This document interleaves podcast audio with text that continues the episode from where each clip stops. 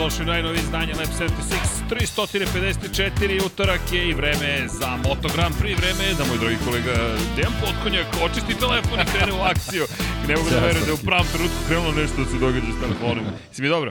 Dobre. Dobro, e, utorak je, vreme je da malo pričamo o motociklima. Imamo ovde neku ekipu, neki piloti, neki advokati, raznovrsna družina, ali šta je zajedničko svima? Pa ljubav prema Moto Grand Prix-u. Tako da, ekipa se skupila, uživa, pitali su da li mogu da izađu kada počne podcast, rekli smo im ne pre nego što je počeo podcast, ali sada će saznati da ne mogu dok ne završi se sve.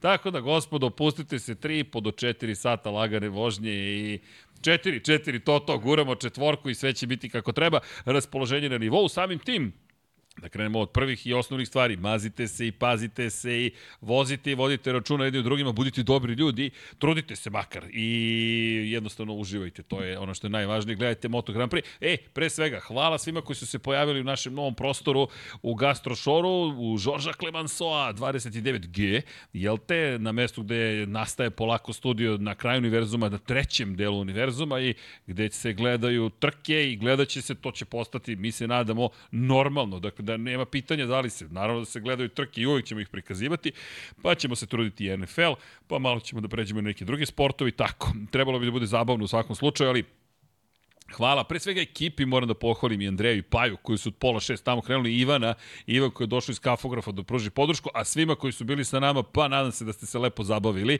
i da ste uživali, tek smo krenuli u akciju. Imamo neke lepe ideje, kao i uvek neke velike ideje, a da bismo podržali ideje, imamo vas. Dakle, like, share and subscribe i patreon.com kroz Infinity Lighthouse ili shop.infinitylighthouse.com, a može i neki join da padne na YouTube-u, bit ćemo zahvalni u svakom slučaju. Dobili smo i poklonu od dragog prijatelja koji jezdi nebom i koji nam je donio jednu maketu vojnog aviona Orao, tako da ćete to vidjeti u novom studiju, to ćemo da premjerno prezentujemo kada ga otvorimo, kada će to biti uskoro, to je negde do kraja, nadam se, godine, tako da držite palčeve. Inače, danas, to jest juče, zapravo preko sutra bi trebalo da sam u Kragujevcu, da, ljudi, da, da F1 šampione potpišemo otiske i papire, nadamo se, tako da znate, stiže i sam knjiga u Beogradu, pa trebalo bi da bude zvanična prezentacija i da sve bude kako treba za F1 šampione. Potrajalo je, ali još neka nova znanja smo stekli, ova ekipa će sada naučiti još bolje da radi neke stvari. Tako da, šta vam kažem, nego još jedna bitna poruka. Dragi dame, pre svega, mesec je u kojem podižemo svest o borbi protiv raka dojke. Tako da, molim vas, devojke, kako god da, da, da vas nazovem, žene, dame, čerke, e, majke, bake i tako dalje, sve, molim vas se proverite, pošto nije tako lako detektovati ukoliko to ne obavite, prosto morate da obavite, ne morate, ali ja vas molim, obavite samo kontrolu ukoliko nešto se napipa što ne bi trebalo da bude prisutno i pogotovo ukoliko ne boli, ali čak i ukoliko boli napipate, molim vas, kod lekara na kontrolu, ukoliko ni ništa super, top, sve kako treba, a ukoliko jeste nešto, ukoliko se na vreme detektuje, može da se izleči. Pa vas eto molimo u ovim našim roze bojama koje nemam pojma da li nam stoje, ali činjenica je da treba da se podigne svest o tome i mi se trudimo i ja se nadam da, da možemo prosto da dovoljno učinimo da neko kaže, ej čekaj, ajde da proverim samog sebe, samu sebe i da pomognem što sebi, što onima kojima vole. A verujte, ako ništa drugo, ova ekipa vas voli zato što volite Moto Grand Prix, ako ništa drugo i to je to je deo, lep deo zabave, pa da se podržimo uzajamno i da uradimo nešto plemenito, ja se nadam. Pozitivno, ako ništa drugo, ne mora da bude plemenito i prosto da nam bude lepša planeta. Ako se držimo zajedno, uradimo lepe stvari, može tako da bude. Tako da, drage dame, Podršku iz ovog studija svakako imate. Videli ste gospodina Hasana Bratića prošle nedelje koji je bio u roze bojama Nekad ne znam kako mu stoje, ali poruka je bila bitna i Hasan je to isto rekao. Tako da, tu smo i neću da dužim s obzirom na činjenicu da nas čeka vatreni pregled deki velike nagrade Indonezije. Da li smo očekivali baš da će biti ovako žestoko? Jedan od komentara, moram ti priznati, gospodina Božovića koji je ovde sa nama, je bio kakva trka u Moto Grand Prix iz perspektive broja padova. Tako da, dragi ognjene, proći ćemo i tu priču koliko je zapravo teško uopšte istići sada postalo do cilja, a pritom i ostati nepovređen. No, deki, prvo utisak, kako si se ti proveo za vikend? Kakav je tvoj, kako ti u stomaku bilo posle ove, ove trke? Pa, ono, jedno od zanimljivih trka u poslednje vreme, posledno što se tiče samog finiša, naravno, ovaj, ostaje žal što, što i Jorge Martin nije, nije pokazao do kraja zašto je bio ovaj, sposoban u smislu koliko prednost možda može da napravi i da li bi bio u stanju da ovaj, da u tom ritmu vozi, vozi do, do kraja trke, ali ovaj, bukvalno to možemo da podelimo na, na dva dela, ono, dominacija Jorge Martina i potom Dominac... jako zanimljiva da, borba, da, borba za, da. za, za prvu poziciju bez njega. Da, vidio sam jedan od komentara kakav naslov Martin srušen, koga je srušio. Ja sam samo rekao da je srušen, nisam rekao da ga je neko srušio, ali naslov je samim tim uspeo i pričat ćemo o tome kako se to desilo da Martin bude srušen i šta je to srušilo Jorgea Martina ili makar naša teorija sam je već rekao da je napravio grešku za one koji nisu gledali, a je ukoliko ste gledali, kratka rekapitulacija, rekao bih da je primerena. Najpre kvalifikacije.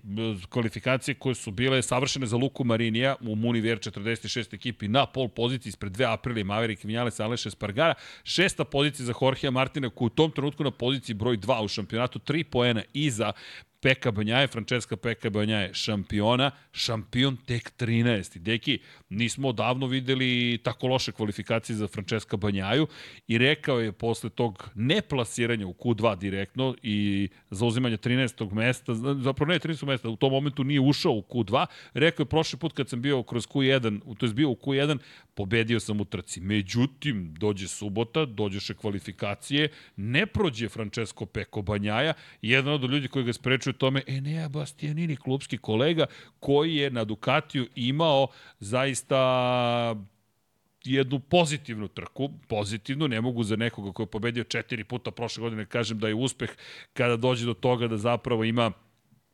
određeni jel te, dobar rezultat, prosto to nije dovoljno. Ali, Peko Banjaje, to je ono najvažnije. 13. startna pozicija, to će biti važno i za kasniju analizu u glavnoj trci i delovalo je zaista da Jorge Martin ima set loptu jednu vrlo ozbiljno i iskoristio ju u subotu. Nekako sprint uvek ostavimo iza sebe, ali ovoga puta moramo da, ja bih spomenuo sprint i tekako, s obzirom na činjenicu da je Martin tu imao dobar start, ali ne savršen start. I uprko svemu tome uspeo da pretekne vozače, dođe na kraju do prve pozicije, zadrži tu prvu poziciju i preuzme vođstvo u šampionatu pobedom u sprintu u kojem je Peko Banjajo svoj dva poena plasmanom na osmu poziciju. Dakle, 12 poena za Martina, samo dva poena za Francesca Banjaju, odjednom 7 poena prednosti za Martina, koji u tom trenutku postaje vodeći u šampionatu sveta. I dodao bih heroj Marko Beceki. Deki, digresiram naravno, padneš u subotu, slomiš ključnu kost desnog ramena, u nedelju te operišu i ti pet dana kasnije voziš, uopšte voziš trke, zatim se kvalifikuješ direktno u Q2 deo kvalifikacije, zauzmeš devetu startnu poziciju i dvezeš dovoljno dobro da osvojiš poene u sprintu. Pa što se njega tiče bilo ili ili. Ili će da ponovi ovaj podvig Jorge Lorenza ili može da napravi problem ala Mark Marquez. Srećom pa je bilo ovo prvo. Bo, pa bilo je, bilo je prvo. Da. Ko, ko ne pamti 2013. Jorge Lorenzo pada u Asenu u četvrtak, tada se vozilo u četvrtak, petak i subotu odlazi na operaciju u lokalnu bolnicu, kažu mu, izvini, ovde je gužva, imali smo saobraćenu nesreću, ozbiljno nemamo mesta za tebe, ovde nije bitno kako se zoveš i koliko imaš para, već ko je kome je potrebnija pomoć, Lorenzo kaže važi, seda u privatni avion, odlazi u Barcelonu, operiše se, vraća se, izuzima petu poziciju u subotu u trci pamtimo i dan danas to. I Jorge rekao, pa čak i Angel Čarte, glavni medicinski čovek, zapravo čovek zadužen za, glavni lekar, možemo reći, šampionata, da je pitanje da li bi dobio dozvolu Jorge, dobio je dozvolu Marko Beceki, ispostavilo se da je zaslužio tu dozvolu i, što ti kažeš, nije bio loši scenarij, već ovaj da. pozitivniji. Da, iskreno ja stvarno nisam očekivao da će, da će voziti ovu trku, ali mladost ludost, što bi rekli. A pristiži još gledalaca, opa, otvoren je studio na kraju univerzuma broj 2, tako da dobro nam došli, ni vi više ne smete da izađete, da znate. Dakle, nema izlaska. to je zbog ove gospode koje pokušava da pobegne, ali nećemo im dati. Uh, kao što, i ja sam očekio, pazi, naša najava prošle nedelje, gotovo, slomio ključnu kost, nema više Marka Beceki u igri, kad eto Dobro, ti ga Feniks. Dobro, to tako malo, nema ga više u igri. Pogledaj drama, majicu, da. molim te, ušla nam je majica Ducati Corse 63, neko je raspoložen, ja bih rekao, posle ovog vikenda, ali dobro. U svakom slučaju, Beceki u igri i mi dobijemo šampionat koji deluje da, da će da će biti nekako više na stranu Jorgea Martina, ali u kojem očigledno ni jedan od trojice protagonista neće da odustane i gde će biti bitka do samoga kraja. Pa da, i, i nekako sprint trke postaju sve značajniji i, i deluje kao da strateški im se pristupa mnogo, mnogo više. Lepo si rekao, baš su postale pa značajne. Pa vidi sa, sa sprint trkom, osim što si u, u igri za, za ovaj, u ovom sad već trenutku bitne, bitne bodove, ti sa sprintom možeš prilično da, da, da vidiš da li si se dobro pripremio za glavnu trku. Tako da u smislu takmičenja i u smislu pripreme za, za Grand Prix, sprint je sve važniji u ovoj završnici sezone. Da, ali pazi, sprint u Indoneziji završen tako što imamo dvojicu vozača Muniver 46 na pobjedničkom postu, uključujući Marka Becekija, pri čemu ono što je, nije smešno, ali bizarno u celoj priči, Jorge Martin koji pobeđuje, a donose kese leda što Marko Becekiju na desno rame, što Luki Mariniju koji je bio treći na, na levo rame. Zašto? Pa jedan je slomio ključnu kost levog ramena u Indiji, drugi je slomio na ranču. Dakle, obojci su slomljeni Međutim, eto ih na pozicijama 2 i 3 i još Marini sa pol pozicije delovalo da u glavnoj trci možda može opet neku lepu priču da ispriča, ali to se nije baš tako završilo. U svakom pa, slučaju... Upravo to što si rekao, ovaj, upravo zbog toga i taj podvig Beceki je veći s obzirom da je Marini imao nekoliko dana više za oporavak, pa se vidi da, da ni njemu uopšte nije Jest. bilo jednostavno, onda možemo samo da, da pretpostavljamo kako je bilo Beceki. A Banjaja u tom momentu na poziciji broj 8 i djeluje kao da šampionat polako li sigurno plima neminovno ide na stranu Jorgea Martina i dolazimo naravno do glavne trke. Moramo da napravimo kratak uvod. Sa šeste pozicije Deki, ono je neki, ne znam, ne, ono nije ni eksplozija što je učinio Jorge Martin. On je čovjek iskoristio svakako to či, tu činjenicu da najnovija verzija Ducatija ima poseban sistem za start. Ono što su i aprilni vozači napomenuli, niži ime centra gravitacije, ali njegov start, ja mislim da ono najbolji start koji smo videli ove sezone, zato što okolnost u kojem on to izvodi i mesto na kojem to izvodi je zaista posebno. Sa šestog ti si prvi u bukvalno bamba pre ulaska u prvu krivinu. Pa dobro, otvorila se nekako situacija što se tiče samog starta mene veoma podsjetio na onaj start iz Katara pre dve Sa ili... Sa 12. mesta, tako, taj e, neki kad smo, moment kad smo, smo onako imali. malo više počeli vodimo računa o Jorgeu Martinu.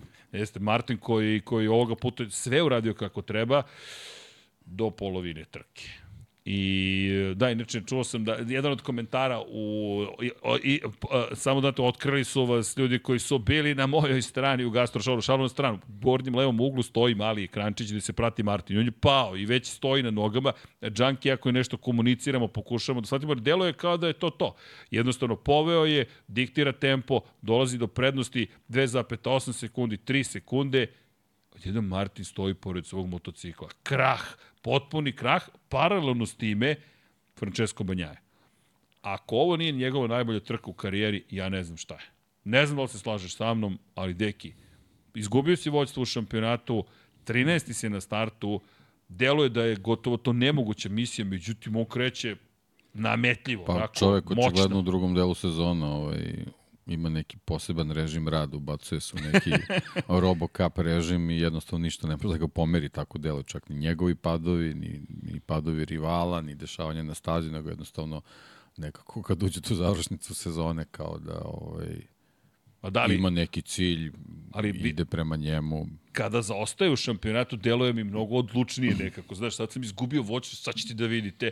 I ona reakcija... A ima repere, znaš, kad je na, na, na, na čelo, onda se izgubi se. Ne, znaš, nema, nema šta ovaj, ili, da gleda na horizontu. Da.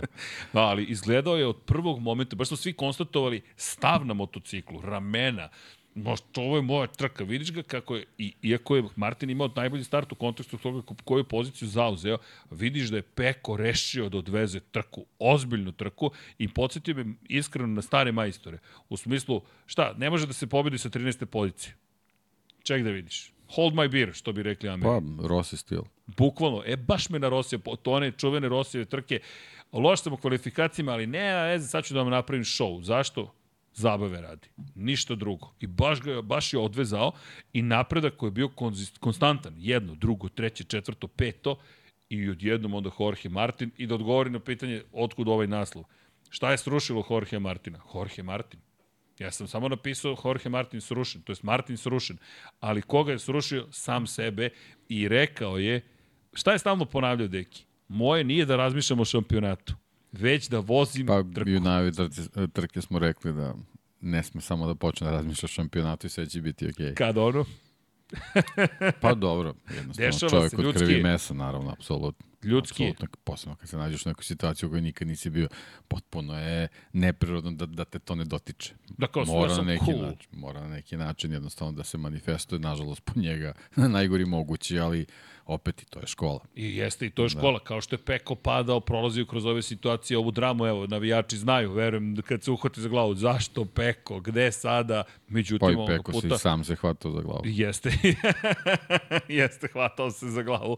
Ali ovoga puta Jorge I Martin... Jorge se hvatao za ne, glavu. I ne da se hvatao, nego ovako stao i... Šta sad?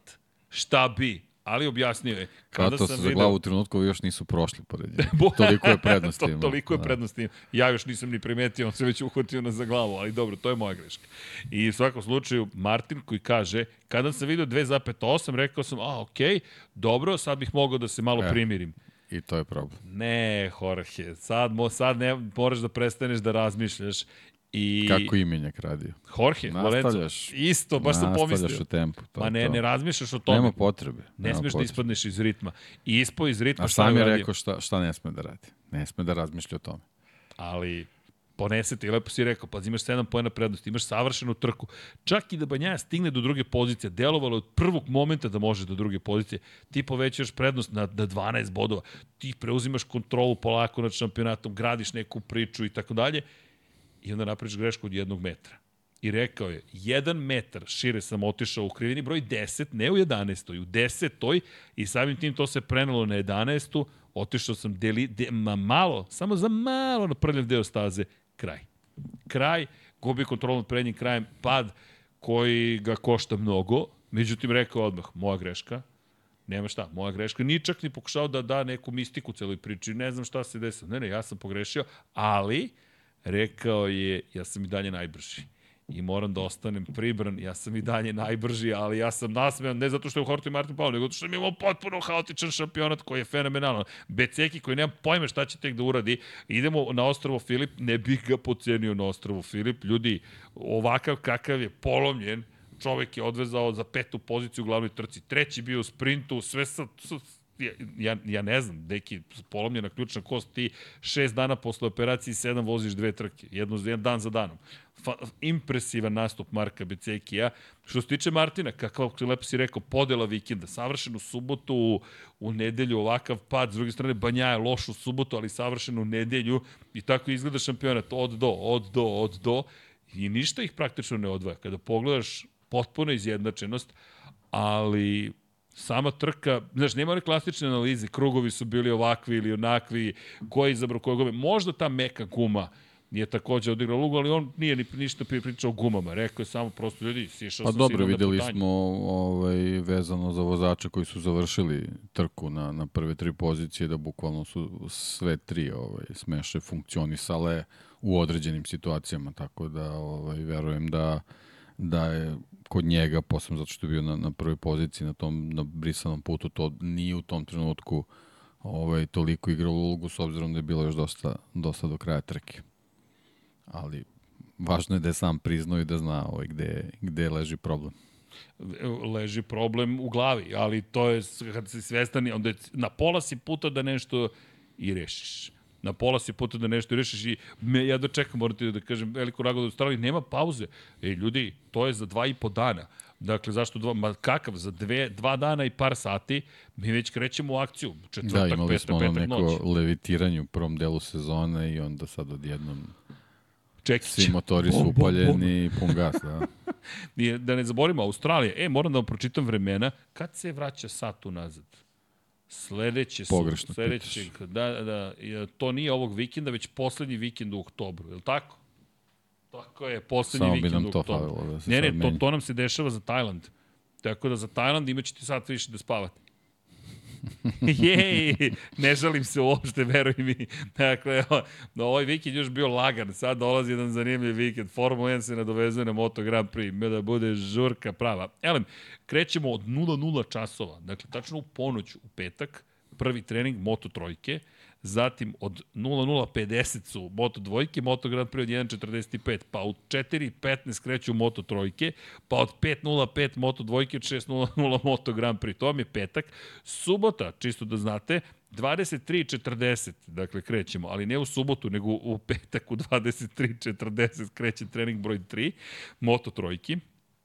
Pa subota 00.25, krećemo sa treningom broj 3 za Moto 2 klasu, pa od 1.10 Moto Grand Prix trening broj 2, ne broj 3, pa kvalifikacija od 1.50, onda mala pauza, pa od 3.50 kvalifikacije Moto trojki, 4 čat 45 minuta Moto 2 klasa kreće i od 6.00 13 krugova sprint na ostrvu Filip. A onda nedelja, čisto da vam bude još lakše, krećemo jutarnje zagrevanje od 00.40, prva trka je u 2.00, 3.15 trka broj 2, moto dvojke i od 5.00 glavna trka 27 krugova. Zašto? Pa zato što Australija, Australijanci zapravo pomeraju sad, tako da neće biti u 6, neće biti u 5. Čisto da znate kakva nas žurka čeka. Tako da to vam je after za subotu na nedelju. I onda malo odmorite i uveče gledate Formulu 1. Ko voli Formulu 1? Ko ne voli, pa pogledajte. Možda vam se i dopadne nešto. Ima tu zanimljivih momenta. Živa zabava. A ovo je tek drugi trkački vikend za Moto Grand Prix u nizu od tri kalendarska vikenda u kojima se borimo za titulu šampiona sveta, očigledno. Sve tri kategorije, mada u drugoj, u Moto2 klasi, rekao bih da tamo... Pa dobro, evo vidiš. Jedna može, može. I svašta može da se promeni. Bitno je da svi akteri budu na spremni za takvu situaciju. Da, vidi, trka je bila takva da, da, da zaista moramo prvo da krenemo od, od rezultata. Znaš, ti kada pogledaš, mnogo je velika stvar koja se desila i, i sama činjenica da je Peko Banjaja, pa, pazi, to je prva pobjeda u koliko godina, 10 godina otprilike, ne mogu da setim tačno sada, da je neko startovao sa 13. pozicije, uspred, evo, koliko, 6 godina. 2006. Evo to, 2006. godine poslednji put je neko to uspeo. Kako? Po suvom, po suvom, naravno po suvom. I mi pričamo o, o, o koliko, 17 godina od kada se to poslednji put desilo, u eri kada govorimo da je mnogo teže preticiti nego ranije. To zaslužuje najveće pohvale. Da, znam da je Martin pobedio u subotu, ali klackalica ovog puta pripada u potpunosti Peku Banjaj. Jednostavno i emotivno i psihološki i kada pogledaš rezultatski 25 poena osvojio u nedelju, u subotu je osvojio 2 poena, to je 27 poena, 27 ukupno, 12 poena je osvojio Martin pobedom u subotu, 15 poena više osvojio tokom ovog vikenda Peko Banjaje. I odjednom smo u situaciji da, čekaj sad, Peko, branilac titule, mnogo bolja situacija nego što izgledalo. Ali to je to što si rekao upravo, jedna mala greška kako stvari može da promeni. Nasmejani Peko na kraju je bio vrlo, vrlo zadovoljan. Nisam dobro izračunao. Osma pozicija, 2 poena, 27. Jesam, dobro sam izračunao. 18 poena prednosti sada za Peka Banjaj. Sa 3 na 18 koji opet ništa ne moraju da znače, naravno. Pa to naravno, je lepota da. cele priče, što zapravo tek ulazimo u, u, u ne znam kakvu završnicu. Samo što Martin eto dodatno komplikuje situaciju vezano za sprint. Sprint koji je njemu bio ozbiljno oskočna daska zbog, zbog rezultata sad i, i, i pobedom u sprintu na sledećoj trci bez pekovih bodova opet je onako u solidnom zaostatku. Sve se okrenulo opet na pekovu stranu, Jest. bukvalno. I, I idemo na stazu, ali idemo, pazi, idemo na stazu, čekaj ćemo odmah da, da spomenemo. Moramo da spomenemo Ostro Filip. To je to, toliko sada sve ispretpletano da, da moramo odmah da, da uključimo Australiju u celu priču. Deki, kome odgovara Australija? Moje mišljenje odgovara svakome. To je lepota staze na ostrovu Filip. Ljudi, Filip Island će da probudi ono najbolje u svakom od ovih vozača. Peko, očekujem da bude brz. Jorge Martin, očekujem da bude mega brz.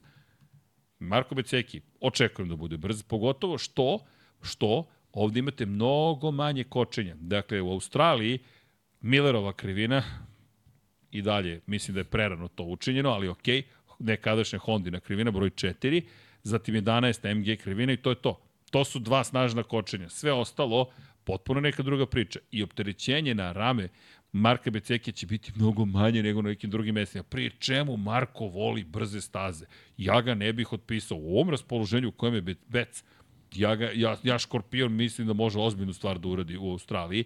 S druge strane, hoćemo da dodamo ostale. Aleš Espargaro, pa rekao bih da će da prija ostrovo Filipa Aprilijama. Maverick Vinales, pazi, pozicija 2 u glavnoj trci. Samo je bitno da Aprilije budu ovaj, na nivou u smislu ekipi priprema motocikla.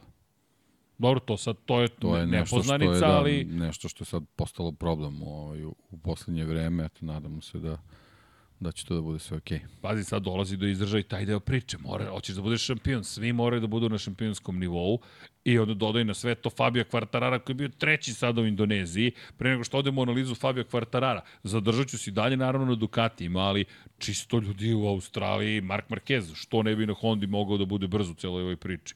Nema razloga. Luka Marini, osvojio pol poziciju sada, čak i Joan Zarko koji je inače imao ludačku trku, potpuno. Izvinim se što koristim taj termin, njemu se zaglavio, inače to nismo znali tokom trke, zaglavio mu se uređaj, to je sistem za spuštanje motocikla. I manje više na, na Dragsteru je vozio celu trku Joan Zarko. Dakle, govorimo o tome da zadnje oslanjanje nije ni postojalo kod Zarka, celu trku, ko vozi motore zna o čemu pričamo, je vozio zapravo sa točkom koji je zaglavljen bez ikakvog oslanjanja i amortizacije.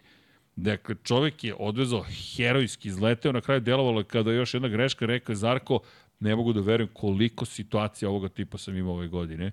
Još jedna za Joana Zarka, tako da Zarko, dobra trka, zašto da ne, u ovom trenutku deluje kao neko ko, ko bi mogao da se popne ponovo na pobedničko postolje, dodajte na sve to koga god želite. Dakle, bukvalno, hoćemo da ubacimo možda i Franka Morbidelija, ne kaže da će baš biti za vodeće pozicije, ali što da nema jednu dobru trku hoćemo još. Gde su, gde su KTM-ovi u celoj priči? Brad Binder, Jack Miller, Brad Binder. Deki, jel on ima neku posebnu metu kod sudija u celoj ovoj situaciji? Dakle, Aleš Espargaro u sprintu padne, izbaci Breda Bindera i nema kazne.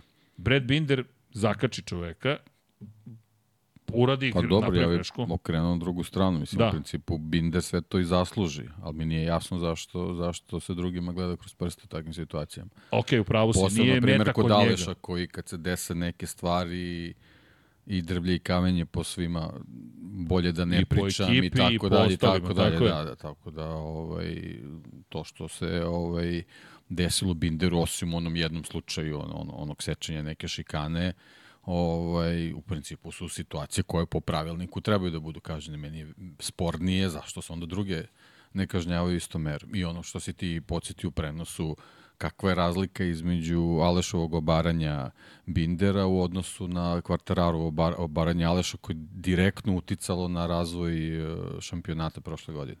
Ja ne vidim razliku. Ja ne vidim, jer neko je rekao, pa zar nije Aleš sebe dovoljno kaznio time što je izgubio poziciju?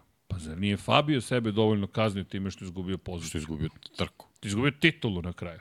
On je ostao, bio je kažnjen i za Silverstone. Za sledeću trku, to je najspornije od svega. Znaš, ti sad dođeš u situaciju da Alešu se kaže ne, ne, sve u redu. Nema čak ni kazne u tom sprintu. Nema ni, mogli su da mu daju dugi krug ili dva duga kruga i onako nemaš I, neki ili da se i to vraćamo to. na početak sezone kad je Luka oborio Eneu, čovek upropastio sezonu. Bukvalno celu sezonu. i ne namerno, ali upropastio je. Pa ne, niko ne kaže da je Aleš namerno borio Tako je. Bindera. Ali ti dođeš do situacije da je Problem je što smo zbog takvih odluka počeli da vagamo šta je namerno, šta je nenamerno, šta je ovako ili onako, što je Izvini, suludo. deki, šta su rekle sudije u Herezu? Rekle su da ukoliko nekoga zakačiš, ti moraš biti kažnjen. Dakle, ukoliko utičeš da neko izgubi poziciju ili bilo šta slično, tome moraš biti kažnjen. Brad Binder je rekao u Herezu da je odustao od nekih manevara u poslednjoj krivini da se ne bi zamerio sudijama. Mi smo čak imali priliku gde on mogao da napadne za pobedu, rekao ne, razmislio sam i nisam želeo uopšte da rizikujem. I došli smo do toga da na kraju nije ni napao. Sada imamo situaciju gde Aleš Espargaro bukvalno obori sebe, izbaci Breda Bindera i sve je u redu. Brad Binder dve kazne je dobio, ne jednu, i opet se dolazi do toga da, što ti kažeš, lepše, lepše si mnogo rekao, pravo si, Binder jeste kažnjen po pravilniku, Aleš Espargaro nismo videli. Ne, I opet, toliko su postali zapravo pa slobodno ću reći problematične u celim u svojim odlukama. Što Freddy Spencer, što ostale sudije, da ih čak više ne Ne, komentariš. glavni problem je nedoslednost koja Tako je. posle dovodi do, do, do svega toga. I na kraju do neozbiljnosti. Možeš i taj termin da koristiš. To je adekvatan termin. jer ovo je inkompetentnost je očigledna, ali ovo postoje zaista neozbiljno. A dobro, nam sad teško da možemo kažem da, da Freddy Spencer nije kompetentan, ali samo poenta uh, kako u datom trenutku analiziraš situacije. A to je, to je očigledno ozbiljna nespretnost ovaj, i neuigranost u, u tom sudijskom timu koji jednostavno ne može u jako kratkom periodu da, da sagleda ključne elemente određene situacije i da na osnovu toga donese odluku. Kada pogledam, znaš kako, ja mislim da nisu oni inkompetentni za, za vožnju, ali mislim da po, ovo postaje sad, pa, ili, ili je šta, namera i, i vidi, ne vidim šta drugo može biti. Jer kako možeš da ne daš kaznu Alešu Sprgaru? Je to namerno ga ne kažnjavaš ili je inkompetentnost? Zato mislim da je inkompetentnost, da ti jednostavno se svodi na to da su to greške koje, ne znam kako bih, dalje, kako bih objasnio. Je li Maverick dobio kaznu za Le Mans? Kad je Banjaja oborio? Ne, niko nije dobio kaznu. Smatrano je da je to trkački incident. Prosto se završilo kao trkački. Sve su trkački incidenti. Pa, u, da, ali ono čuveno iz Formule 1, neko je više kriv, da ne kažem krivlji, neko se više nakrivio da bi dobio kaznu, ali je trkački incident, no, okej. Okay. Ne, zato kažem, meni deluje već kao ozbiljna kompetentnost, jer nemam drugo objašnjenje, osim namere, a ne želim da verujem u nameru, to ne mogu da prihvatim, da Freddy Spencer i, i ostatak sudija ima neku nameru to mi je mnogo teže znači, da jedina, jedina onako da kažeš neka situacija gde, gde možda možeš da odrediš neke stvari, to su oni, oni, oni startovi, imali smo Eneu, bio je uh, bio je Marini, jel tako? Znači, to je na osnovu neke telemetrije možeš da, da, da, da proceniš ambicioznost u smislu brzine u trenutku kočenja, ovaj, promašaje tačke kočenja u odnosu na neke prethodne repere i da kažeš eto to je bilo nešto preambiciozno i, i ovaj, da je to situacija gde ugrožavaš i sebe i drugi. A ove stvari, mislim, ne znam, stvarno mi nije jasno kako, kako na, na, sa ovim situacijama gde, gde, gde vozač bukvalno već ulazi u krivinu, ti možeš da procenjuješ da li... Ne, ne, stvarno. Dobro, idemo Neću dalje. da ulazim, da, Ali mnogo, ne, nije mnogo, tema koju ne možemo da preskočimo. Mislim, problem je što se iz trke u trku dešavaju. I desit će se da. ponovo. Da. Samo to je, to je problem. što zaista utiče na, na ozbiljnost šampionata, lepo si rekao. Da. Baš na ozbiljnost šampionata, a prošle godine i na ishod šampionata. Ali dobro, nemamo mnogo toga što možemo da promenimo ili da dodamo, prosto meni je neprihvatljivo da, da, da tek tako, e, desilo se, čao, idemo i... Su, što su preslikane situacije. To je, to je Ali to je motociklizam, da. ja ne razumem, kroz celu istoriju se takve stvari dešavaju. Koliko je teško da shvatiš da će se ponoviti istorija motociklizma je protka na takvim situacijama. Izgubio prednji kraj. Hoćemo da se vratimo na Rosija u Herezu 2011. kada je pao i pokupio Stonera. Pa šta, namera? Eto čovjek je rekao, Stoner je objasnio šta se tu dešava. Bio si preambiciozan da. za svoje dobro, okej. Okay. Pa. Ali vidi, to je njihov sad odnos, ali, ali opet, To je ta situacija identična. Ja bih kaznio tako što moraju tu majicu da nose na sledeći trk. Čitav trkački vikend. da nosi majicu, šta? Pre, tvoje ambicije prevazilazi tvoj talent. U, u, u, u, u, deki. Za one koji to ne znaju... To je kao magareći uši, znaš, samo majica. U, magareću da. kacigu nosiš. Da. Dobro, to je Rossi već nosio. Ali dobro. Da, to nije, Što ti to nije neka imao, fora. To, to, to. Da. Iz Šreka, ali, da. ali bukvalno možeš magareća kaciga za kaznu.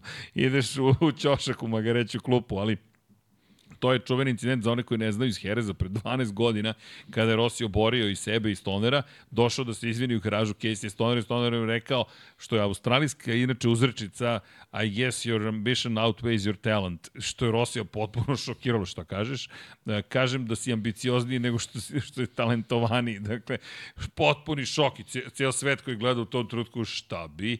I to je tako preraslo u legendu, jel te, i nešto što je deo, sastavni deo istorije Moto Grand Prix-a, ali dobro, zanimljivo tvoje rešenje za, za celu priču. Ljudi, greška, dešava se, kraj to je to, idemo dalje. I nemam problem, čak ne bih ni imao problem što da ne kazne Aleša Espargara, ako onda ne kažnjavaju ni ostale. Binder šta, pokušaju da pretekne, napravi grešku, napravi grešku, gotova stvar. Pri čemu imali smo još incidenata tokom trka Miguel Oliveira, inače koji, koji inače u zanimljivoj priči, Miguel Oliveira koji trpi kritike ekipe s jedne strane, a s druge strane Honda navodno želi Miguel Oliveira da dovede i spremna je da odvoji pozamašnu sumu novca, ali za sada nemamo predstavu da li on zaista može da ode ili ne.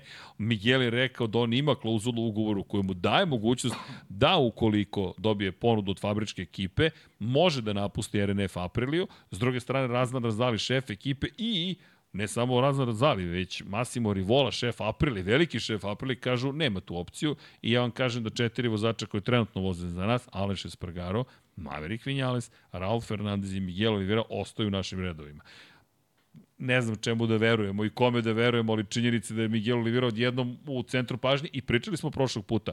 Nije nemoguć naslednik zapravo u celoj priči Marka Markeza i ne deluje kao ni kao loše rešenje, pa makar da probaš da vidiš da li Miguel može posle svih tih iskustava iz KTM i Aprili nešto ti donese.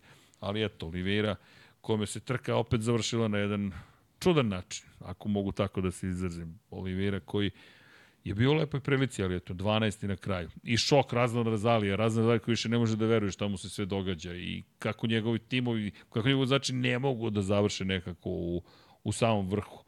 Šta ti misliš će biti Olivira? Znam da sad se igramo na gađanje, ali... Pa da, na, na gađanje, bukvalno posledno što, što iz, iz Honda nemamo nikakve nikakve konkretne informacije. Ja sam zaista mislio od, od trenutka kad, kad je Marquez saopštio ovaj, svoje planove da će to klupko da se rasplete iz prostog razloga što ovaj, nećemo imati posle puno vremena da da se ekipe pripreme za, za ovaj, novu sezonu i, i iz te perspektive i, i njima pretpostavljam bitno da, da ovaj, što pre te kadrovske ovaj, delove reše da bi, da bi mogli da se posvete pripremama vezano za, za tehničke de, detalje i pre svega za, za te nove motocikle, posebno kad se o tome priča mora, mora da se, da se ovaj, gleda u Hondu koja ne znam, prema svim ovim uh, izjavama i informacijama kojim smo imali od, od, od tog famoznog testa u Mizanu, taj, taj motocikl za sledeću sezonu ponovo kasni sa, sa, sa, sa svim razvojem i sa svim ovaj, uh, poboljšanjima, tako da najmanje brige mi u stvari taj, taj neki kadrovski deo u smislu da ako ga, ako ga brzo reše, mogu potpuno se se posvete ovaj, pripremi motocikla, tako da ali neki, ne, ne znam šta se toliko čeka, zaista. Ali oni ništa ne rešavaju, još uvek ništa ne rešavaju. Mi smo u veliko zagazili oktobar, ko će da ti vozi 27, to je 28. novembra motocikl na testi, pod sezonskim testiranjima. Mi imamo koliko još? 5, 6 nedelja do tada. Mi govorimo o periodu u kojem će se rešiti svakako nešto, ali Honda je zastrašujuće loše organizovana. Meni ovo sve opet vraća me na, na lošu organizaciju. I deluje mi kao da su oni dalje potpuno zbunjeni šta se njima događa. Da niko od njih pa, u kao da krizi... Nema, kao da nema neko ko se onako uh, brine na, na najvišem nivou. Ne, nedostaje neki glavnokomandujući koji brine koji je zabrinut za čitavu situaciju, tako da ne znam, ne, ne znam ovaj, šta, šta treba da se desi da, da, da od njih dobijemo malo, malo neke energije i malo, malo neke ovaj, dinamike u, u, u toj pripremi za sledeću sezonu. Znaš kako meni izgleda, da si ti lucirao i problem još pre nedelju ili dve, a to je činjenica da jednostavno Alberto Puđ nije čovek za ovu situaciju.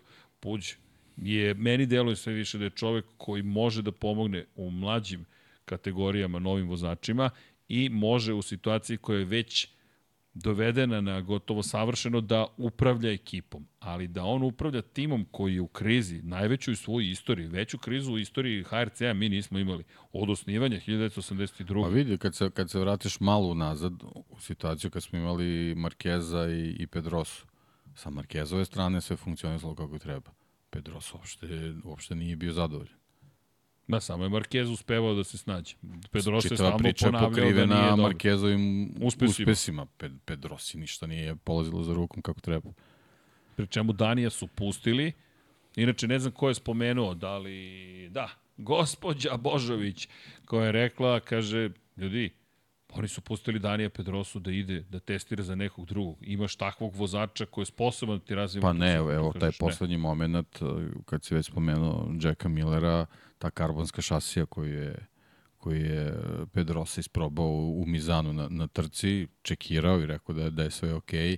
Evo sad je Miller dobio i već vidimo, mislim, nisu to ono, vrhunski rezultati, ali su mnogo bolje nego što smo imali Millera u, u, u prethodnom delu sezona. Da, ali Jack se kune u ovu šasiju. Da. Rekao je da je ovo nebo i zemlja odnosu na ono što je pre toga pa, koristio. Eto, sa sve greškama, pa i opet, opet smo ga viđali u kadrovima. I, i da, i rekao, ok, nisu rezultati da. upravo što si ti rekao, ono što ja želim, ali prilično je siguran u, za, u ozbiljan rezultat na ostrovu Filip. Pošto smo i tu bili došli do KTM-a, Jack Miller, ja mislim da će biti veoma raspoložen ovde. Konačno on čovjek je znao da stoji na pobjedničkom postolju ovde. I u nekim godinama kada to nismo baš nužno očekivali od njega, Tako da, znaš, cijela priča o KTM-u postaje sve zbiljnija, ali da ne pobegnemo Danija Pedrose. Dani Pedrose je razvio taj motocikl zajedno sa inženjerima KTM-a, pustila ga je Honda. Sad Honda, koja među vremena ne dovodi nikoga, mi nemamo pojma ko će se tu pojaviti, neko u poslednjem trenutku, i ovo što smo pričali, kao da ne znaju šta kada treba da učine, i cela ta priča, dovodimo Dalinju, dovodimo možda, ne znam, Rivolu, možda ćemo nekog trećeg, opet kao da ajde nešto rešimo u celoj situaciji, ali nema niko Ajde kao da rešimo zbog javnosti, čisto se umiri da smo mi nekog doveli. Ili da primirimo Marka Markeza koji na kraju rekao ne. Ti si trenutno na, na, na dvojici vozača, ajde trojici. Dobro. Zarko je tu kao dolazi koji eto ima neko iskustvo koje donosi iz Ducati, ali ti generalno u, u čitoj priči imaš Mira koji koji je stigao sa nekog Suzuki iz nekog, nekog prethodnog vremena i, i ovaj, Nakagamija koji osim Honda ništa drugo nije ni vozio. Znači ti, ti nemaš u tom smislu iskustveno neku polaznu osnovu da, da imaš vozača koji će te usmeriti na, na, na, na taj neki put koji, kojim bi trebalo možda se ide, pritom Zarko još nije došao. Znači, ti si bukvalno na dvojici vozača koji nemaju šta da ti, da ti donesu i da, da se probude tokom noći i kaže, je, palo mi na pamet nešto, ajme da probamo to. Ili ne, nemaju odakle da ti donesu to. A ti ne dovodiš nikoga. Bakar da kažeš ekipi, e ljudi, doći će neko. Ili ozbiljan probni vozač ili ozbiljan vozač, a i ne znam ni koga bi više doveli. Znaš, ponestalo je, sada je već ponestalo ljudi koji su sposobni da voze u Moto Grand Prix. Jer ako dovedeš nekog sa strane, šta ćeš sa nekim ko tek treba da nauči gume, tek treba da ovlada Michelinom, HRC-om, Hondom, komunikacijom, šta taj čovek radi, šta taj čovek može da učini. Da li bi, da li bi ti potpisao, dobro, sad, kad pitam te, hipotetički, ti si, ma ne, potpisali bi, znaš zašto, Maverick Vinales je rekao, to je i dalje najtraženije mesto. I to je ono što je fascinantno, dakle, Vinjalesa su pitali za tu To smo absolvirali odavno, ja, još, još od pola SP gara. Tako je, i samo je potvrdio, bukvalno izjavio da on vozi za fabričku ekipu Aprili i rekao, da, srećan sam ovde ponosan, ali Repsol Honda je najprestižnije mesto. Znaš, to ni ne kriješ. To ti je Ferrari Moto Grand Prix. Ti to, pogotovo za Špance, ne kriješ da želiš da budeš vozač HRC-a, pa čak i da se raspada ona fotka. Znaš kad je naj Paul Espargaro bio najsrećniji? Je se sećaš, da li se sećaš prve fotke, tad je još COVID vladao, njega kad su mu odvezli motocikl pored bazena, pored bazena on sedi na motociklu, porastao čovjek i kaže, ja sam sada Repsol Hondin vozač, ali to je bilo to. To je bilo sve. Ali ti za tu jednu fotografiju si spreman da žrtvuješ možda i karijeru kao što su mnogi u Formuli 1 žrtvovali. Idem u Ferrari, pa neka, imam konjića propetog jer žutog na žutoj pozadini, a ja ću u crveni bolid. Dosta za poster, dosta, hvala mama, hvala tata. I to je Vinjales potvrdio. Tako da da, oni koga god da dovedu, taj će biti srećan što je ušao u tu garažu. Sad šta će njima biti, nemam pojma. Ali, okej, okay Honda i dalje bez odgovora na pitanje šta će, šta će biti dalje. Ali Alex Marquez dao zanimljivu informaciju. Inače, Alex Marquez, ja moram ti priznam, vratilo se ono najgore vreme za Alexa Markeza, gde je svako pitanje koje se njemu postavlje postavlja zapravo upućeno na konto Marka Markeza. Čovjek je to dve godine radio u Hondi, tamanje otišao u Gresini i tamanje se na Ducati počeo da odgovara na pitanje o sebi, kako voziš, šta će biti, jesi zadovoljan, kako napreduješ. Sad je svako pitanje, a šta će Mark da radi u ekipi? A kako će Mark da se snađe? Misliš pa da dobro, će biti problem brz? je ta, ta, ponovo ta neki njegov nesrećni ovaj, rasplet situacije da opet bude i bolest i povreda i, i sve živo i onda ti ne možeš svojim rezultatima da da usmeriš ta pitanja da budu okrenuta ka tebi, nego jednostavno nečinjenjem na stazi dovedeš do toga da čim se Mark pojavi u tom krugu, jednostavno zna se šta sledi. Zna se i ono što smo I nikako, nikako da ispliva rezultatima iz, iz te senke, a sad je imao priliku. priliku ja da. Sad Ali mislim da je sad priliku. kasno. Da. Sad je Fabio Di Gianantonio počeo da vozi raspoložen. Ej, čekaj, aplauz za Fabije. Bravo, ajmo lajkovi za Fabije. I za jednog i za drugog. To množina za Fabija dva Fabija. Može, može, okej. Okay. Aplauz za Fabije, dakle, u padežu. Dakle, da molim vas. A ne veze sa Škodom, tako je, nisu Škode Fabije, tako je Vlado. Dakle, bravo za Vladin humor, ajmo jedan like, može i share i subscribe, ali Fabio Quartararo treći, Fabio Di Antonio četvrti. Čovjek se rasplakao u zatvorenom parkištu i kada su ga pitali zašto, kaže, kako, zašto? Kaže, ja sam jedan vozač koji ima svoju malu ekipu, svojih par mehaničara i bori se protiv džinova i ovo je uspeh koji meni mnogo znači, da ljudi znaju da ja znam da vozim ove motocikle i imao sam loš start, ali sjajnu trku, mnogo preticanja i zaista je sjajno vozio. Inače se našao kao četvrtoplasirani u zatvorenom parkištu, pošto je bio najbolje plasirani vozač jedne privatne ekipe. I ponovo Nadija Padovani, ja ti kažemo na vlada Moto Grand Prix, njen rasplakani vozač tu stoji u Park Fermeo i I lepo ga je bilo vidjeti. Ne bih baš toliko bio rekao da je mala ekipa, pošto ima, kar, ka, ka, ima Karla Pernata u sebe, tako da možda je mali tim mehaničara, ali imate najvećeg menadžera svih vremena pored sebe, tako da... Može se zainati njega da smesti u Repsol Honda. Bukvalno ima da ga smesti u Repsol Honda, ali vidi, DJ je odvezao kad treba.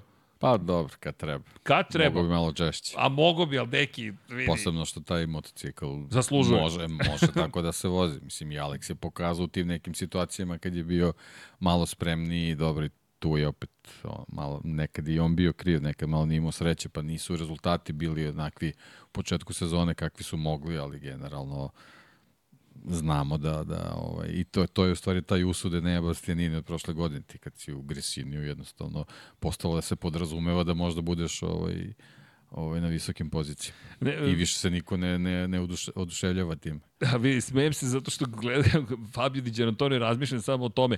Pazi ti sad Aleksu. Alex koji sad, evo mi ga i sad i Diđa, stiže mi Mark, niko me više ne pita za mene, moram se zapitati zašto Alex to činiš sebi, ćuti, reci Ducati je loš, ništa tu ne valja, Mark, nemoj ni da gledaš u ovom smeru, idi negde drugde, ali dobro, to je bratska ljubav, to je sve okej, okay. ali je rekao nešto vrlo ozbiljno, nezanimljivo samo, vrlo ozbiljno, rekao je da je Mark, njegov brat Marquez rekao, ukoliko mu ne bude zabavno 2024. na kraju sledeće godine odlazi u penziju.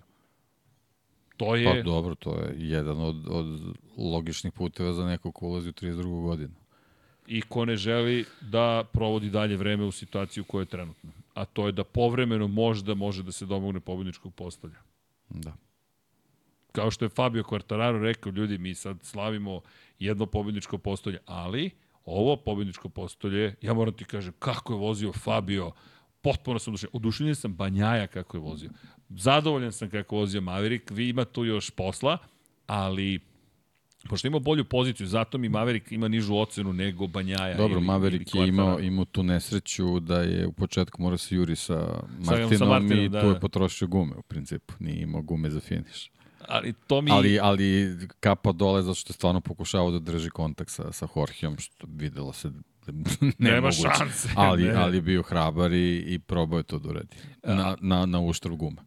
Pohvale za praćenje Banjaje, zaista pohvale, ostoje do kraja rešen, čak, borit ću se, borit ću se, što je super, jedino što je dozvolio da ga pretekne Banjaje.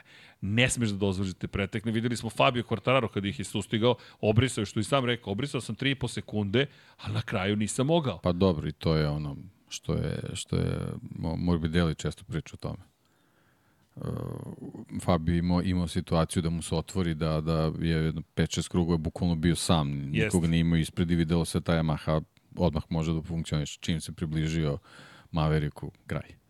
Ali bukvalno Buk, kraj. Ali bukvalno kako, je, kako je Morbidelli objasnio, da, znači, apsolutno motocikl ostaje bez, bez, bez, bez ičega. Preticanja nema. Pri da. čemu, ono što je zanimljivo, bilo i Maverick je to posle rekao, rekao, koče sam najkasnije što sam mogao. Tačno vidiš da Maverick čeka, pa samo on koči posle Fabio Quartarara, koji je odličan na kočnicama. Inače, Fabio Quartarara, ili smemo da ga isključimo iz borbe u Australiji?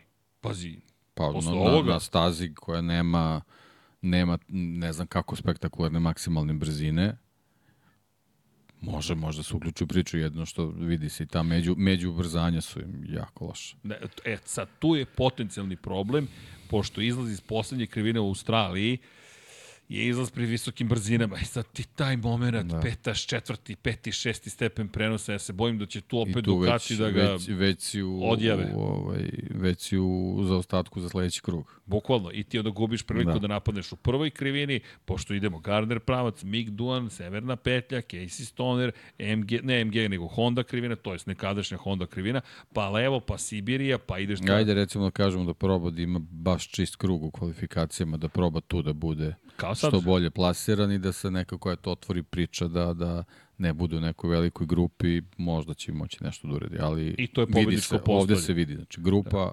To je to. Pozdravi se, to I, je to. I, i, I bukvalno nije mogo točak da postavi nigde i sviđa mi se njegova izjava na kraju trke. Kako se osjećaš, Fabio? Frustriran. Ne, vidi se, vidi, vidi se po njegovom, po njegovom izrazu stvarno, da on, on ja mislim sa 150% mogućnosti vozio što uopšte nije dobro. Ne, on je bio na ivici. Ti da. vidiš da je onaj motocikl na granici bezbednog. Dakle, ono je kraj. Ti si već na, na tome da, si, da ćeš uništiti pneumatik. Inače, zadnja guma s desne strane rupe u Moto dvojkama. U, u Moto Grand Prix nisu baš bile rupe, ali već je počeo Michelin da popušta i to ozbiljno da popušta. Inače, kakvi vremenski uslovi, preko 60 stepeni Celzijusa na stazi, preko 30 stepeni Celzijusa spoljna temperatura, novi asfalt, pričali smo o tome presvučen, ne baš sveže, ali potpuno nov asfalt i prljava staza. Pride, ajde da dodamo i to, jer ti tačno vidiš iz helikopterskog kadra kako samo idealno putanje je crna, sve ostalo je... Pa dobro, i to je izazov. Svima isto ko si, kad to siđeš sad. Pa dobro, dobro svima isto. Ne, svima isto, svima da. isto. Ali za gume... Znaš, u principu pa nisi, nisi prinuđen da silaziš sa idealne putanja ako, ako ne moraš. Osim ako ne želiš da pretekneš, pa sad dođeš u situaciju... Ne, neko, je, neko je padao i kad nije preticao, tako da to su, to su ti momenti ovaj, gde, gde se vidi na takvim stazama koje, koje ovaj, dovoljno koncentrisan i spreman da, da vozi maksimum i na taj način. I pohvale dodatne zato za Banjaju, zato što nije tek tako preteći bilo koga. Dakle, nije on čovek dobio, dobio je par poklona, a u sprintu je dobio čak veći poklon, moje mišljenje, nego što dobio u samoj trci, ali moraš da pretekneš i moraš to da obaviš na lep način. To je ono što me oduševilo kod, oduševilo kod kvartarara kako vidiš da je rešen, da je brzina tu, vidiš Maverika koji se brani, vidiš Banjaju koji na kraju nije ni znao koliko su blizu zapravo, kad je gledao kadar sa njegovog motocikla unazad u pretposlednjoj krivini, kao je ovo poslednji krug, kao da, poslednji krug, kao bili smo ti to malo, samo malo je nedostajalo, ali pohvale, zaista ogromne pohvale za, za, za, za ono što je učinio. I ja, ja kažem ti, potpuno sam odušenjen načinom na koji je nastupao zapravo tokom velike nagrade Indonezije. I sad, da li od Banjaje možemo da očekujemo više. Nema šta, mi znamo šta možemo da očekujemo. To je svetski šampion. Ovde je pokazao još jednom. E sad, Jorge Lorenzo mu je zamerio, rekao, ne zamerio, rekao mu je, ja ne bih tako slavio kako on slavio. A slavio se, šta je bilo? Pa, dobro. da vas čujem. Ali to, to je slavlje i rekao je Jorge. Verujem da je to pre svega reakcija na, na njegovu trku, ne na Ne na odustajanje Jorgea Martina. Tako pa, da... Ne, ne, ne, na njegovu trku, pa i na te činjenice da stalno govore ima pravo je... da tako proslavi trku. Nema zamirki, nego samo hoću kažem da je Lorenzo rekao, pa ne, ne, možda kažem, mu to kažem, neće pomoći. Ovaj, u smislu te Role, Ro, Lorenzo reakcije. Ja ne, ne vidim ništa sporno u tom. Ne, kažem, nije Lorenzo samo vidim rekao uverenost. da je sporno, ve, da. upravo to, kaže, u, u trenutku prosto te ponese situacija, ali ne treba buditi Martina. To je bila Lorencova kompletna izjava. Ja mislim da je Martin i tekako budan. Mislim da budniji nije bio u životu, da je potpuno svesna situacija u kojoj se nalazi. Konačno, ovo se tako lako promeni. Jer njih dvojica moraju da budu prvi, drugi. Ako je bilo ko od njih treći, ovaj drugi prvi, to je 9 poena. U ovom trenutku 9 poena je koća, baš je veliko. I sad, naravno, u celu ovu priču sa, sa ostrovom Filipa, Australijom, jedva čekam, moram ti priznavi. I, i pohvale za Aleksa Rinsa, sad sam mogli broj 42. Alex Rins rekao je, ovo je, kao, ovo je moja možda najbolja trka za devetu poziciju je bila. Rekao je čak i da je pred kraj trke zapravo, pošto su prestali analgetici da funkcionišu i počeo da osjeća bol u nozi, I rekao je to bilo nemoguće. Bukvalno nemoguće. Na kraju ipak nekako uspeo da se suzdrži, dovoljno uspori, a bude opet dovoljno brz da nastavi da pretiče. I baš lepa trka Aleksa Rinsa na Hondi. Da je zdrav, mislim da bismo u Australiji mogli da očekujemo baš ozbiljnog Aleksa Rinsa. Šteta. šteta. Što me vraća na broj padova i incidenata i opet ta cela priča koliko je teško. Baš je teško. I tim pre I ovo je uspeh za mene Banja Teško tako je i, i mislim svi, svi ti elementi koji si već spomenuo i dodatna stvar ovaj, ova staza po lepom vremenu kad je suva prilično izazovna. Jeste. Jeste baš izazovna, ali daje ti prilike.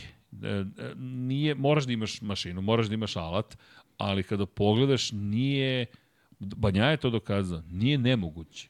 Znaš, ti na ovoj stazi trebalo bi da bude nemoguće ti sa 13. stigneš na prvu poziciju. I, i ne računam samo padove, ne, ne smiju se sve da ovo na padove. Da, bilo je padova, ali Banja je taj ko je pokazao da, kako može da Da, nisu oni padali ispred njega. Tako pa je. da kažeš da se na taj način otvarala Naprotiv, situacija. Došao je u situaciju koja je, koju je sam stvorio. I ka, zato mi je ovo njegova najbolja. Možda čak i njegov tempo neke druge prevario, pa su mislili da mogu isto tako. Moguće, moguće, moguće, bazi, opričat ćemo o tempu, ovo nije bila ta klasična trka tempa, da je Martin završio, vjerojatno mi smo pričali kakav tempo imao Jorge Martin, ovako malo prebrzo. Više u moto dvojkama, u moto, deki, ne, neću sad da otvoram moto dvojke, ali Pedro Costa, ako ikada trebalo da se ima stavi do znanja ljudi, ja sam ovo prevazišao, onda je to bilo pa Indonezija. Pa dobro, to smo, ajde, nećemo Pričali smo, nećemo, da, nećemo, ali samo da konstatujemo ono je Konstatovali smo šta znači kad, kad se reši situacija za sledeću sezonu. Koliko to znači vozaču. Mnogo. Mnogo. A i opet se vraćamo na glavu. Pa Martin to. Banjaja. I to ovo je rekao... Ovo je bio rasterećeni Pedro Acosta. A svetski šampion iz 1999. godine, Alex Krivije, sve, o sve objasnio, to ono što pričamo. Ko pod, bolje podnese pritisak, taj će biti svetski šampion. I to, da se vratimo opet, šta je srušilo Martina? Samo pritisak. Ništa drugo. I to je sada kako se ko nosi s pritiskom. Jedan je osvojio titul od trojice kandidata, ova dvojica u, u, u, u nebranom grožđu, pri čemu Beceki kao da mu je potrebno da bude u, loše, u podređenom položaju da bi izvukao maksimum iz sebe. Svaki put i on kad se približi nekakvi problemi se pojave, Martin sada poveo, ok, da vidimo sledeću stanicu. Inače, sledeća stanica za Australiju, da ne zaboravim, pošto ubacujemo Australiju, bilo je problema sa transportom opreme, tako da čak i iz Indonezije, koja nije tako, uslovno rečeno, daleko u odnosu na Australiju, svako neka Evropa, je bilo problema pa i to je, to je taj rizik, pričali smo o kalendaru za sledeću godinu, te, te ovaj, te vezane trke uvek, uvek nose rizik da, da može se desi nešto nepredviđeno sa logistikom i ovaj, jedan dan za ostatka može veliki problem da napravi. A, za ost... imaće, izgubit će jedan dan, kasnije će biti otvoren padok, a to pa dobro, sad... generalno ako gotovo četvrtak popodne, realno realno su okej, okay, već su oni uigrani što se toga tiče, jer samo tri dana prošlo od, od prethodnog rasklapanja, ali neće toliko da utiče ako, ako je, ne znam, u ovim trenucima ili već koje, kako je vreme ovaj, tamo, ako, ako avion stigne, sve će biti okej. Okay. Pa da, trebalo bi da dođe u sredu, to jest da. trebalo bi u sredu po, po popodnevnim časovima da bude dostupan zapravo ekipama da. sav materijal, što znači da oni Ili kada... oni generalno četvrtak, do četvrtka i ne smeju pa, ništa da... Neki pokušavaju da izađu. Gospodo, uživajte. uživajte. Ćao i hvala za posetu. Ćao. Ovaj, oni generalno do četvrtka i, i, i ne smeju da, da dođu tako u poset tih stvari, tako da u, u principu je ok tajming, ali kažem, mislim, generalno zbog te napete situacije sa, sa logistikom može da se desi da, da, da ćemo u nekoj prilici imati da, da bude neki problem, posebno što sa, sa tim azijskim delom idemo ovaj, uh, u, na deo planete gde, gde u, ovim, u, ovom periodu godine može se desi, dese i neke nepogode i tako dalje i tako dalje, odlaganje letova, zatvaranje aerodroma i, i, i ovaj, tako se pravi veliki problem. Nije, nije bez razloga to ranije bilo ovaj, na dve nedelje se voze trke. Ne samo zbog odmora vozača, nego zbog mnogo više drugih faktora. Pričali smo o, o, o cijeloj ovoj sezoni, sledeće godine su zaista promenili dosta toga, ima tu eksperimenata, ali ovo je, ovo je test koji bih rekao da im pa jasno ovo, da, ovo je jedan, jedan test i jedno upozorenje.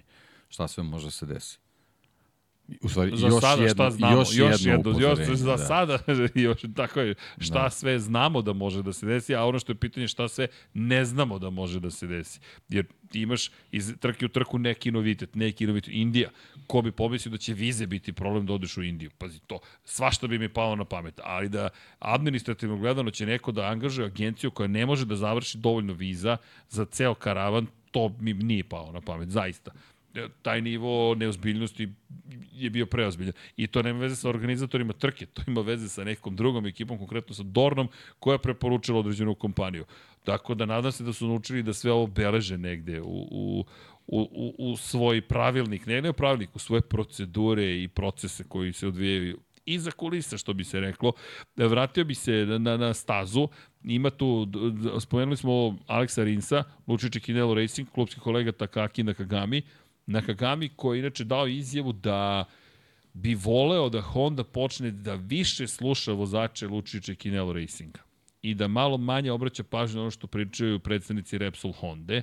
Prvi put da čujem da postoji zapravo suprotnost u razmišljanjima. Inače, rekao, ne da direktno Repsol, nego da prosto više obrati pažnju na ono što govore njih dvojica. Konkretno Alex Rins, u ovom slučaju Takaki Nakagami, sledeće godine vidjet ćemo, trebalo bi da bude Joan Zarko, osim ako i on ne ode u Repsol. Inače, Nakagami je potvrdio da on sigurno neće ići u Repsol. Da on ostaje kao deo Idemitsu Honda, moram priznati da mi to nije ni palo na pamet da će prebaciti Takaki Nakagami, nekako mi to nikad nije bilo u igri. Prosto Idemitsu Honda, Idemitsu Honda, to je njegov motocikl. Pa ne znam, ja sam, ja sam ovaj, čak u nekoj, nekoj situaciji mi je palo na pamet, s obzirom da je Honda, znamo kako to sve funkcioniše, koliko nisu, oni nisu ovaj, vični tome da takve stvari prave spektakl. Ja u, u nekom trenutku idem tipa, oni mogu i Kerelekonu da potpišu. I da završe priču, da se uopšte ne, ne obaziru na, na, na čitavu situaciju. Španac ima iskustva Pa s ne, njim. tu je već, ma ne, ne, ne, to- ne čak pa i španac, tu, tu. nego tu nam je čovek, vozio je već, on je iskusan, vozio je, daj da to, potpišemo. Ima, I još ga poznaju i znaju ga i Superbike-a, testirao je motocikl, vozio je motocikl, ok, dođi, šta Znači god da da se sve, desi. sve te kombinacije koje mi pravimo, da oni jednostavno reše na ono potpuno jedan onako miran način, da kao ništa, tu je Iker Lekona i to je to. Niker koji je zapravo u celoj priči, hajde kažemo, nekako nedorečeno ostao, ja bih rekao. Pa jeste, ali ne, ne mogu svi, mislim, jednostavno, naš, i, njegov dolazak u Moto Grand Prix je gledan kao, kao neka, sad, kakva velika zvezda može da se rodi, ali naravno ne, ne, nema prostora za sve, jednostavno nisu, nisu takve A mogućnosti. zašto ne Remy Gardner? Zašto ne Remy Gardner? Zato što niko ne razmišlja o njemu. ok, surovo, ali istinito. Evo ja razmišljam o njemu. Izvini, s kim je osvojio Ni Remy Gardner ne razmišlja o tome. s kim je osvojio titulu Wayne Gardner? O, pa dobro, ti sad udaraš na emocije. Udaram na emocije, na, na istoriju. Wayne Gardner, Repsol Honda, to je nije bila Repsol, Rotmans Honda, ali HRC je bio. Honda Racing Corporation. Zamisli se pozovu Remi i kažu, Remi, prijatelju, vrati se. Teško da će se to desiti, ali okej, vidi deki, sad mi ne je znam palo da na li pamet. postoji tako mala kvota. U stvari ne, Čekaj, tako velika moram kvota, da ne tako kucam mala. Remy Gardner, Honda, HRC. Ajde vidim da li je Iko ovu ideju imao. Pazi, mora Pa, da je još sutra neko će da krenu, sad te slušaju i sutra kreće. Sutra kreće. Ok, za sada Remy Gardner HRC nema nikakvih informacija. Daj, Poslednja vest iz izgovori, 2022. izgovori neku rečenicu da zvuči kao da potpisuje, čisto da vidimo da li slušaju, da li prevode. Da li potpisuje? Da, kaže da je nekih neproverenih informacija si danas, ne, reci neku rečenicu čisto da vidimo da li nas slušaju. Da, imamo neke prilično ozbiljne spekulacije da će Remy Gardner potpisati ugovor sa HRC Repsol Hondom i da možemo ga očekivati 2024. ponovo u Moto Grand Prix. A ta spekulacija je došla sa ovoga stola. Sa, ne, sad će nas provaliti, provalit će Ne, nas po smehu. provaliti, Da, ne, ne, da, ne, da. sad će provaliti, ne, ne, AI će reći, ovi se sprdaju sa mnom, čen, čen, x, x, Sad gledaj kreć notifikacije tamo po sajtovima. Ti, ti, ti, ti, ti. Ne, vidi, ne, ne, treba, a ne mogu da budem ozbiljan, pošto spekulacija, a našoj publici smo dužni da kažemo da, da smo se, se šalimo. Ali, Ne, ako da, sutra izađe, izađe ta vest na ovim relevantnim sajtovima, plaćam piće svima koji za vikend dođu u Gastro Šordal, eto. Deki... vidiš, jel vidiš Remija koji dolazi na, na Philip Island da gleda trku, ono svi živi oko njega da ga pitaju. Karaša, Remy Da. Gardner, vozač Superbajka, svetski šampion Moto2 klase. Dobro, ako ponovimo još Remy Gardner, negde će da iskoči Ponavlja neka. što više Remy Garden HRC. Ili ne znam šta, pa da, Repsol Mi smo Honda. se pogledali, razumeli smo se, Remy Gardner i samo iskočio. Paing. Ne, znaš kad mi je iskočio iz glave? Nedorečenost. Evo, Osjećam, Debanđa kaže udica je bačena.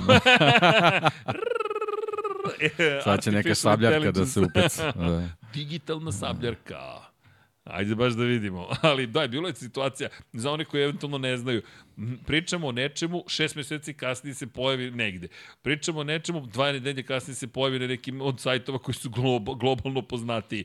I tako, čekaj, šta se da deki nešto predvidi, bum, evo ga, isto pre, pre, prenesene rečenice. Simone Petersone, ako koristiš artificial intelligence, imaš pozdrav cele ekipe. Da, da, moramo i Simona da zovemo i, i Davida Emmeta, oni su svi rekli, ja zovi kad hoćeš, uključit ćemo se u podcast. Pa da znate šta pričamo i nećemo, šalimo se. Pomučite se, da.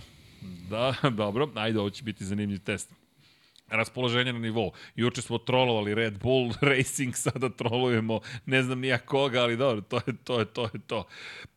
Da se vratimo ozbiljnijim temama. Inače, Takaki Nakagami koji koji u trci, pa dobro, standardno, ajde sad kad smo ga već spomenuli da ne bude da ne poštujemo rezultate Takakijeve, treći put za redom je 11. Ako ništa, to drugo, konzistentan je za medalju, dakle 11.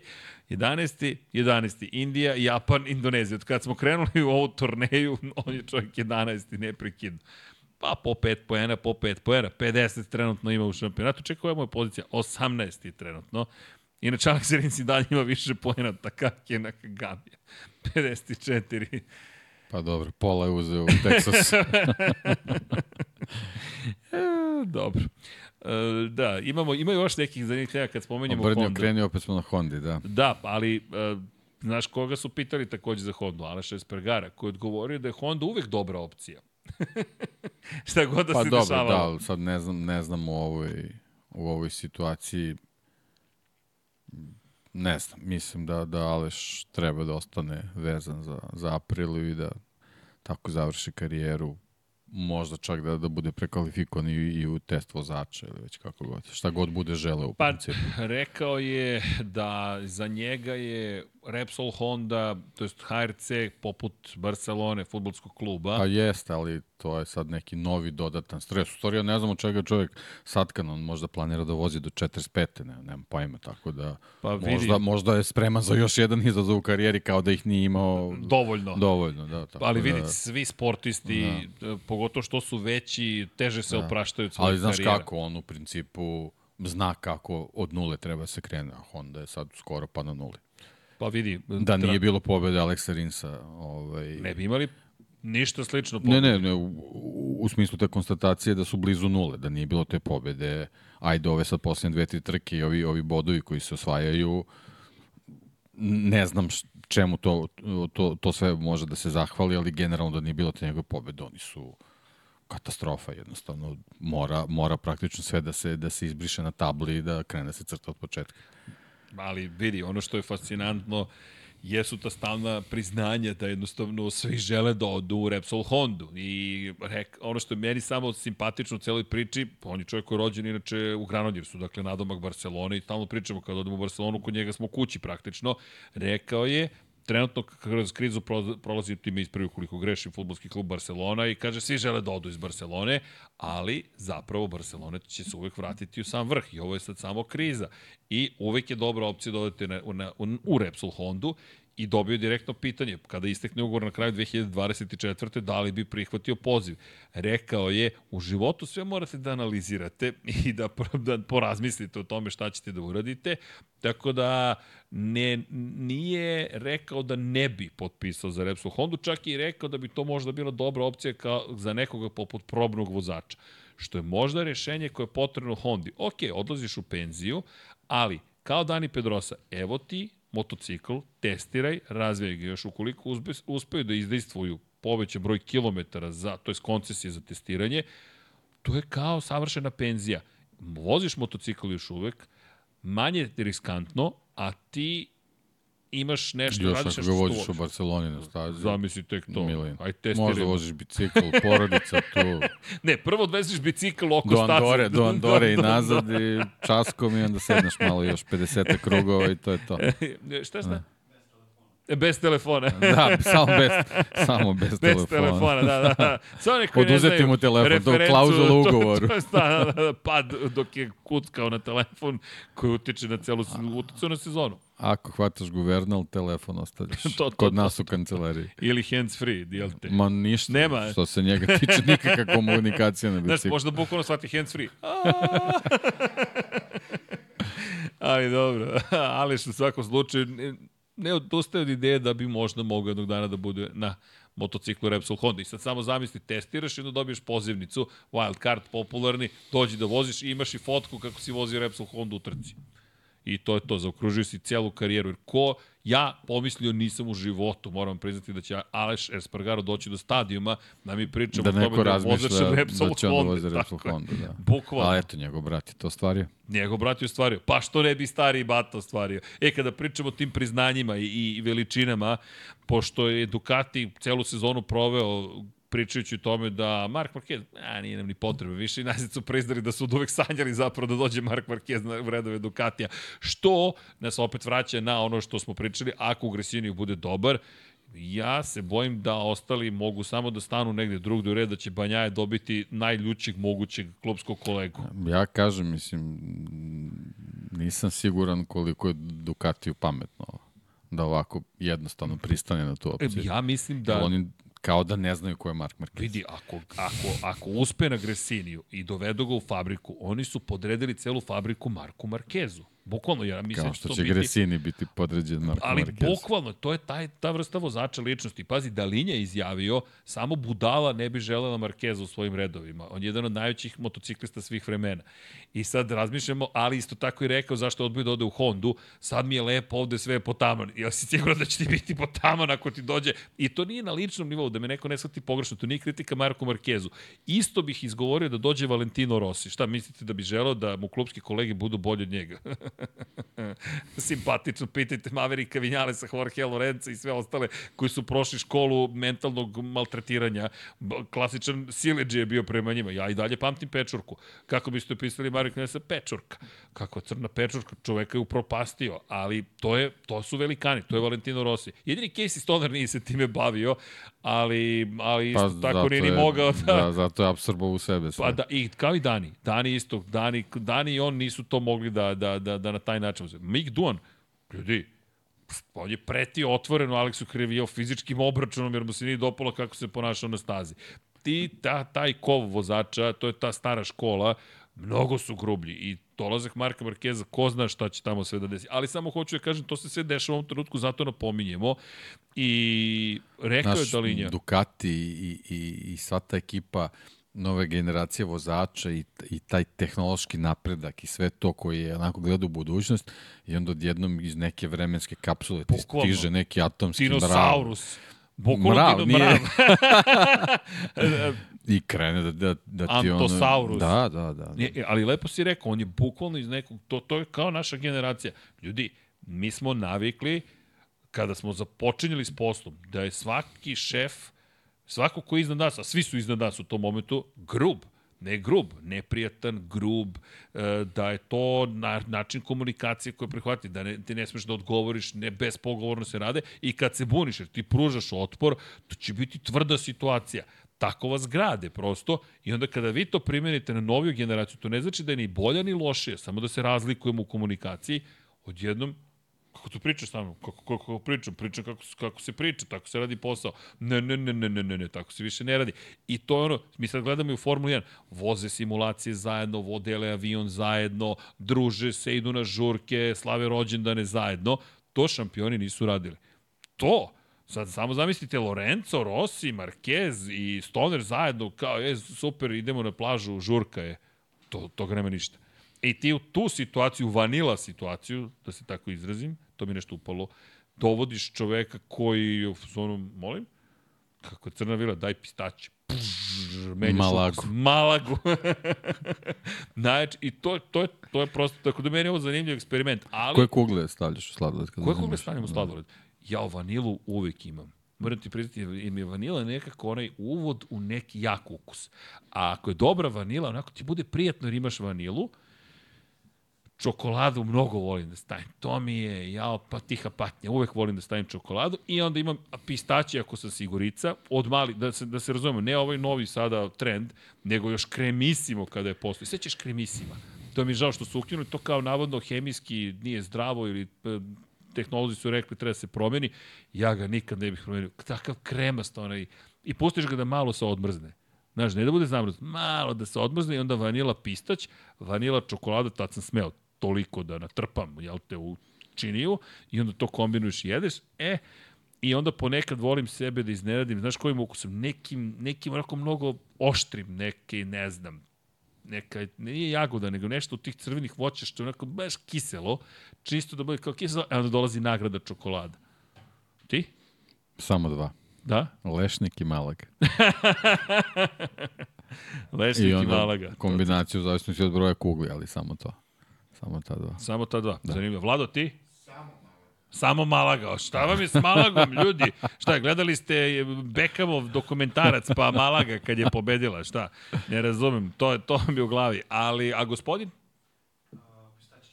Pistaće čokolada. Eto, vi ste, vi ste ta generacija. Da. Da. Hvala. Vi klinci, da, Mi smo da, da. generacija, da, da, da. E, jesi gledao Beckhamov dokumentarac? Apsolutno ne. Često sam morao da, da uvredim Liverpoolovce, ovoliko znam i ja da je ovo provokacija klasična, ali dobro. Ne znam s čim bi uporedio nivo, Ali koliko me zanima novinar, da to pogledam vidi, uopšte. To prosto Mm, kao ne, po poslovna profesija. Važi. Važi, dobro, samo pitam, pitam za druga. Ima tamo zanimljivih izjava. Znači, kad kaže, uh, pa kao, otišli smo u Ameriku i sad u Americi, onda eno ga u Milanu, a žena koja kaže, ček, ne razumijem, sad preselio si nas ovde u Ameriku i sad si otišao u Milanu. Pa da, znaš, ali tamo bolji futbol, Kapelo mi je rekao, ako hoću da igram za reprezentaciju, mora da idem u ozbiljan klub. Ne može u LA Galaxy da se igra. E, I tako. U svakom slučaju, to ti je Aleš Espargaro, znaš, kao, vidi, zovete, ne, ne, sada nije baš LA Galaxy trenutno, naprotiv, ali zovete neka druga ekipa. Dobro, znači, mogu da vas maltretiram Beckhamom, okej. Kao, Probaj, slobodno. Probaj, probaj, mačko. Kojim? Jel on nešto vas povredio u istoriji? Nije, dobro. Ne, ne, apsolutno ne. Dobro. Ovde su okoreli Liverpoolovci, samo da znate. Potpuno smo ravnodušni njemu. ne zanima nas nikakva priča. Da, bit će to zanimljivo. Ali dobro, Dalinja koji je rekao da da najzad su priznali zapravo da su i pokušavali da nađu način da sarađuju s Markezom i rekao nije prosto se ukazala prilika. Sada kada se ukazala, prigrali smo je. Tako da nije to samo Gresini, znate, otišao i potpisao ugovor s Markom Markezom. Pa ne, ne ide to baš tako. Neko je mora da priča i sa Ducatijem. Jer mora da postoji neki, ne, ne, neki, neka harmonija po onome što smo mogli da vidimo, ali svi insistiraju da, da, da žele da pobedi kogod samo da je na Ducatiju. Pa ćemo da vidimo. Ne, oni su ono što smo pričali, oni su prošle godine to prelomili sa, sa Banjajinom titulom i sad, sad je nekako... Drugačije, tako. Drugačije seća se napetosti u, u garaži prošle godine. Jednostavno, Pa- to je, mnogo je važno bilo prošle godine da su osvoji titula, sad je već nekako malo, malo jednostavnije. E, to je i rekao Dalinja, rekao je da ne žele da poremete atmosferu koja trenutno postoji i, i osvrnuo se ne direktno na prošlu godinu, ali je rekao naučili smo bolje da upravljamo tim situacijama i bolji smo prosto u tome kako da se ponašamo. I da se razumemo, uvek je najbolja opcija da crveni Ducati pobedi.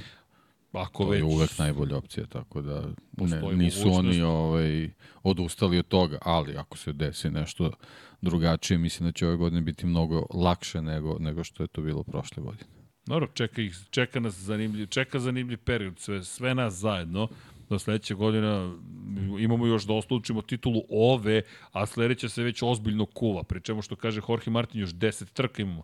Pet sprint i pet velikih nagrada. A deki baš ulazimo u lepo finale, pri čemu već za dve i po nedelje ćemo mi znati Ne znam da ćemo znati mnogo više. Znaćemo ko je pobedio na ove dve trke koje dolaze, pri čemu Australija uvek fenomenalna, sama atmosfera, samo trkanje. Ja jedva čekam ostrovo Filip, meni je to jedna od naj, najlepših staza koju, koju, koju, koju pa, možeš da zamisliš. u moru ovih nekih modernih staza, kažemo, novih koji ono nekako ni nemaju još uvijek svoje lice i svoj izraz. Philip Island je nešto onako kultno stvarno. Mislim, Philip Island je poput, on ne znam, ne, ne znam s čim bi uporedio u, u Formuli 1, ajde recimo sa, ne, sa nekom Spa ili tako nešto. Mislim, to je jednostavno ono Moto Grand Prix bez, bez Philip Island u kalendaru, ne, ne znam na što bi to ličilo.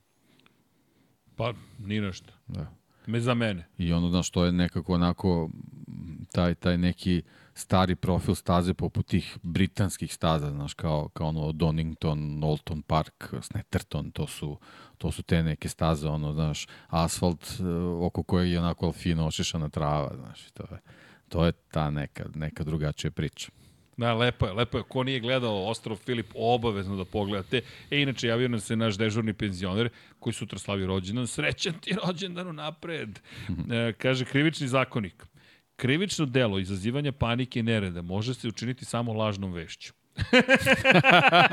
znači, izazvali smo paniku i nered na, na, ovaj, na internet. hvala za informaciju, hvala, vodit ćemo. Zato smo rekli, spekuliše se, nismo rekli da je to vest, nego da su to spekulacije, navodno. Kako izveštava nepoznat NN oso, NN lice sa NN stola u NN studiju? Da, vrlo, vrlo zanimljivo. Dobro, hvala za informaciju, vodit ćemo računa, ali lepo smo najavili celu priču, tako da smo bezbedni. Deki, da se mi vratimo malo, u, da se vratimo mi u Indoneziju. Indonezija, Indonezija, donela je neke novitete. Nismo, nismo, ovaj, mislim, nismo se dovoljno ovaj, odužili i zahvalili prvoj trojici, to, to pre svega. Slažem znači, sjajna, sjajan drugi deo trke stvarno bilo sjajno. Ovaj, pre svega Fabio Quartararo. Stvarno, mislim, ovaj rezultat je njegov rezultat. Pazi, da nije pritisao Vinjalesa... Rezultat njegovog kvaliteta. Nisam siguran da bi Vinjales da. se toliko približio Banjaju u bekstvu od, od Kvartarara. Drugo, lepo je bilo vidjeti Đavola ponovo, El Diablo kako vozi, kako zna da vozi. I... Pa ja verujem da je svaka trka takva, samo što, nažalost, Nije ukazao. Yamaha ne, ne, mu ne dozvoljava da, da, da bude u vrhu. To je, to je stvari ključni problem, da. jer ova trka pokazala da Fabio i dalje Fabio. Nema šta. Pa to, to je, znaš, ti kada pogledaš Fabija, to je lepota trkanja. Te, kada gledaš, kada imaš priliku da ga vidiš, kada, kada nije indisponiran, njoj je rekao par situacija da je zaista bio indisponiran, jednostavno nije bio, prosto nije bio raspoložen. Jednostavno vidiš čoveka koji... Pa nije ni ovdje bio raspoložen posle trke. Ne, bio je frustriran, to, to ono što si lepo rekao. Nema šta, videlo se. Da, Fabio, Fabio. Zanimljiva je cela ta situacija sa Fabijom Quartararom. Moram priznati da se nadam. Nema šta da, da kažem osim da se nadam. Ali, Kažem, meni je samo žao što, što njegove te najbolje godine ga nemamo na, na konkurentnom motociklu. To je, to je šteta samo. Šteta za šampionat i šteta za, za nas kao gledalci. Ali mi je fascinantno. Zašto je ostao u Yamahi? Znaš, zašto ostaješ ukoliko su velike šanse da neće biti dobro. To je ono što mene zanima u celoj priči. Volao bih da... da pa vidi, znaš da, kako, prošla sezona je krenula kao i snova. Ne možeš da kažeš da do avgusta, septembra prošle godine da je, da je morao da razmišlja o odlasku. On je u septembru razmišljao da odbrani titul. Jasno. Znaš, nije u periodu kad trebaš da razmišljaš šta dalje, jednostavno ti si dalje u borbi da, da budeš dvostruki svetski šampion uzastopni. I nažalost, eto, desi taj Asen i, i prilično ti poremeti sve. Da, Asen koji, eto, kao što smo i rekli, paralela Asen, postoji. Asen i, i Silverstone ne, ne sad toliko direktno vezano za, za njegov broj bodova, koliko za bodove koje je Peko osvojio, koji su kasnije bili ključni u finišu sezone. Znaš, to je, to je onako baš bio veliki hendikep za njega. I više od hendikepa, da. jer pazi, ti kada pogledaš, to, je, to nije samo udarac u toj trci, to utiče psihološki na tebe. Naravno, I tvom naravno. rivalu daje priliku. To ne kažem da je urađeno zbog rivala, nego samo kakav je sled. A evo sad vidimo šta psihologija radi. Isto. To, toliko je jasno. I, ali jasno i kroz neki od Fabijovih nastupa ove godine, to je ono što on rekao, ali znaš šta mi je problem samo s Fabijom? Što je prošle godine davo iste izjave. Bio je ljut, frustriran i onda je rekao dosta više, kuka njama da vozimo i odmah su bili bolji rezultati. Sad je isto to uradio i rekao je, doveo sam sebe u situaciju, da sam previše kritičan ka Yamahi, i dolazi do toga da opet ima bolje rezultate. Verujem naravno da je to da. i ozbiljan rad sa inženjerima, ali psiha igra e, sad, ogromnu ulogu. Tu je sad taj možda neki ohrabrujući element za Yamahu. E, videlo se iz njegove vožnje da je on apsolutno na limitu i, i svom i, i motocikla. A, kada vozači Honda krenu na taj limit, završava se padom. Jednostavno, Honda je toliko divlja da, da, da ne može da se ukroti na, na taj način i oni su u problemu. I videla se ta frustracija Marka Markeza kad je, kad je pao da jednostavno ovaj, ako on diže ruke i, i ne pokuša više da podigne motocikl, sve je jasno. Dobro, to je, to je posebno I s te perspektive, eto, Yamaha možda ima nešto ovaj, što što Honda u ovom trenutku nema, a eto to je taj motocikl koji barem kad je kad je ovaj kad je brisani prostor ispred može nešto da uradi. Što je jako teško da da će često biti slučaj na, na, na stazama koje, koje nam predstoje do finiša sezone. Posebno recimo Valencija. Ne, ne, ne znam šta tu treba da se desi. Tako da, eto, to je to im je ovaj, nekako nauk da, da možda iz ove trke sagledaju u čemu je ovaj, prednost ovog motocikla. Nemo kažem u stvari prednost. Gde su dobre strane, a sve ono što se desilo u trenutka kad, kad je dostigao, dostigao Maverika Vinjala se jednostavno analizira da se ti segmenti poprave. To je mislim, lako je zaključiti, ali je jako teško da se, da se to uradi, posebno s ovom filozofijom razvoja koju imaju i, i Honda i Yamaha. Dobro, Yamaha ostaje isto nepoznarica. Šta će učiniti? Inače, Pole Spargaro se oglasio, spajam ovo sa pričom sa, sa KTM-om, da je potrebno više KTM-ovih motocikala zapravo u šampionatu da bi moglo da da bi mogli da budu konkurentni svi zajedno, da i više vozača bude u igri za više pozicije, ali nas to dovodi opet do toga sa samo dve Yamahe, sa samo četiri Honda, to jest Honda još se i drži nekako po broju motocikala. Šta će Yamaha? Yamaha koja mora da čeka 2025 da bi našla nekog novog saradnika, jer je izvesno da sledeće godine niko neće biti novi na Yamahi, neće biti nikog novog ni na KTM-u, dakle šest KTM-ova. Mi dolazim i vraćamo se do onoga što si ti rekao za Carmela Espeleto Carmelo, moraš da daš više motocikala, jer ovo trenutno, trenutno ne funkcioniše. Jednostavno imaš situaciju u kojoj ćemo ostati bez japanskih proizvođača.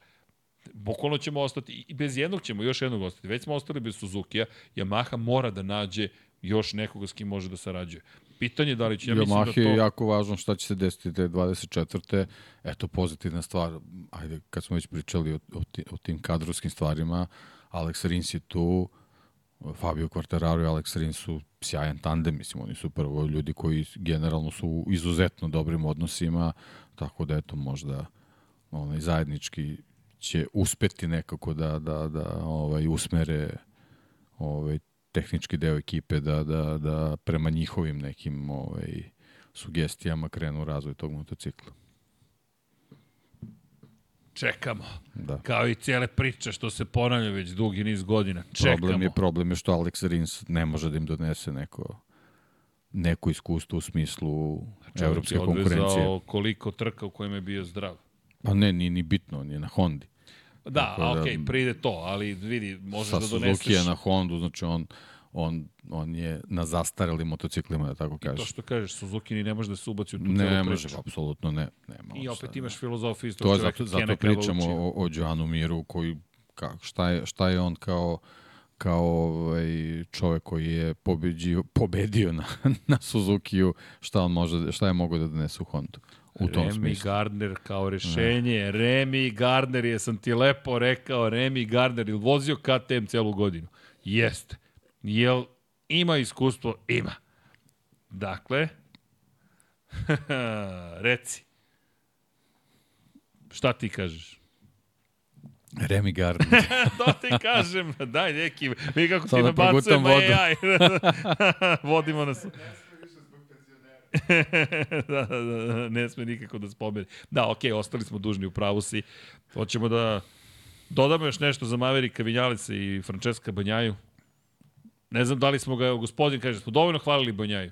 Jesmo, zadovoljen. On je samog sebe dovoljno pohvalio. Ne, pa nema ali... šta stvarno zaista zaslužuje pohvale za ovu kažem, Maverick, posebna je Maverick posebna ovaj, pohvala za hrabrost, za, za, za borbu ovaj, uh, protiv Jorgea Martina i, i ono što si rekao, odbrana od, od, od Fabio Quartarara do duše, bilo je lakše da se brani zbog te cele situacije sa, sa Yamahom, ali generalno borba, to je pokušaj da, da, da se drži tempo Jorgea Martina je za pohvalu. Jorge Martin napravio je Darmar, bukvalno. Baš je napravio Darmar celom pričom, ali ej, vidi, i Banja je pao u Indiji, tako da anuliraju se odnosi, da, da ne zaboravimo i Banjajnu grešku u toj trci. Dakle, bacio 20 poena, Martin bacio 25, kad pogledaš, balans sile je tu otprilike. Čak je Dobro, grešio i Martin na početku sezone, tako da su izbalansirani, baš i dobar šampionat. Sve je u, sve je u ravni, sve ovako š, to. a stiže Ostrovo Filip. I ja ne mogu da najavim Ostrovo Filip, osim da vam kažem, ljudi, gledajte i prvi trening, i, gla, i ne mogu da kažem glavni zvanični trening, gledajte i drugi trening, gledajte naravno i kvalifikacije, gledajte sprint, gledajte jutarnje zagrevanje i paradu vozača, to ukoliko budemo uz mogućnosti da, da pustimo, takođe da ispratimo svi zajedno, ali činjenica ljudi da smo došli do stadijuma kada mora da se gleda sve bukvalno da bismo razumeli ono što nas čeka. Jer ti kada pogledaš u treninzima zaista leži velika tajna. I prvi put Banjaja da me nepretno iznenadio, ali pa kakav preokret opet u cijelu. E to je ono što mi se dopada kod Banjaje, to mi je zaista šampionski kvalitet. Vidiš ga da se muči u petak prepodne, vidiš ga da se muči u petak popodne, vidiš ga da se muči u subotu popodne, vidiš ga da se muči u su, i prepodne i popodne. I dođe nedelja i on čovjek nešto nađe. Da, ovoga puta je sebe baš priterao za zid, ali uvek se nekako nađe to nešto na kraju. I znaš, to je ona šampionska izvesnost. To juče smo pričali u Formuli 1. Kad znaš da će sve biti okej okay, i navijaš za nekog, evo, gospodin navija za Banjaju, ali kad znaš da će biti okej, okay, da, pojede ti živce, kad će, kad će da bude okej, okay, doće li biti okej, okay? i onda kao, kad kreće 13. i razmišljaš, ma bit će to okej, okay, ali da li zaista veruješ dok ne krene trka? I onda krene trka i ti čekaj, 5, 6, 8, 9, 5, ide, padne Marti, čekaj, šta sad, ima šansu da pobedi i na kraju pobedi. I to je ta bukvalno šampionska izvesnost. To je ono što imamo kod Maxa Verstappena, šta god da se desi, on će čovjek da bude tu. Evo Banjaje, ponovo je na pobedničkom postolju. To je neki što si rekao. Čo, pazi, ne samo kada pričamo o, o drugom delu sezone.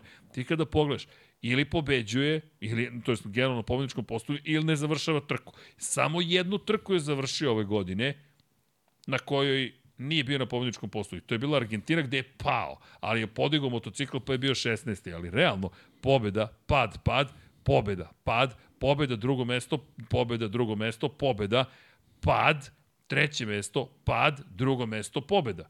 Dakle, binarni čovjek, znam zašto sam ga prozvao Binjaja, ili pada, ili ide po pehar. Ne, između ne postoji kod Francesca Banjaja. Ali ja zaista moram, ne, ne moram, ja, ja, i želim da se divim tome što ti znaš, aha, na točkovima je 13. Ma, ide, i, i, i u prvoj krivini sam rekao, bit će drugi. Jer ti vidiš da svi koji su ispred njega, to će da bude laka meta ali to je za šampiona laka meta. I baš je odvezao šampionski, moram priznati mi se dopao, i stav, vidiš ga kako se kao jedro naduvao na izda... I kao šta je bilo, šta je bilo, E sad, vidjet ćemo, znaš, to je, tu, tu, tu je Lorenzo upravo, sledeće nedelje ako bude... Pa dobro, ali sve okej. Okay. Ja, sad ima apsolutno pravo da, i, da se šepuri. I ne samo pravo, šepuri se čoveče, pa u kraju, znaš kao, svi se divimo, ja, se sećaš koliko neko bio uspešan, dominantan, on se i šepurio, lepa reč, hvala, i pravio važan i opet je to potkrepio rezultatima. Pa da, ako se ne šepuriš i nisi važan ne mož, i nemaš kada potkrepiš to rezultatima. Tako da, hrabro, rekao je šta ima da kaže, pa ajde da ga vidimo u, u ovu stranu. Može, ali neću to ponoviti u mikrofon. Vladinu doskočicu nećemo preneti dalje publici. Ali da, ba, pravio se važan, neka bude. Mislim da su svi razumeli šta, si, šta je pisac hteo da kaže. Dobra trka. Ja ti, meni moj utisak je baš jedne dobre, zabavne trke. Još Diđa koji mi nekako potpunio ceo događaj time što se domogao pa, zatvorenog parkišta. Baš mi je bilo. I onda Beceki koji je peti sa polomljenom ključnom kosti. Sjajno. I Brad Binder, super kažnjenik. On može robijaško delo slobodno da, da vuče. Pa u stvari šest. sprint nam je pokazao vezano i za Becekija i za Marinija ovaj, da je to u stvari bila ta neka fizička granica, ta polovina trke, jer oni su generalno zostajali sekundu i po dve yes. za Martinom u sprintu. Yes, yes. E, ovaj, duža trka i, i ovaj, dobra, ajde, za, za Marinijeva ne, ne znamo dokle bi, dokle bi stigao da, da nije pao, ali generalno u stvari to je neka potvrda da ipak ta povreda je Becekija možda sprečila da on u finišu takođe možda bude ovaj, tamo gde bi trebao da bude da je, da je potpuno zdrav. Ali opet čestitke i Beceki u novom. Ne, ne, apsolutno, ne, nema šta. Baš dobra trka, pa i Binder uz sve Treći što se desilo. Treći u sprintu i peti, peti u glavnoj peti trci, glavnoj trci to je sasvim ono, lep broj boda u odnosu na nula. Uh, da, a još si slobodno, pa bukvalno. To, da. Zato mi je Fenix ove nedelje da. bio, da. a Jack Miller sedma pozicija, to zadovoljstvo, znaš, deveti pa dobro, si u da, sprintu, da, sedmi da. u glavnoj trci, po, Kažem, nije, nije neki rezultat, ali tu je zato što je bio nigde pre toga. Tako da, eto, ako, ako je do te šasije, odlično, super. E, Deki, da li znaš koga nismo pohvalili? A mislim da zaista zaslužuje. Ovako na pamet, da li, da li ti neko pada na pamet? Teško je, znam, ima ih dosta, ali... Ne znam koga smo preskočili iskreno. Ima jedna osoba koju smo preskočili, koju možda ranije ne bismo hvalili za, za niže pozicije, ali koja je sada stigla do cilja za početak i koja je izjavila da je zapravo bilo jedno od boljih trka. Pa mogu samo da nabrajam koga nismo spomenuli, pa eto da... Da, ajde, imamo dva, se. dva Fernandeza nismo spomenuli. Činjenica. Je li tako? Činjenica. Ne bih ih hvalio, ali Drugog dobro. Espargara nismo spomenuli. Ah. Mm -hmm. Čekaj ovako, znači dva Repsola su pala, dva Pramaka su pala, dva Gas Gasa su pala, tako znači Fernandez, Fernandez jedan otpada i ko je pao, pao je Marini, je tako? To je sedmorica. Dobro. Je tako? Mor Morbidelli, ja sam spominjali u paketu sa, Bio 14, sa, sa Fabijom. Da. Drug dva pojena osvojio.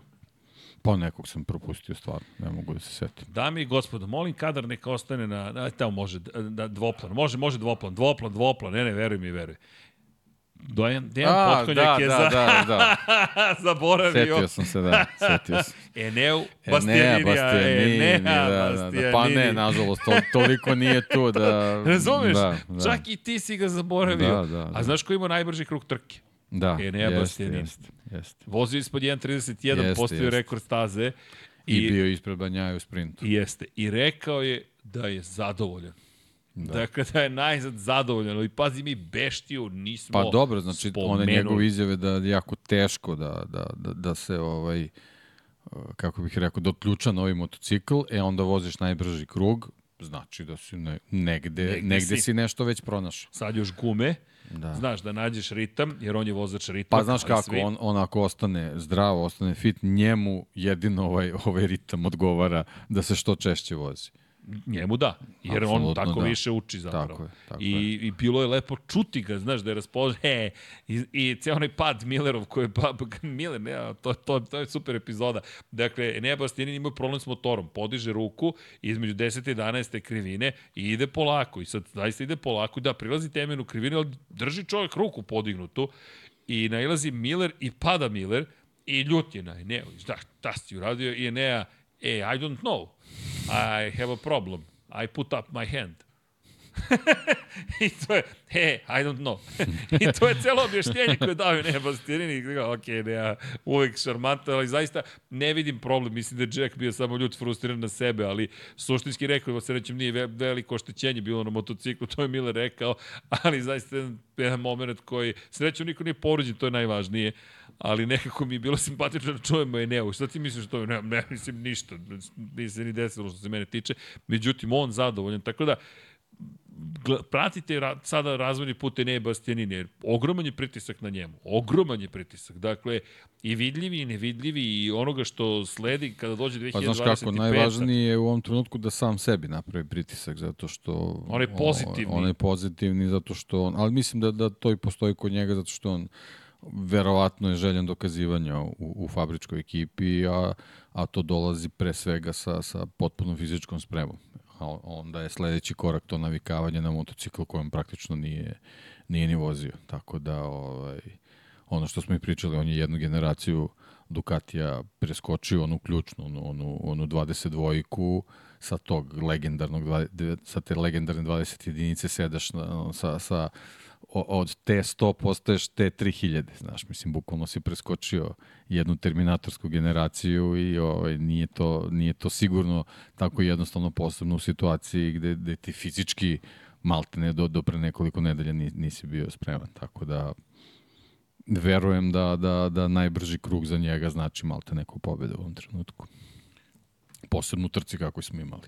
A, a trka je bila... Da, znači niko nije obarao tempo. Ne, niko nije obarao tempo i ne samo to. Da. U ovim vremenskim uslovima, sa ovim gumama, znaš, bez Tijanini da, da, da, da, da u celoj priči postigne taj rezultat, mislim da treba spomenuti. Mislim da je važno. Jer pazi, prosečne brzine ovde u trci 170 km na čas. Ova staza eh, je lepa i veoma brza i lepo je bilo videti zapravo šta inače u 18. krugu je postavio najbrži krug. Da, i, do, i dobra je stvar za njega što je staza sastavljena od, od, od, od takvih segmenata gde bukvalno može a, svaki element motocikla da, da isproba i da se navikava njemu. Ono što si pričao na Phillip Islandu, to neće biti slučaj, to je potpuno drugačiji profil staze kojem nedostaju neki neki elementi ovaj vezani za, za, za upravljanje motociklom, tako da ovaj, ovo mu je bio dobar test da u stvari vidi šta sve može da primeni na, na Phillip Islandu. Dobro, lepo. Lep, lepo je, ili još jedan lep da. moment.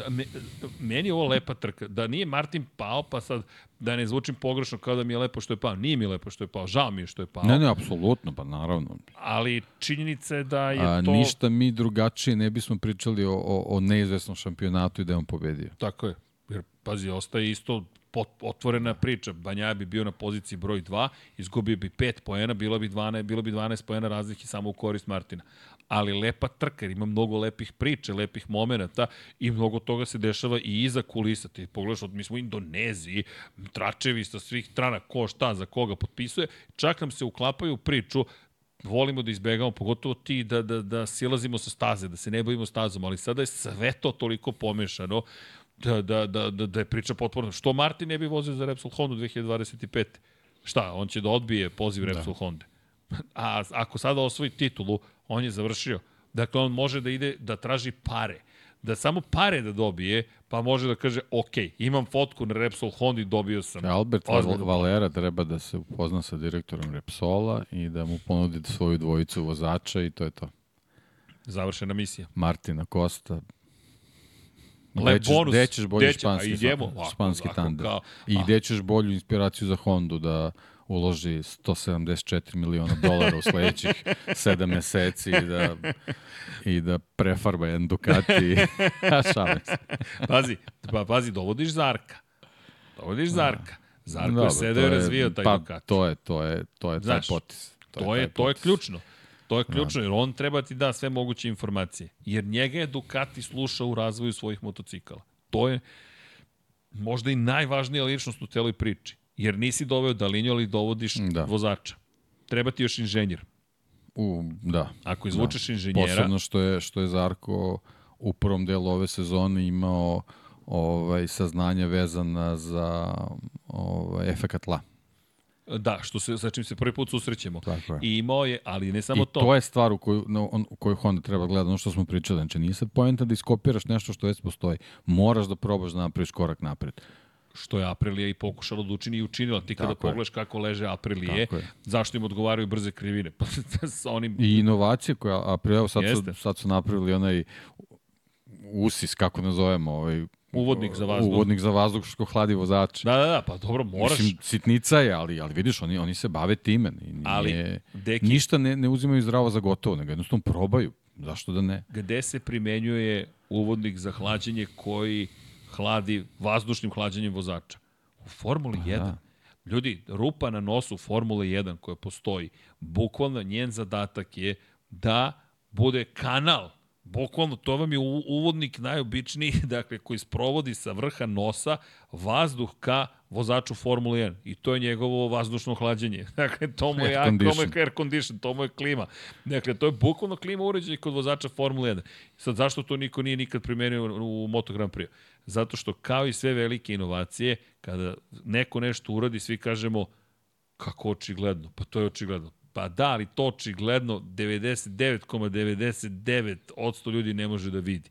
Vidi tek kada je primenjeno i onda je očigledno. Tako da, verovatno Massimo Rivola ponovo, pošto to su sve rešenja koje, koje smo vidjeli u Formuli 1, dopada mi se taj miks, konačno Red Bull Racing inženjeri, jedno ih u KTM-u žive otprilike, tako da te sve to ima svoje. Ima i svoje negativne, naravno, efekte, gobi se deo lepote motociklizma u smislu poteškoća preticanja, ali ej, sve su to izazovi. Živ organizam, život, tehnologija, tehnika, vozači, sve to okej. Okay.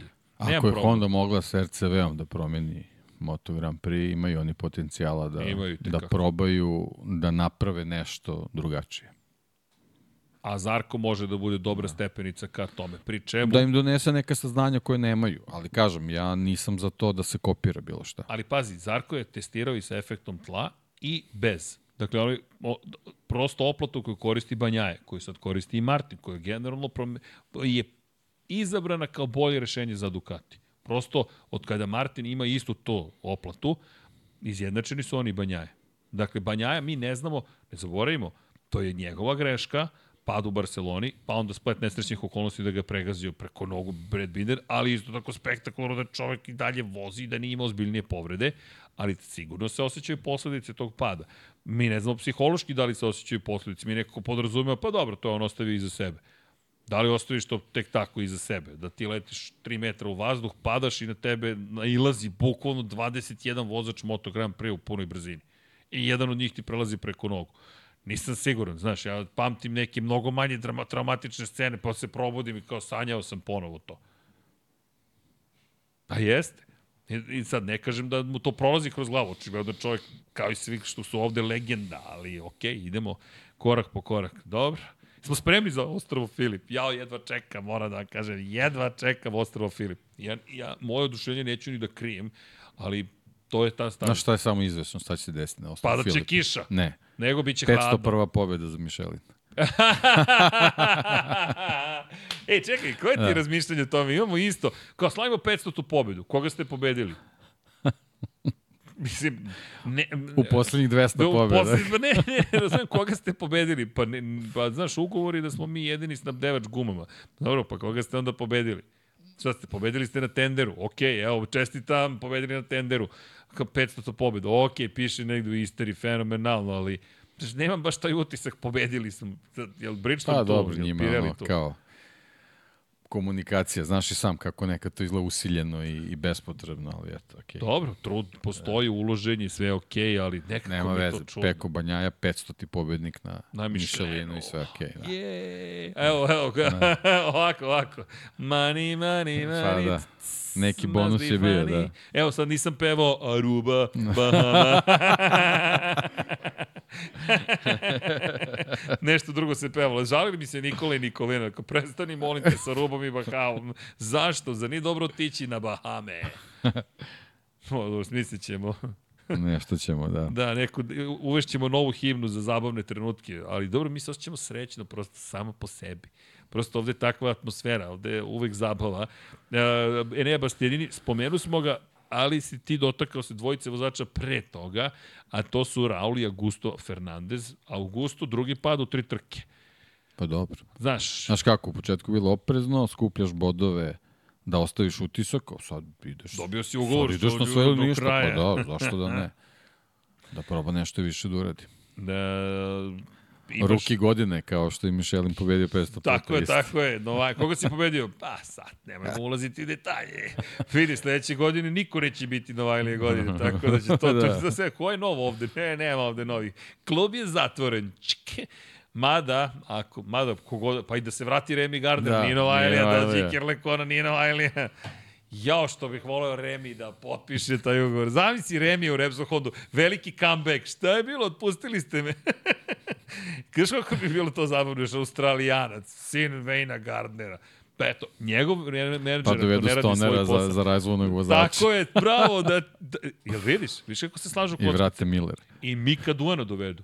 Izvini, zove, No, pozvaš, izvini. Mik, halo Mik, dođi, Pa tata Gardner u garaži. tata Garner u garaži, pa ti vidi. pa, a, kako polako, pa se javi Jeremy Burgess i kaže, ej, znam jednog dobrog inženjera ovde kod mene, Šegrad zanatlija, može da se javi da dođe. I odjednom Alex Briggs iz penzije izlazi i kaže, čekaj, sad ćemo to da šrafimo. Dobro, sad smo pretarali. Ajmo, ajmo nazad. Ni AI nam neće poverovati. Zapamtite, Remy Gardner. Vidi, izaći će mi neka reklama na Instagramu sa Remijem Gardnerom, garantujem ti da dobijem, kupite ulaznice za, Superbike trku, otprilike. To mi je najbolje. Pričali smo, ne, nešto se dogovaramo i da počinju reklame da ispade kao, dobro ljudi, nema potrebe za toliki targetiranje. Stiže Australija, a, onda, a potom Tajland. E, čekaj, vremenski uslovi, jesmo li pogledali koji su nam vremenski uslovi za Tajland? Ne za su Tajland. Tajland? Au. Pogledaj na Rubi kako je. Svaki put kad budeš pevao moraš da odeš da vidiš kako je, kakvi su vremenski uslovi? tamo. Da. Evo sad ću ti reći. Ostrva, Aruba, 30 stepeni Celzijusa i vedro. je. Jamajka. E, sad ćemo da vidimo. Jamaica Station. Da, Kingston, a, ne, ne, nešto. ukucao sam City, ukucao sam bukvalno Jamaica City u Queensu. Ne, ne, ne, ne, ne ta Jamaica. E, ajmo, Kingston, ajmo. Kingstown. ne, nemoj, nemoj Kingston, to nam ne treba. E, ne, Kingston je, nije Kingstown, pravo si Da. Kingston. Je li tako? Kingston? Kingston, Kingston, da. Kingston, da, da, Kingston. Uh, 29, ali pada kiša. Eto vidiš. Eto Dobro, a ti. Bahami? A Bahami, deki demerante. Pa, onda. vidi. Kad je besmisao, nek je potpuni Pa, besmisao. naravno. Dobro. Da večeras si baš u, raspoloženju? Čekaj, neće mi pretraži Bahame. Zašto? Evo ga. A ne, ovo je neko... Ne, ne, ne. Treba ti neko mesto. Ne, ne, da znam, znam. A šta ćemo? Ko, šta, je- šta ćemo na Bahamima? Pa ne. Dobro. Sad ćemo da vidimo. Ma ne, sigurno izbacuj i Bahama Islands. Ajmo. Mm, Bahamas, Na Sau, na 26 i pada kiša. E, ali pazi, gornja temperatura 26, donja 26. Dakle, znaš šta te čeka otprilike. Nemoj da brineš. Dobro, ajmo sad da se ozbiljimo i ostrovo Filip da pogledamo, da vidimo za vikend kako će da bude. Philip Island, Australija. To nam treba, je tako? Ne treba nam ovo u Kanadi. Siguran sam. Siguran sam da nam to ne treba. Dakle, znaš koliko je? Aj pogodi koliko je stepeni. 19. Sedam. Uh. Au. Sedam stepeni. Dakle, trenutno je 7 stepeni. Najniže temperature za vikend 9, 12 i 8. U nedelju pada kiša, u subotu pada kiša. Znači srednje tvrde asimetrične. 12 stepeni gornja temperatura u nedelju. Ima da se smrznu bukvalno kao pingvini koji nas čekaju podnožlju dole ostrova Filip. 22 i padaće kiša prema najavama trenutnim. O, Miguel Oliveira. Miguel Oliveira sad.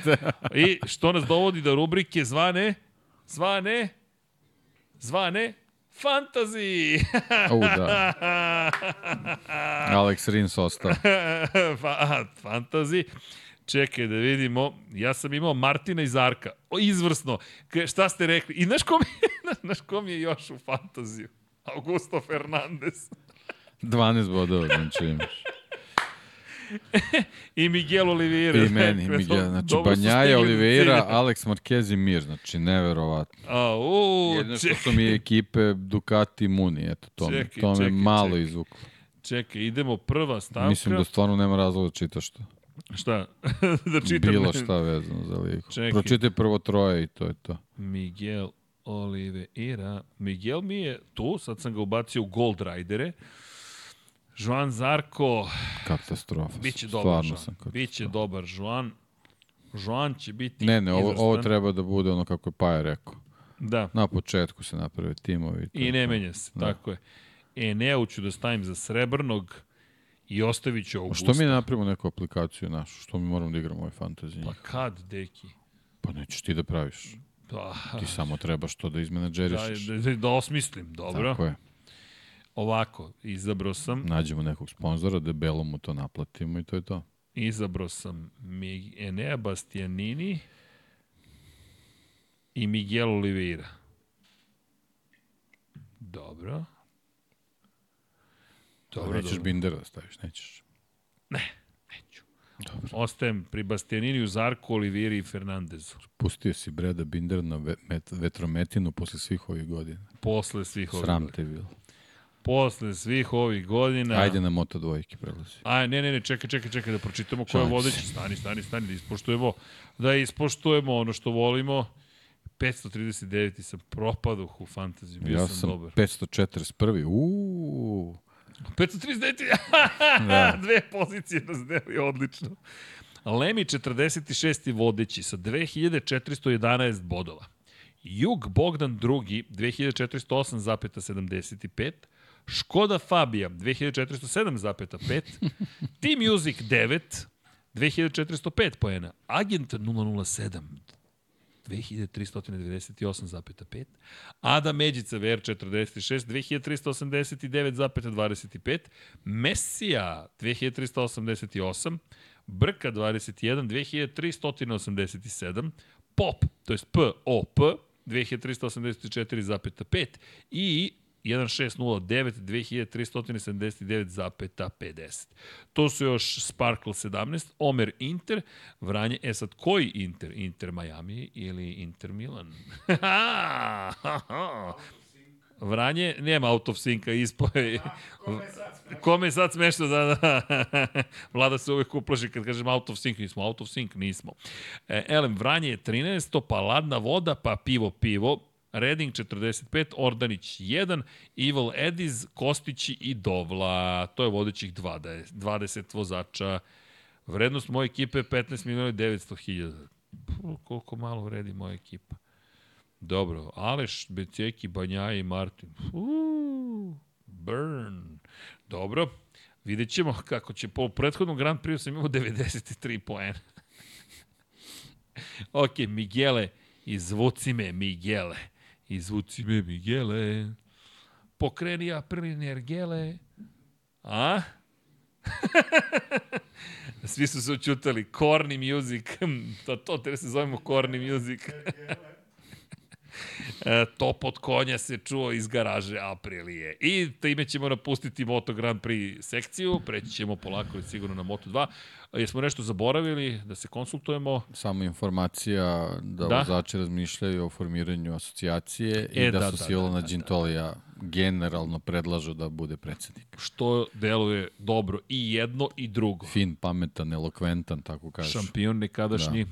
čovjek koji je vrlo zapravo, jeste elokventan, poznaje dosta A jezika. mislim da zbog ovako natrpanog kalendara, zbog ovakvih sudijskih odluka, mm. -hmm. mora već da počne malo da, da se čuje njihov glas. To su dobre vesti. To su da. zaista dobre vesti. Dobro, ovo je sad neki početak, kad Pa bude dobro. nešto konkretnije bilo, ali eto, ovo je znači nešto pogledu na, voza, na, na asocijaciju vozača Formula 1, ovaj, vjerojatno ću odatle da povuku neke neke elemente, ali generalno mislim da moraju da, da, da sami ovaj, formiraju to i da, da vode računa o, o sebi i svojim interesima. Pa zapravo kada je reč o incidentima da čujem šta ko šta piše. Debanđa, ne, ne Debanđa, odustaje, jel- kaže, jel- Srki stigla potvrda, Remi potpisao za Repsol Hondu. Samo se, samo se vi smejte. Samo se vi smejte. Ta teorija negde će da, da izvrni. Inače, kada spominješ incidente, kada spominješ celu priču oko udruženja, zaista se sve više priča o tome i ono što je zanimljivo je nešto što je Luka Marini spomenuo, rekao da bi trebalo možda da se malo više pogleda futbol kao sport, kako rešava pitanje prekršaja i incidenata i da možda tu može da se potraže rešenje kao Ne gleda dovoljno futbol, bolje da, bolje da, da Bolje se ne da ne spominje. Ne, ne, da, da, da. bolje da ćuti. Ne, ne, ono što je hteo da kaže jeste da, da zapravo... Znam ja šta je on hteo da kaže. Crve, žuti crveni karton, to je ideja bila, da dobiješ upozorenje, ali to već postoji kao A ne, mehanizam, dobiješ je- upozorenje. dobiješ upozorenje, ali mnogo košta, za razliku od futbola kada se desi prekršaj, to te ne košta cele trke. Ovde ti kada jednom te neko gurne sa staze, Ne, bolje, se u bolje, igru. bolje za to guranje sa staza da imaju neke kaznene pojene, poput Formule 1. Ovde je dozvola. Propuštaš trku. Može, može. Pa, Pazi, ti imaš, imaš 44 trke u sezoni. Jedna trka Znači, je tipa skupa. 20 pojena ako skupiš, na 21. nisi. Znaš kako bih ja to, e, ako mogu da se nadogradim na tvoju ideju, evolucija ideje. Dakle, klasičan japanski pristup. Evolucija. Ako pogrešiš u sprintu, kažem si za sprint. Ako pogrešiš u velikoj nagradi, kažem si za veliku nagradu. Znači, da ne bude u sprintu te kažnjamo za ono što dolazi što je skuplje. Ne, ne, okej, u sprintu, to je bila vrednost trke, tu ćeš biti kažnjen. Da. Ali, da se lakše dođe do, do, do suspenzije sa trke. Pri čemu, pošto imaš dve trke tokom vikenda, suspendujemo te sa jedne, da ne bude da ne možeš da dođeš i osvojiš poene. Apropo ovoga Da. što kaže Odri, tingiling, dakle, što kaže Luka Marini, a to je zapravo da ako je ponovo neki prekršaj, a onda te sklanjamo sa cele trke, što košta i sponzori i ekipu i onda će neko možda da sedne s tom i kaže ček, ček, ček, ček, polako. Sad, Sad ćemo skup. i mi malo da, sad ćemo Sad i mi malo da te nas. ovaj... Ne, ali snazim se, ti zapravo trenutno ove kazne su i I, i nisu dovoljno skupe, skupe su, ali onda moraš i da Ma imaš ne radi se o tome, u ovom trenutku se radi da je neko, neko biva kažnjen, neko ne. To je Ali sad problem. kako to rešiti, deki? Pa to, To prvo je- trebaju da reši. To, to prvo moraš da rešiš. Ko će da. Da. bude taj koji i po kojim kriterijima kažnjava. Jer vidi, oni su uveli kriterijima u Herezu od kog su odmah odustali. Odmah su odustali. Ako udariš u vozača, moraš biti kažnjen. Dođe Francuska i pa nikom ništa. Što? Jel su dovoljno moćne ekipe da ih zaštiti, dovoljno zvučna imena, o čemu se radi? I to je ono što, što moraš da nekako rešiš. Bukvalno moraš. Jer ovo sada je na nivou cirkusa. Pogrešne vrste cirkusa. Ne zabavlja. Samo nas rasplače. Ok, Marini eto ima predlog nekog rešenja, pa vidjet ćemo. Eto, zato im treba udruženje vozača, pa da na nivou udruženja se dogovore i onda da, eto, Gintoli, ako su ga izabrali, izađe pred neku komisiju i baci sto na, papir A- na, na sto i da sto na papir. Je li on Žintoli, Gintoli, Žintoli. Žintoli, ne, š, k, k, on je Francuz, ali e, da li on tamo iz Sad ćemo možda da jugozapadne regije, negde blizu Katalonije. Ja koliko sam čuo njega, Gintoli izgovaraju, ali sad to koga izgovara? Dobro, moramo pitamo Silvana. On bi trebalo, ne bi trebalo, ne znam, bolje da se ne oglašavam. Ajmo, deki, šta kažu? Odemo na francuske izgovore. Ako neko zna, čuo je. Ja sam bio ubeđen godinama, kaže ti, Gintoli, da sam čuo kako izgovaraju. Ali dobro, Ne znam, stvarno. sad ćemo da vidimo. Pa šta ja tražim, francuski ili... Mm, sad ćemo da ustanovimo. Silvan, a da vidimo. How to pronounce, šta kaže website? Rešimo to pitanje odmah. Da čujemo šta će, da li će se čuti u mikrofonu. Deki, jel čuješ? Ne. G. Gintoli. Dobro. Silvan Gintoli. Gintola. Uf, ovo, Gintola ovo je, nije e, sigurno. taj Gintola je, Taj nije sigurno. to 100% nije. Dobro, ako neko zna, recite nam da ne gubimo vreme u ovom trenutku, a pitaćemo ga i kada ga sretnemo. To je najbolje. to najlepše i najbolje. A srešćemo ga ukoliko ga izaberu za predstavnika vozača, jel te? Onda ćemo da rešimo svaku dilemu direktno sa gospodinom kako god da se čita Silvanom. njegovo prezime sa Silvanom, sad ga zovemo Silvan i to je to, tu završavamo. Silvan G, kao OG, SG, on je glavni, super gangsta. A, da pređemo mi na Moto2 pre nego što ode ovo u predaleku neku čudnu konverzaciju. Moto Grand Prix, vidi, očigledno ima, možemo da otvorimo još, još po koju temu, ali to je lepota Moto Grand Prix, no posle dva sata Moto Grand Prix, cenim da je možda trenutak i da malo popričamo o... Point je da jedva čekamo Philip Island. Ne da to je- čekamo. To je to. I- i- da mi neko ponudi Bahame i Ostrovo Filip, odoh ja na Ostrovo Filip, odoh među pingvine, neka bude ladno, neka pada kiša, neka hvala Bahami. Bahami can wait, Bahamas can wait, pošto ovo što sledi, Tamo je uvijek 26 Oh, stepeni. tako je, tako da to nije nikakav problem. Ovde će da gore, ovde će bude 150 stepeni. Nije još, ako zaista bude padala kiša, deki, Au, kako to otvara razne kombinacije, permutacije i situacije. Biće sjajno. Pri čemu u Japanu i Martin je dobro vozio po kiši, i Banja je dobro vozio po kiši. Bec, vidjet ćemo, trebalo bi tu da se pojavi škorpion, tako da ovo i dalje ne menja moje mišljenje zapravo ono što nas očekuje tamo. To je bitka za titulu šampiona sveta. Jer njih trojica su zaista bila najbolje što su mogla da budu. Da, napravio je grešku, ok, to je taj pritisak, ali brzina koju je posledovao Jorge Martin, briljanta. Idemo na moto dvojke, zato što je briljantan bio jedan momak, gde ja ću da iskoristim priliku koju Moram da priznam, e da, ja ne znam da li nam Đorđe Stanović još uvijek šalje rezultate, malo smo tu izgubili kontakt, ali ukoliko šaljete Đorđe, prvo hvala vam, izvinite što ih ne koristimo, u selitbi i svemu par ruku je negde nestao iz celog tog procesa, ali ćemo se vratiti toj priči, ukoliko nam ne šaljete, hvala vam za sve što ste učinili do nas, za nas do sada.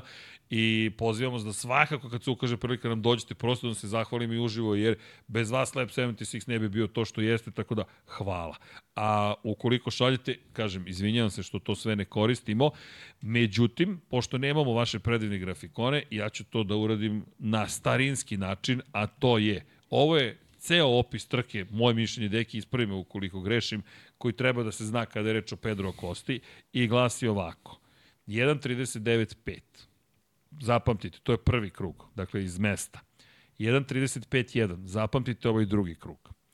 I zatim, 34.9, 4.6, 4.4, 4.6, 4.4, 4.5, 4.8, 4.7, 4.5, 4.6, 4.4, 5.0, treći, 4.8, 4.8, 4.9, 4.7, 5.2, 4.9, 4.9, 6-4. Od 22 kruga, 17 je vozio ispod 1.35. Ne da niko nije mogao ovo da isprati. Aron Kane, koliko god da je bio brz, nije bio dovoljno brz. Još jedno pobedničko postoje za Arona Kanea, 18. u karijeri bez pobede, 13. drugo mesto, ali u nedelju nije imao bukvalno šta da traži protiv čoveka koji je na kraju odvezao i najbrži krug trke, 1.34, 4.2.0, spektakl je priredio. Iskreno, meni bilo jasno u treningu broj 2 kako će ovo da se završi, cenim i tebi, dakle, trening broj 1 Pedro Costa pada, raznosi u param parčat svoj KTM, toliko, su, toliko je bilo veliko oštećenje, to je bilo veliko oštećenje da je njegov tim Aki Aja radio dok je trajao trening broj 2 Moto3 klase, još uvek nisu uspeli da postave, da podese taj motocikl. Dakle, da podsjetim, Moto Grand Prix ceo trening, pauza između dva treninga, ceo trening Moto3 kategorije, tek, tek, tek, tek tad su uspeli da sklope motocikl, manje više nov, dečko izlazi na stazu i vozi 8 krugova ispod 1.35, kao da je vozio prvi trening. Njegov drugi, treći krug je već bio ispod 1.35. Nemam reči. Zaista potpuno sam oduševljen.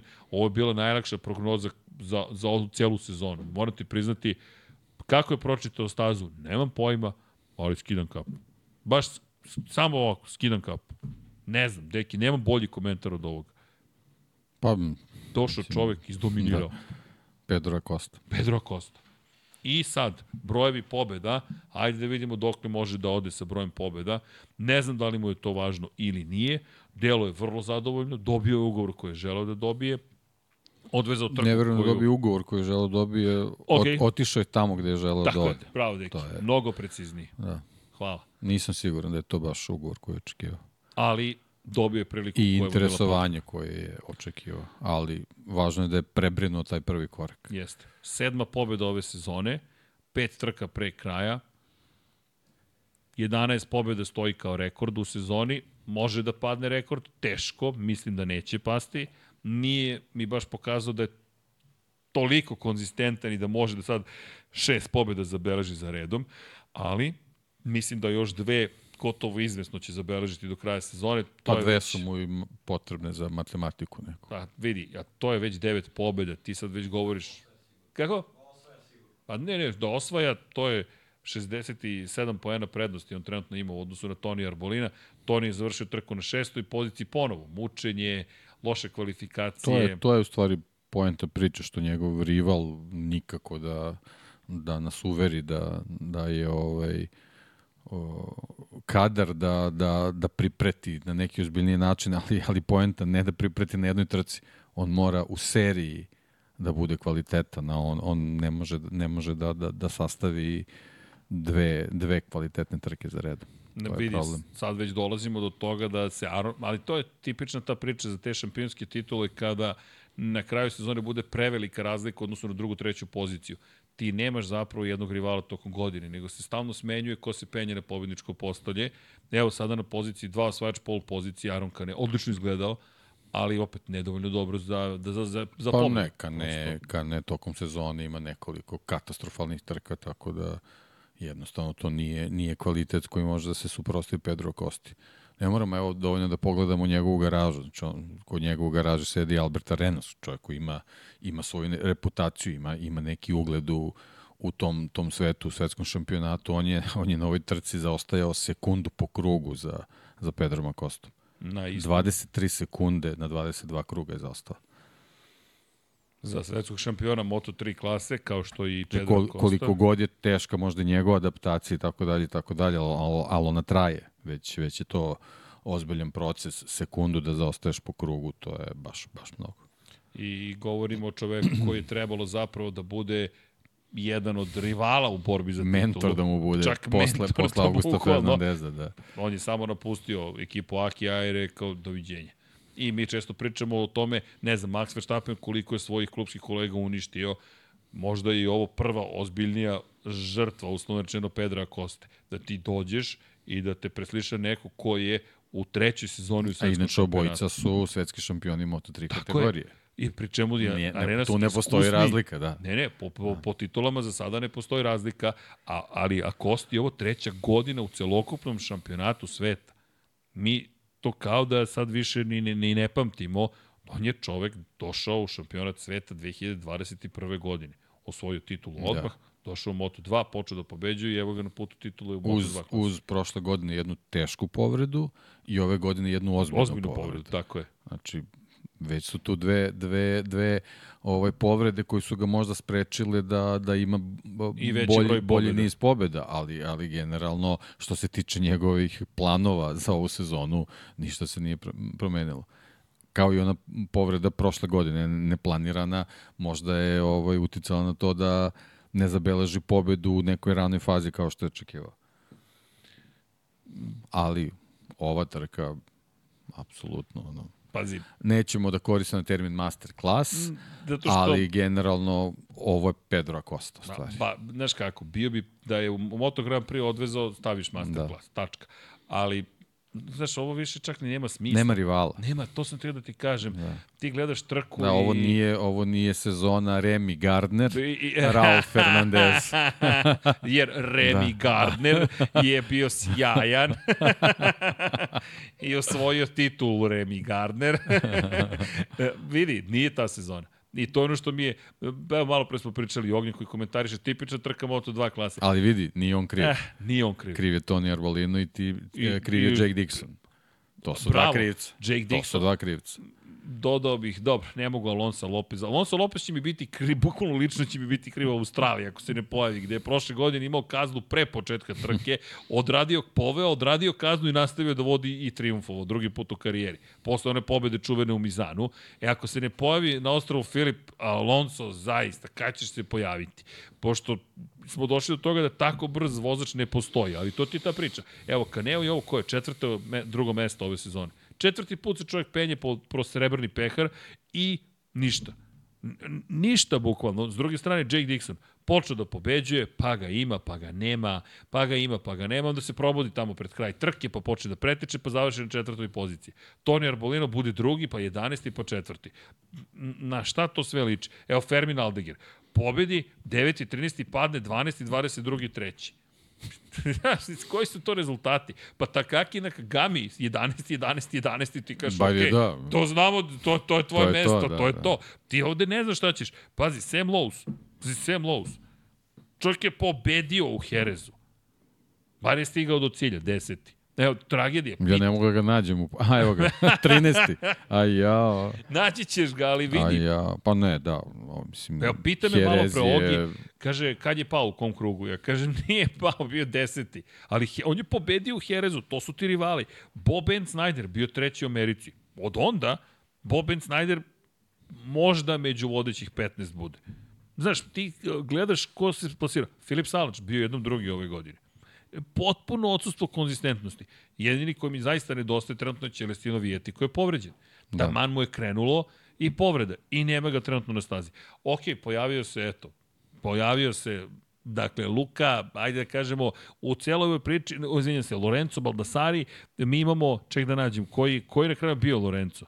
23. Eto, kao ime se pojavio Lorenzo Baldassari. Simpatično, čovjek koji ima pet pobjeda u klasi, ali sve to potpuno irelevantno. Ti ne, Čekaj, nemaš. imaš, imaš Derina Bindera koji se vratio iz Moto Grand Prix-a. Pa I ništa. ništa. Pa uspešniji je Sergio Garcia od njega, je li tako? Derin Binder, gde je Derin Binder? Samo da ga Negde, pronađem. negde, 18. negde po zadnjim nini bodovu, da. Da, da, došli smo od toga da ti Derin Moto2 Binder, trka je, bude Derin odmah. Binder je ove godine na 5-6 trka možda uzeo bodove. Da vidi, i bio je povređen, i to ozbiljno u jednom momentu. Da, evo, 7. 10. 13. Opet on je u form. Ja. Ti budeš 7. pa si 10. pa si Pri tom 13. malte ne okup takmičenje, može tvoj motocikl se drugačije zove, sve je to okej, ali to je E, a, manje više kup. ali znaš ko je konzistentan? Peti, sedmi, peti, šesti, peti. Manuel Gonzalez. Sad, potrebna je veća brzina, ali ne, ne ume s gumama. I očekujem dosta sledeće godine. Zato, au, sledeće godine... Ne znaš ko je okej, isto Jao. Filip Salač. On trudi se. znam, trudi, ali- ali... znaš kako, nje- njegovi plasmani su nekako kad završi trku, a, tu su gde bi trebalo da bude, ali poenta što njega to ne zadovoljava i onda se dešavaju trke gde, gde je pretera.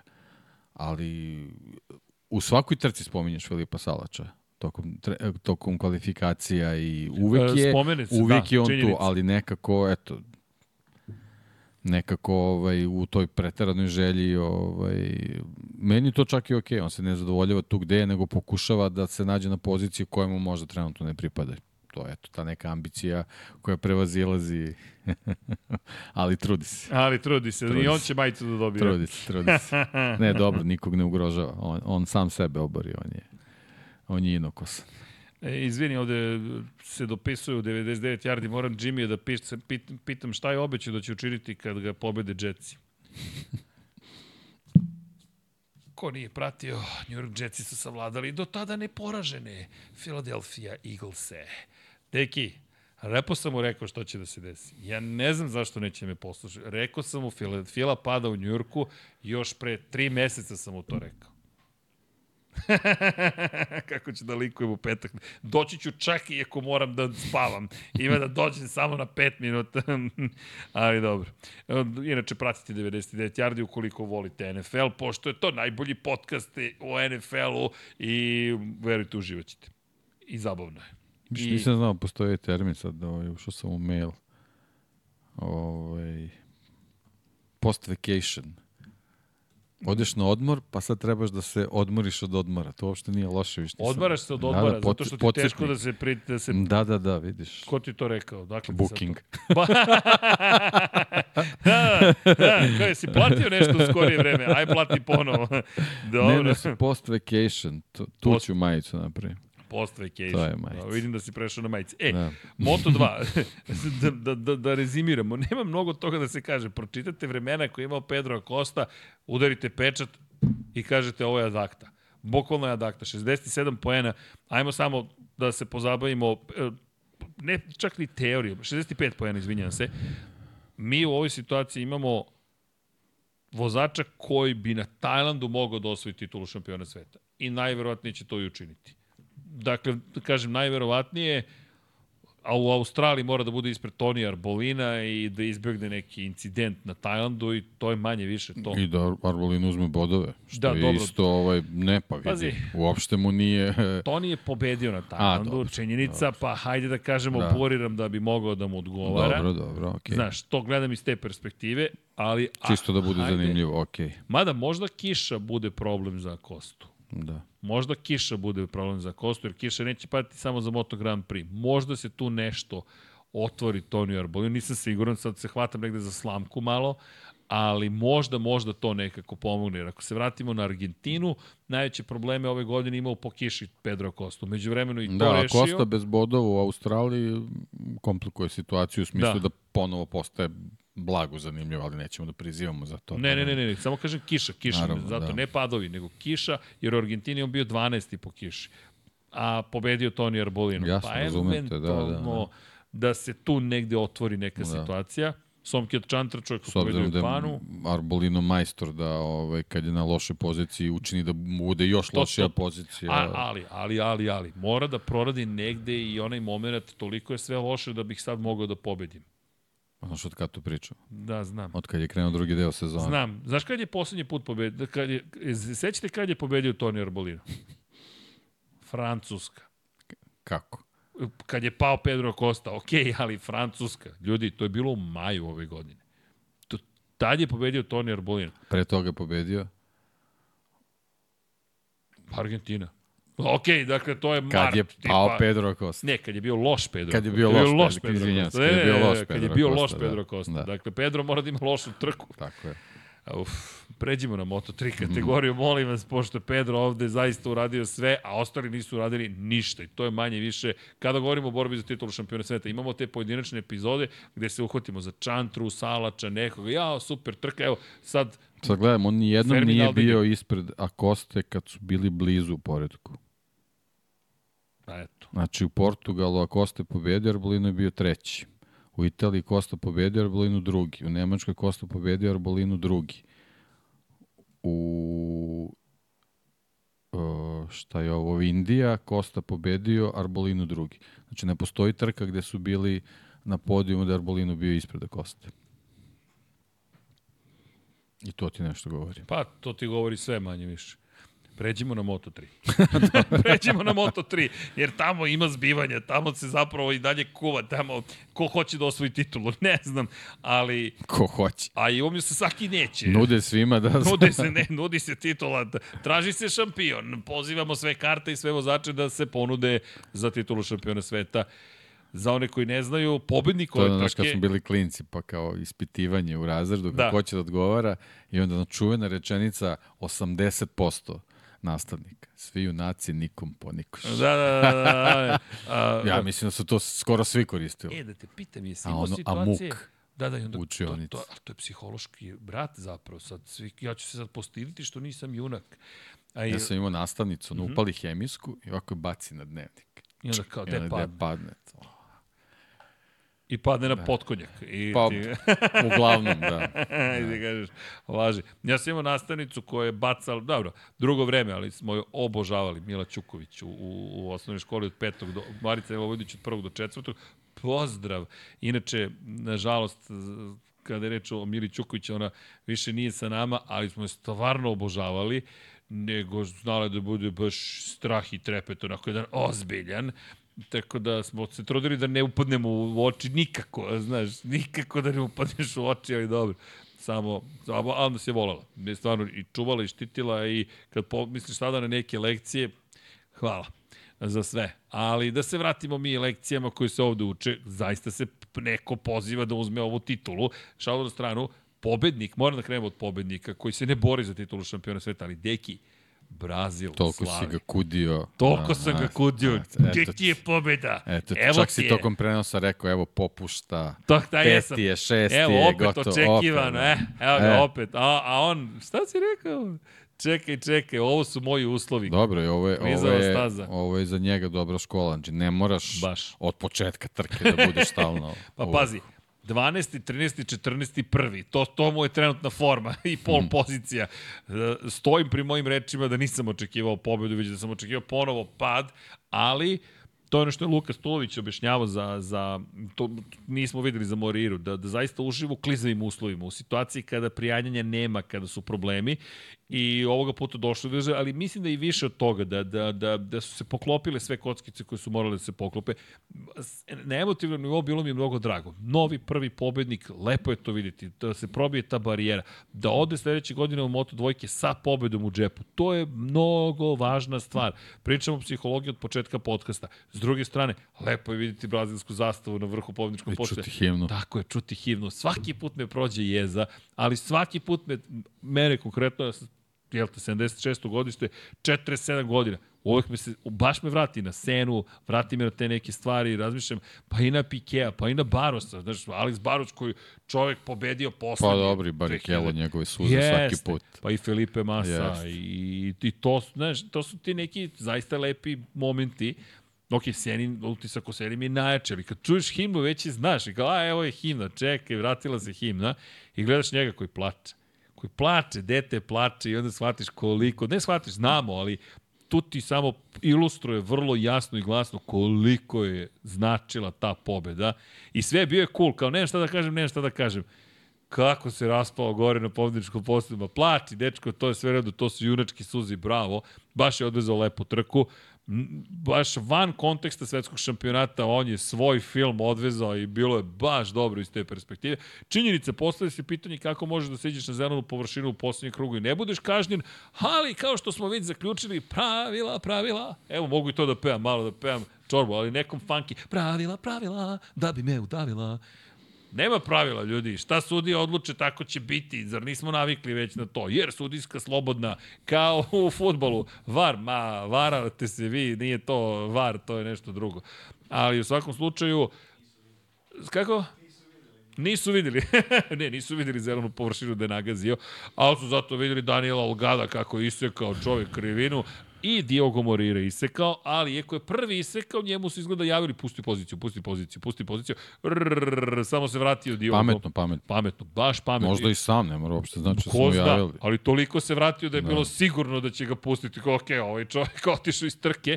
S druge strane, Daniel Olgado, čovjek koji se bori za titulu, preseče krivinu. Ja, meni, je, meni je šok da mu nije palo na pamet da će ga kazniti. Da, da, da, da, da uopšte ne pomisli na to.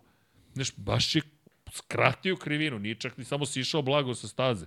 Iseče čovjek krivinu, dobio kaznu, na kraju Dobro, njemu je baš 14 bila živopisna trka. I, i komunikacija masi, prati me. I, Prati me, deda te prati. ko, što, što ja? ja ne bi trebao da te pratim. E, ali pazi, ceo, pa to, ti- ja, ja treba te pobedim. Ne, vratno je bilo ko jak. e, ali vidi, ali zanimljivo, Olgado je imao tempo, čini mi se, za pobedu, a Masija nije. Masija je stalno, stalno sekao ritam, sekao ritam, sekao, vraćao grupu, e, skupljao je nekako, vraćao da bude 10 vozača u igri, nije mu baš uspelo na kraju Pa sve dobro, da se to je složi. isto okej matematika, znaš da... Pa super je prošao Masija u celoj super je priči. prošlo kad pogledaš Sasakija, Olgada, Ajmo da Jumbo Znaš, Sasaki. to je, sad je već situacija, nije sad samo bitno da ti uzmeš mnogo bodova, nego da Sad je tvoji bitno- rivali ne uzmu. E, e, da, bitno je da Posebno uzmeš, moto trojkama. Bitno je da uzmeš više poena od njih. Tako I je. samo to. I da to ćeš da to. pobediš? I to je to. Nevažno je. Mislim, mal, male su razlike i dalje, ali, Ali- ali ovo je Jaume Masija. A to ovo je Jaume Masija. Pri čemu? Ayumu Sasaki. Šta su živci? Ljudi, sada kada je bila potrebna pobeda, treći, drugi, pričam, sa, sa, evo, Ayumu Sasaki. Pol pozicija šesto mesto na početku sezone. Pol pozicija u Argentini pad. Pad u Americi. Četvrti. Pol pozicija drugo mesto, najbrži krug u Francuskoj. Najbrži krug, treće mesto u Italiji. Pol pozicija, drugo mesto u Nemačkoj. Drugo mesto u Holandiji. Drugo mesto u Britaniji. Treće mesto u Austriji. Četvrti u Kataloniji. Sedmi u Mizanu. Najbrži krug, treće mesto u Indiji. Najbrži krug, drugo mesto u Japanu. Padneš u krugu za ni za zagrevanje, za pripremu, za izlazak na stazu padneš i dovedeš svoju ekipu da ti popravlja motocikl s onim što sme da radi, alatom koji je dostupan na startnom poredku. Završiš van poena na 18. poziciji. Katastrofa. I sada 16 poena ti beži vodeći u šampionatu sveta. Nije isto kao što je uradio Ajo Gura, ali veoma slično. Jeste. Baš vrlo, da se zapitaš, momci, šta bi, šta vam je? Čekaj, vidi, ali to je taj trenutak opuštanja. To je kao Martin. Aha, imam 3 sekunde, mogu da se, sad malo da spustim tempo. Ne, ne, ne, ne spuštaš tempo. Držiš tempo ko Jorge Lorenzo, ko Pedro Acosta, držiš tempo, gađaš svoje linije, to ono što si rekao, gađaš svoje linije. A Jumo Sasaki nije u pripremnom krugu gađao svoje linije. Negde odlutale misli, gotovo, kraj priče. A na sprdljavoj si stazi, klizavoj, koja je toliko vozača naterala na grešku. I apsolutno zaslužuje kritike. Ovo je katastrofalna bila trka u ovakvom trenutku. Onda Olgado koji seče stazu, dobija kaznu 3 sekunde, neće da odradi kaznu, a odradio si već jednu kaznu dugoga kruga i nisi bio loš kad si odradio. Ti kažeš neka me košta 3 Sad sekunde. sam se setio, ali nije uopšte za poređenje, Da. ali, ali sad sam se setio. Kad sam vozio trku na grobniku, Dobro. ja sam pre trke, uh, apsolutno ne znajući šta će se dešava na trci. Ja sam, od, uh, kad smo prošli ovaj, um, kad smo prošli stazom, ja sam sebi, mislim, ovo sad prvi put pričam kako sam ja ovaj, razmišljao o tome, uh, odredio sam mesta gde ću da puštam ako slučajno me neko obilazi za ceo krug Dobro, ili, dobro. ili je brži i tako dalje, pošto sam Metodično. morao, morao da razmišljam o tome i koja su mesta a, gde ja sa svojim nekim tim iskustvom mogu da preteknem nekoga ako dođe situacija. I desilo se mesto o kojem uopšte nisam razmišljao na jedan i na drugi način, A, to je već, već je počeo, a, mi smo imali naše treninge i počeo track day i na stazi su se pojavili brži automobili od nas. Dobro. I video sam u retrovizoru automobil i u milisekundi sam razmišljao da li ovde da ga pustim ili da nastavim svojim tempom pa da ga pustim tamo gde sam odlučio. I u trenutku kad sam o tome razmišljao, nagazio sam na, na, na pasicu. Uh, tu, je, tu je malo ivičnak pomeren, sleteo je zadnji točak i tu sam se okrenuo i, i izleteo sa staze. U milisekundi sam samo odstupio od onoga što sam što sam ovaj sam sebi rekao da ću raditi ovaj pre početka trke. I to je upravo ova priča. Deli Znači, se koncentriši se i ono što si zacrtao, tako radi. vozi. Tako Bukvalno je. vozi to što si, Tako je. što si osmislio. Samo vozi. Tako je.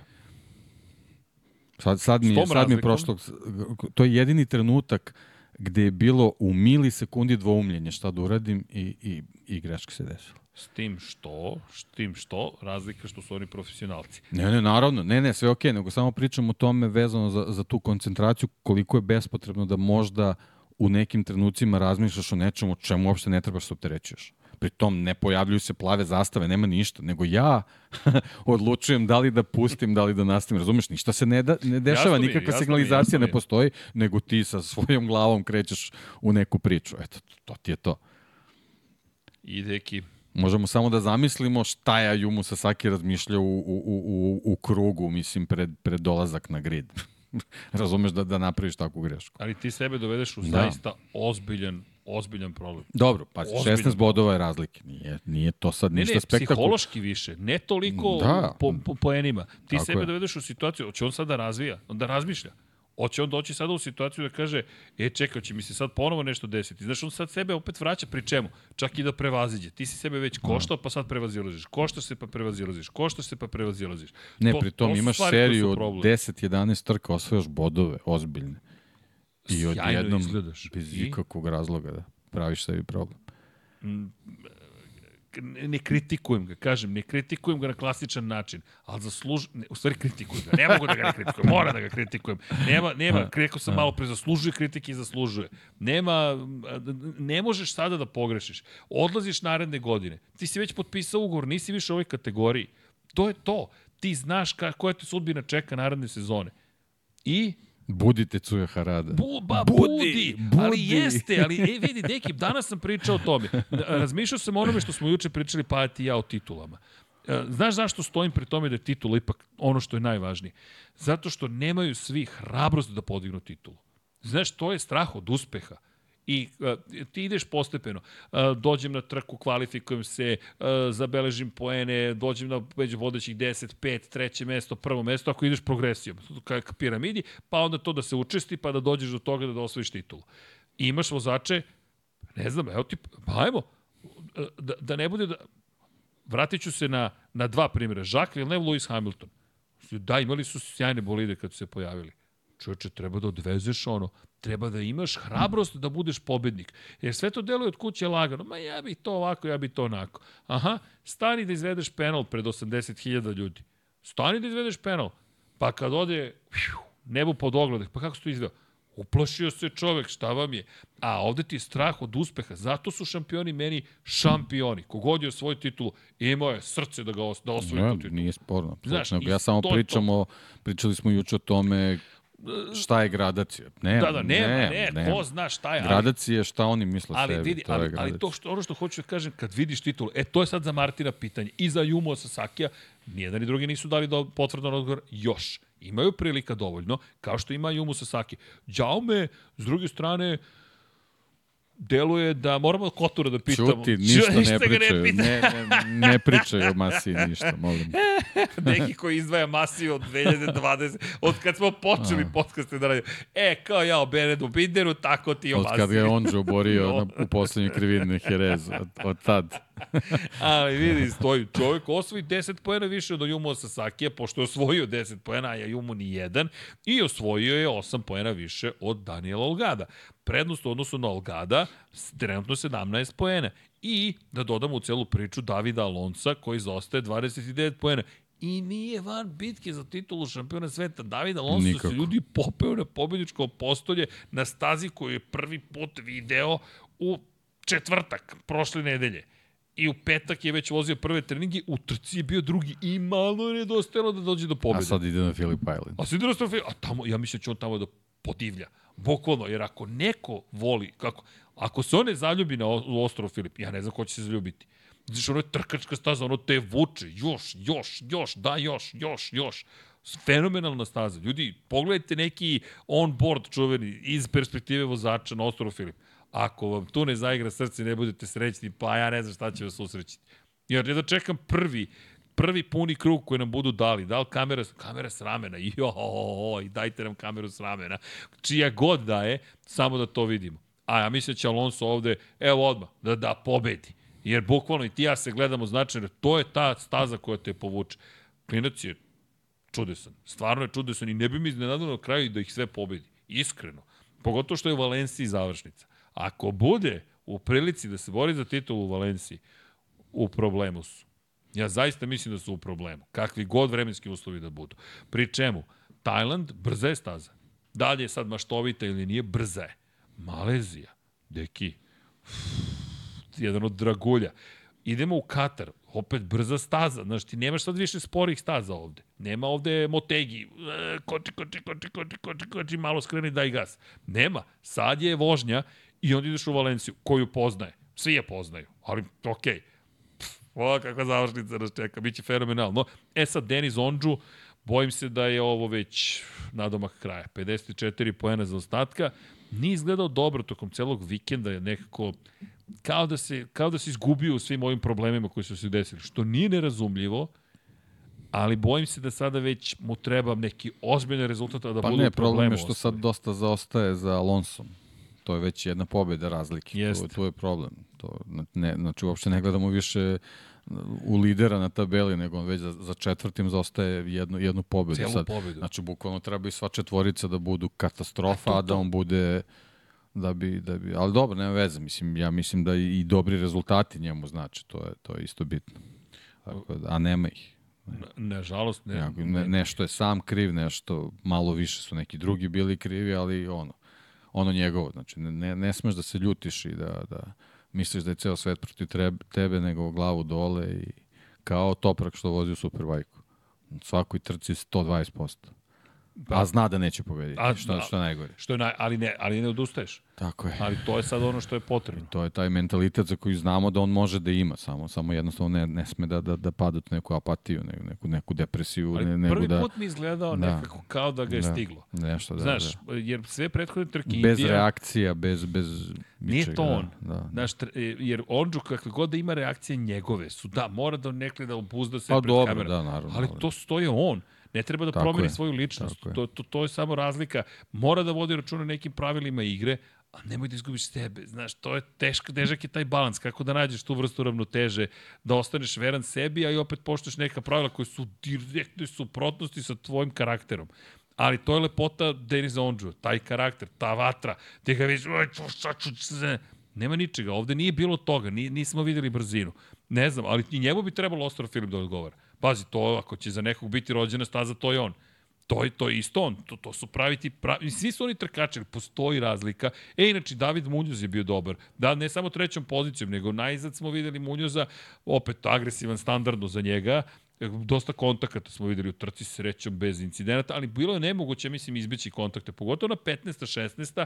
Znaš, tako se zatvara, te dve krivine se tako zatvaraju, te četvrti sektor baš je težak, kompleksan je, I onda skretanje u levo, gde ti ne možeš mnogo toga da učiniš, ali moraš da, da, da, da, da, da gotovo savršeno odvezeš taj sektor da bi bilo šta mogao da učiniš. E, zahtevna je staza. Meni se dopada njena zahtevnost. Malo mi smeta što, kažem, ta jedna putanja samo može da se koristi, ali okej, okay, to je za veliki broj staza pravilo, pogotovo za novije staze.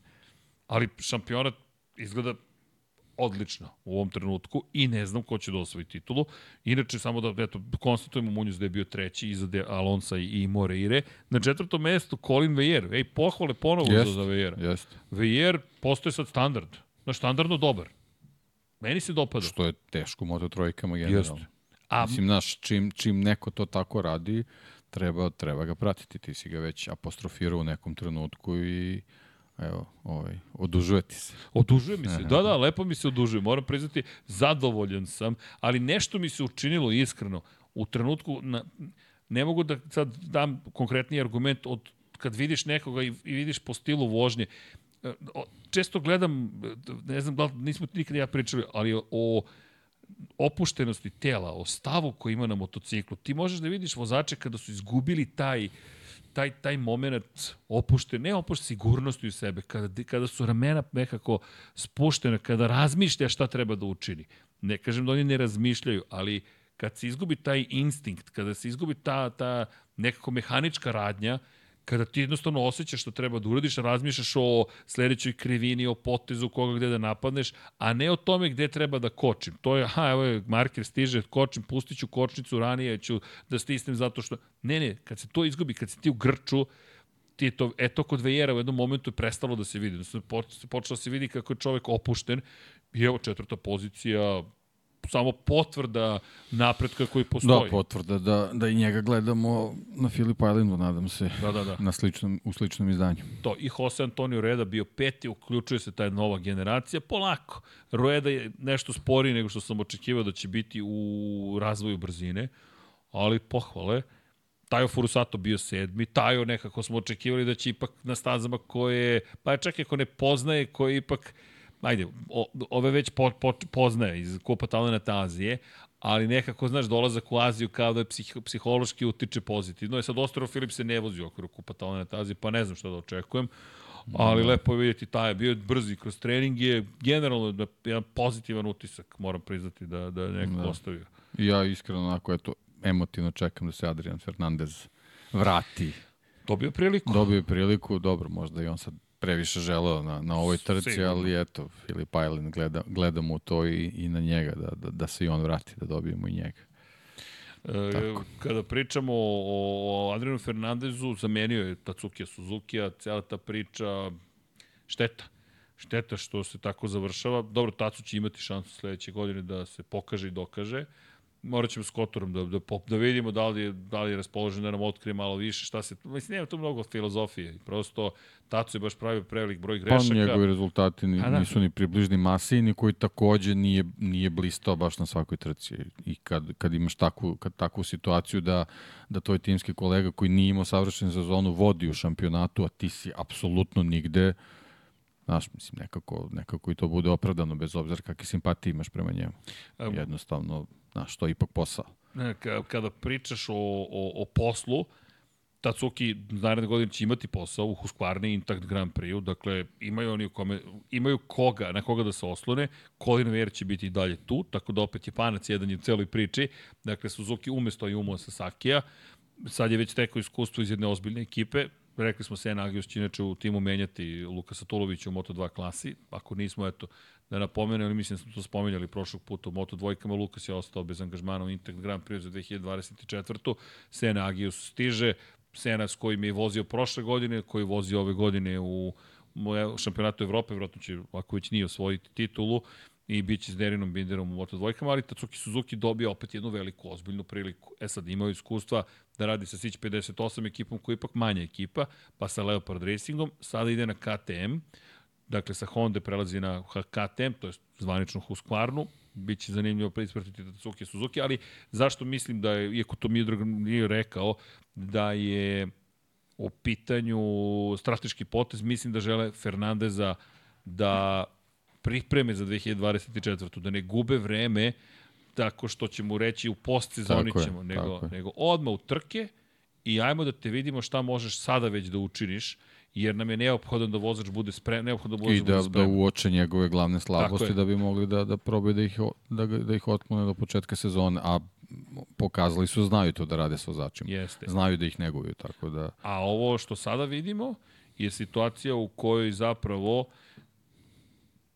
već možeš da pretpostaviš Da. koje će probleme imati. I znaš kako, to je, to je strategija, taktika, da imaš dva ekstra talenta, mislim, možemo i za Adriana tako isto da kažem, iako, iako je ovaj, malo lutao, ovaj, ti sledeće godine u ekipi imaš dva ekstra talenta i to je možda dobar put Leoparda. Ako, ako, ako budu ovaj, dobri pikovi, to je baš onako, što se tiče rejtinga ekipe, ozbiljno dobra stvar. Uz titulu Masinu, savršenstvo. Da, to je ono što im je potrebno zapravo. Titula, titula je najvažnija stvar. Tako to, je. to otvara mnoga druga vrata. Tako je. I vraća zadovoljstvo u ekipu koja želi da se bori za titulu, koja želi da, da ne da se bori za titulu, koja želi da bude, da bude uvek u šampionatu na vrhu sveta. I još sa Hondom cela priča, da li da izgovorim nešto ponovo za artificial intelligence? A? Da proba, deki. A zamisli Miodrag Kotur, šef HRC-a. Samo zamisli. Miodrag Kotur, Malo, malo razgovetnije. Miodrag Kotur, E, tako. nekadašnji Chief Logistics Officer Ferrarija, dakle, šef logistike Ferrarija, u eri Mihael Schumacher, u eri Mihaela Schumachera, koji sad vodi Leopard Racing, da i sarađuje sa Hondom, i da Honda kaže, čekaj, pa mi imamo na, zapravo najiskusnijeg čoveka koji se sakrio u Leopard Racingu, nisi sakrio, nego tamo uživa, ali šta, bio bi mu pritisak u Hondi posle Ferrarija, Massimo ere Rivola Schumachera. Ferrari, Miodrag Kotur Ferrari, O, Levak, Repsol Honda. i to je to. I to je to. Tako je. Ja Mio zna vozače, zna celu priču, već je upoznao logistiku, poznaje ljude u Moto Grand Prix-u. Pozna ih tu i tamo. Tu je da, tako, poznaj neki iz Formule 1, sre, sretnih ponekad, i kaže, ok, ćemo da, da osvojimo titul. Zamisli da vrati Hondu. Zamisli, osvoji titulu sa Repsol Hondom, posle Ferrarija. Pff, to je ne check out, nego javite mi se. Kako? Sa Remijem. Prvo, prvo sa Mirom, ne, prvo sa Mirom, posle ga poznaju. Sa Mirom, sa Mirom ga poznaju, titul. da, da. I onda mu kaže, stavi taj broj 1, nemoj da se raspravljamo. Evo da nema diskusije, kakva 36. Evo ti nalepnica. Evo ti nalepnica i sve u redu. Evo, u redu je. Izvinjam se, hvala ćeš mi reći posle.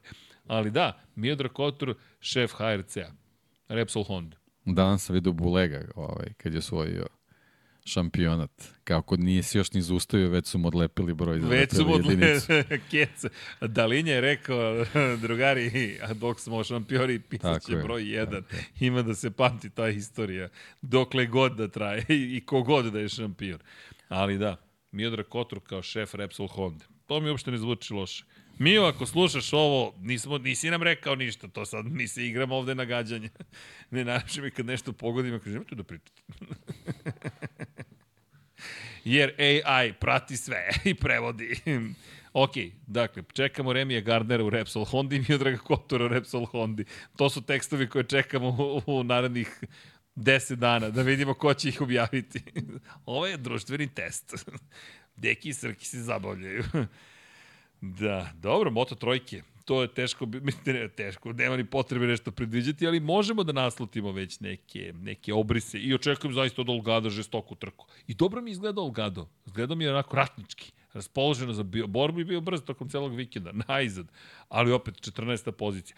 Kad ne iskoristiš svoje prilike, kako je teško da se vratiš u taj film. To je ono Ali što... dobro, mislim, razlike su u Moto trojkama male, što je Jesu. očekivano i nadam se da će tako da ostane na kraju sezone. Dobro, i to bi bilo, to bi bilo Pa skoro pa sve, čekaj da vidimo, ima nekih pit pitanja, neko nešto ima da kaže. Čet Revenju kaže, Hajrudin Hajdić, pozdrav za cijelu ekipu, najbolji ste. Hvala, postoji član Hajrudin Hajdić. Hvala Hajrudine, veliki pozdrav. Jeste da ste nam to napisali pre 45 minuta, ali šta da radite, ova ekipa se zapričala. Ti čitaj, ja ću Ti se čitaj, vratiti. e, samo polako, ko- kolega Potkonjak. Ako može kadar na mene, molim vas. E, to. E, tako. E, tako, to, to, to su nižni, baguje nešto, šta baguje? Ko baguje? E, jel sve u redu sada? Kotor inače često u Banja Luci pomožemo ovde da ga ispitamo o svemu. Tako je, Dragane, ispitajte ga da vidimo da li će se, da li će se nešto desiti. Srki, da li Alex Espargaro ima mogućnost da bude brand ambasador Aprili? Sigurno ima, naravno. Sad, da li će biti, to je na njima. Konačno je ovo njegova izjava da bi možda razmislio Repsol Hondi posle karijere u Aprili malo ga dovodi u situaciju da možda to neće biti. E, kaže, možda ubace Arbolina u Muni za 25. od akademaca u nižim klasama, sem e, Munija, ne znam ko je tu. Pa nema, akademija nema nikoga više. To je, to je, to je i rekao, je zapravo učio, najbolji prijatelj, Valentina Rossi, čovjek koji vodi ekipu, je rekao da oni nemaju trenutno mladih vozača. Da je njima potrebno da nađu neke nove vozače za akademiju. Nije to lako održavati. To ono što smo pričali, Rosijeva, Rosijev biznis je u minusu, ozbiljno, 700.000 eura prošle godine, vodi ekipu Moto Grand Prix koja košta, da, ima sponzora, ljudi, to košta, to nije, čak ni za čoveka koji je na nekom ličnom nivou bogat, poput Valentina Rosija, nije on, on nije kompanija, nije on čovek koji, to, to bi pričao svim timovima i vlasnicima timova u istoriji Formule 1, pa možemo reći u Moto Grand Prix, Lučić, Kinelo i tako dalje. Neka lična bogatstva se troše, počnete da stičete veća lična bogatstva ili manja, ali imate dovoljno za neki lep život, prilično lep život, svakako daleko lepši od nekog prosečnog primanja, finansijski, ali ne možete da se poredite sa fabrikom. Honda je, ljudi, to je gigant. Jednostavno, oni imaju sredstava koje ne može Valentino Rossi ni da sanja. Isto važi za Apriliju, isto važi za sve proizvođače. Tako da, voditi akademiju, ranč, pripremati vozače, voditi biznis koji se zasniva na popularnosti Valentina Rosija, jer hajde ovako, koliko god da kupite majica broj 63, da li će neko da kaže za dve godine, e, znaš šta, idem da kupim Pekovu majicu iz 2019. A Rossi upravo reciklira svoje majice iz 97. 9. 1. 2. 3. 4. 5. 8. i 9. ili ti šampionskih godina i prodaje ih majice sve sa komemorativnim, jel te, uh, uh, knjižicama za 180 eura po majici. Dakle, to mi je biznis i iz te perspektive sve to mora da uradi jedan Valentino Rossi, a pritom da vozi BMW profesionalno u okviru priprema za 24 časa Le Mans. I zato u Akademiji nije održiv sistem u, u, na način da se Valentino Rossi ne odrekne, na primjer, aktivnog trkanja ili nečega. A on čovjek ne deluje baš da će se odreći bilo čega. I neka uživa, samo što baš je teško da to sve, sve da se desi. A, više, e, dakle, Srki prokomentariše intervju sa učim da je Ver 46 biti otvoren za drugi terani koji nisu u akademiji. Pa to je to o čemu pričamo. Njima treba novih vozača. Jednostavno potrebno je da se nešto desi, akademija ima premali broj takmičara, ne može više ni da ih primi a neće da se odrekne svojih. Šta će da se odrekne? Banjaje, svetskog šampiona, ili Beceke koji se bori za titulu, ili da se odrekne šta? Luke Marine koji je rođeni brat osnivača, ili Franka Morbidelija koji je kao dete Valentinu Rosiju, mlađi brat u najmanju ruku, ili drugih svojih takmičara. Te, teško. E, kada pričamo o, tako da verujem da mogu da ga bude. E, je li moguće da Alvaro Bautista se vrati u MotoGP u Ducati? Alvaro će voziti u Maleziji kao gostujući vozač. Tako da će Alvaro dobiti priliku da testi, ne da testira, da vozi trku baš i jedva čekam da ga vidim na GP od 23. Da, biće, biće deo kao Michele Piro što nastupa pod Arubinim bojama, Aruba It, koji je glavni sponsor zapravo fabričke ekipe Ducati u Superbajku, e u tim bojama će Alvaro Bautista nastupiti. Kao da je uzeo svoj Superbajk, svoj Panigale i dovezao na stazu. Mada ima malo više krila. Za sada. za sada. Ali vidjet ćemo ga u, u Maleziji, tako će to biti baš lepo. E, da, evo Miha Stex to i kaže. E, samo da vidim šta imamo još. Deki, je sve kako treba? Pa, O, pa Jest. je. Pa dobro. jest. Dobro. Šta da radiš? Da. E, samo da čujemo, šta, imamo pitanje, da, uh, pitanje za Casey-a o Gormana, šta se dešava sa Casey-em o Gormanu? Kako to mislite šta se dešava? U smislu šta su naše očekivanja ili gde će Casey o Gorman ili e, nešto drugo? Poslednje što znamo o Casey-u jeste da bi trebalo da vozi za britanski Superbike. Um, ja mislim da je on u BSB-u zapravo. Uh, če, čekaj, čekaj, šta da vidimo. eBay će preuzeti Muni, tako da bi Muni mogao da preživi u nekom narodnom periodu. Da, Muni nije još uvek ugrožen, ali treba im neko još. Kaže, Muki Alex, ko će kupiti peku majicu, mislim da to naj... A, dobro, nećemo. Nije naj... Aha, najsiromašniji šampion što se tiče navijača i Mir je bio popularniji. Nije baš. Banjaja je, ljudi, sve popularniji i popularniji. Peko ima svoju, svoju grupu obožavalaca.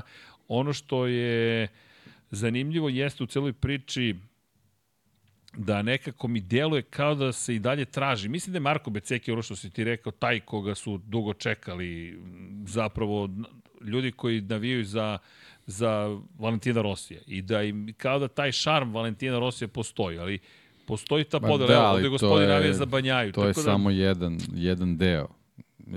Marko Beceki mora toga da bude svestan i da, i da razvija uh, Misliš, neće se samo desiti? Pa neće se samo desiti, sigurno. Nije to što da. radi Valentino Rossi, eto, tek tako palo s neba. Nije palo s neba. I, ali Rossi imao i svest i prirodnu harizmu. I čovek koji je tu prirodnu harizmu nekako dodatno pojačao svojim, ali to je kod njega urođeno prosto i, i čak i razmišljanje nekako tako prirodno je sve dolazilo, čak i kad nešto Sjećaš osmisli. se kako je Lorenzo na veštački način pokušavao, pokušavao da bude Valentino Rossi, jeste, izgledalo ne, je plastično. Da. E da, e, nismo prokomentarisali pritisak u gumama, činjenica, to smo zaboravili da prokomentarišemo, četiri vozača su upozorena i Marko Beceki je jedan od njih, drugi Aleš Espargaro, e, upozoren je Ralf Fernandez, koji je bio četvrti, ne mogu da se setim. Četvrti je još neko bio, očigledno, Franco Morbidelli. Franco Morbidelli, tako da eto, hvala za pitanje, to nismo prokomentarisali, pa rizik je da će dobiti, da će biti kažnjeni ozbiljno sledeći put ukoliko se to desi. E sad, e, kada govorimo o kaznama, moram priznati da, da ne znam zapravo na kraju kako će se to završiti, kako će se odražiti zapravo na njih, ali vremenske kazne bi trebalo da budu primenjene na njihove rezultate pošto je pravilo dovedeno, pa odlagano, pa primenjeno bez kazni, pa je sad prvi put stiglo upozorenje, iskreno ne znam šta to konkretno znači, osim što bi mogli da dobiju dodatno vreme na kraju trke. U svakom slučaju pritisak u gumama je bio zapravo ono što, što, što se desilo bio prenizak u odnosu na minimalnu preporučenu vrednost, preveliki broj krugova tokom same trke. Tako da da, četiri vozača su upozoreni. I između ostalog, jedan od kandidata za titulu šampiona sveta. Tako da, hvala za podsjetnik. Slavko, je, Slavko Jagodić je podsjetio. Zatim, Pertamina će popraviti vale, valetove financije. Pa da, sad, dobro, čekamo da vidimo gde će se na kraju sve desiti. Kaže Jopa ZG, kaže Srki, jesi čuo da je Rosiju heroj u Formula 1 Nigel Mansell? Tako je Valentino, kaže suđeno ti da navijaš za Rosiju. Nemojte, molim vas, trenutno me optužuju da navijam za... Da, ne, ove nedelje je Banjaja, ne volim Martina, prošle nedelje sam obožavao Martina, ali nisam voleo Banjaju. Sve u skladu sa pobednicima, tako da je savršeno, sve u redu. Ne, trenutno Kako? si a u stvari je Casey. A trenutno se od, odrekao Breda Bindera. Da, odrekao ja, se Breda Bindera, da, da, da. to mi je trenutno. Da, i Đorđe e, Krinjinac kaže, pomenite Carlosa Tataja. Da, Carlosa spominjem u svakoj emisiji. Carlos Tataj postoji, e, postoji bojazan da, da, da, da bi moglo da, da... Ajde da pričamo po, pozitivnije. I dalje postoji mogućnost da, da vrati osjećaj u nogama Carlos Tataj dobio je tešku povredu, zadobio je tešku povredu padom u trci zapravo evropskog šampionata Moto2 klase u Portimao. Sve manje, moram ti priznati, želim da vidim Portimao, to ne želim da ga vidim dok ne srede stazu u kalendaru, ali dobro. Carlos Tataj je momak koga smo pratili u šampionatu sveta Moto3 i Moto2 kategorije u evropskom šampionatu. Zabeležio baš bio pobedu, osvajač titule u Red Bullom kupu Novajlija i šansa još uvek postoji da može da vrati osjećaj u nogama. Uspeo je da, da stekne određeni osjećaj.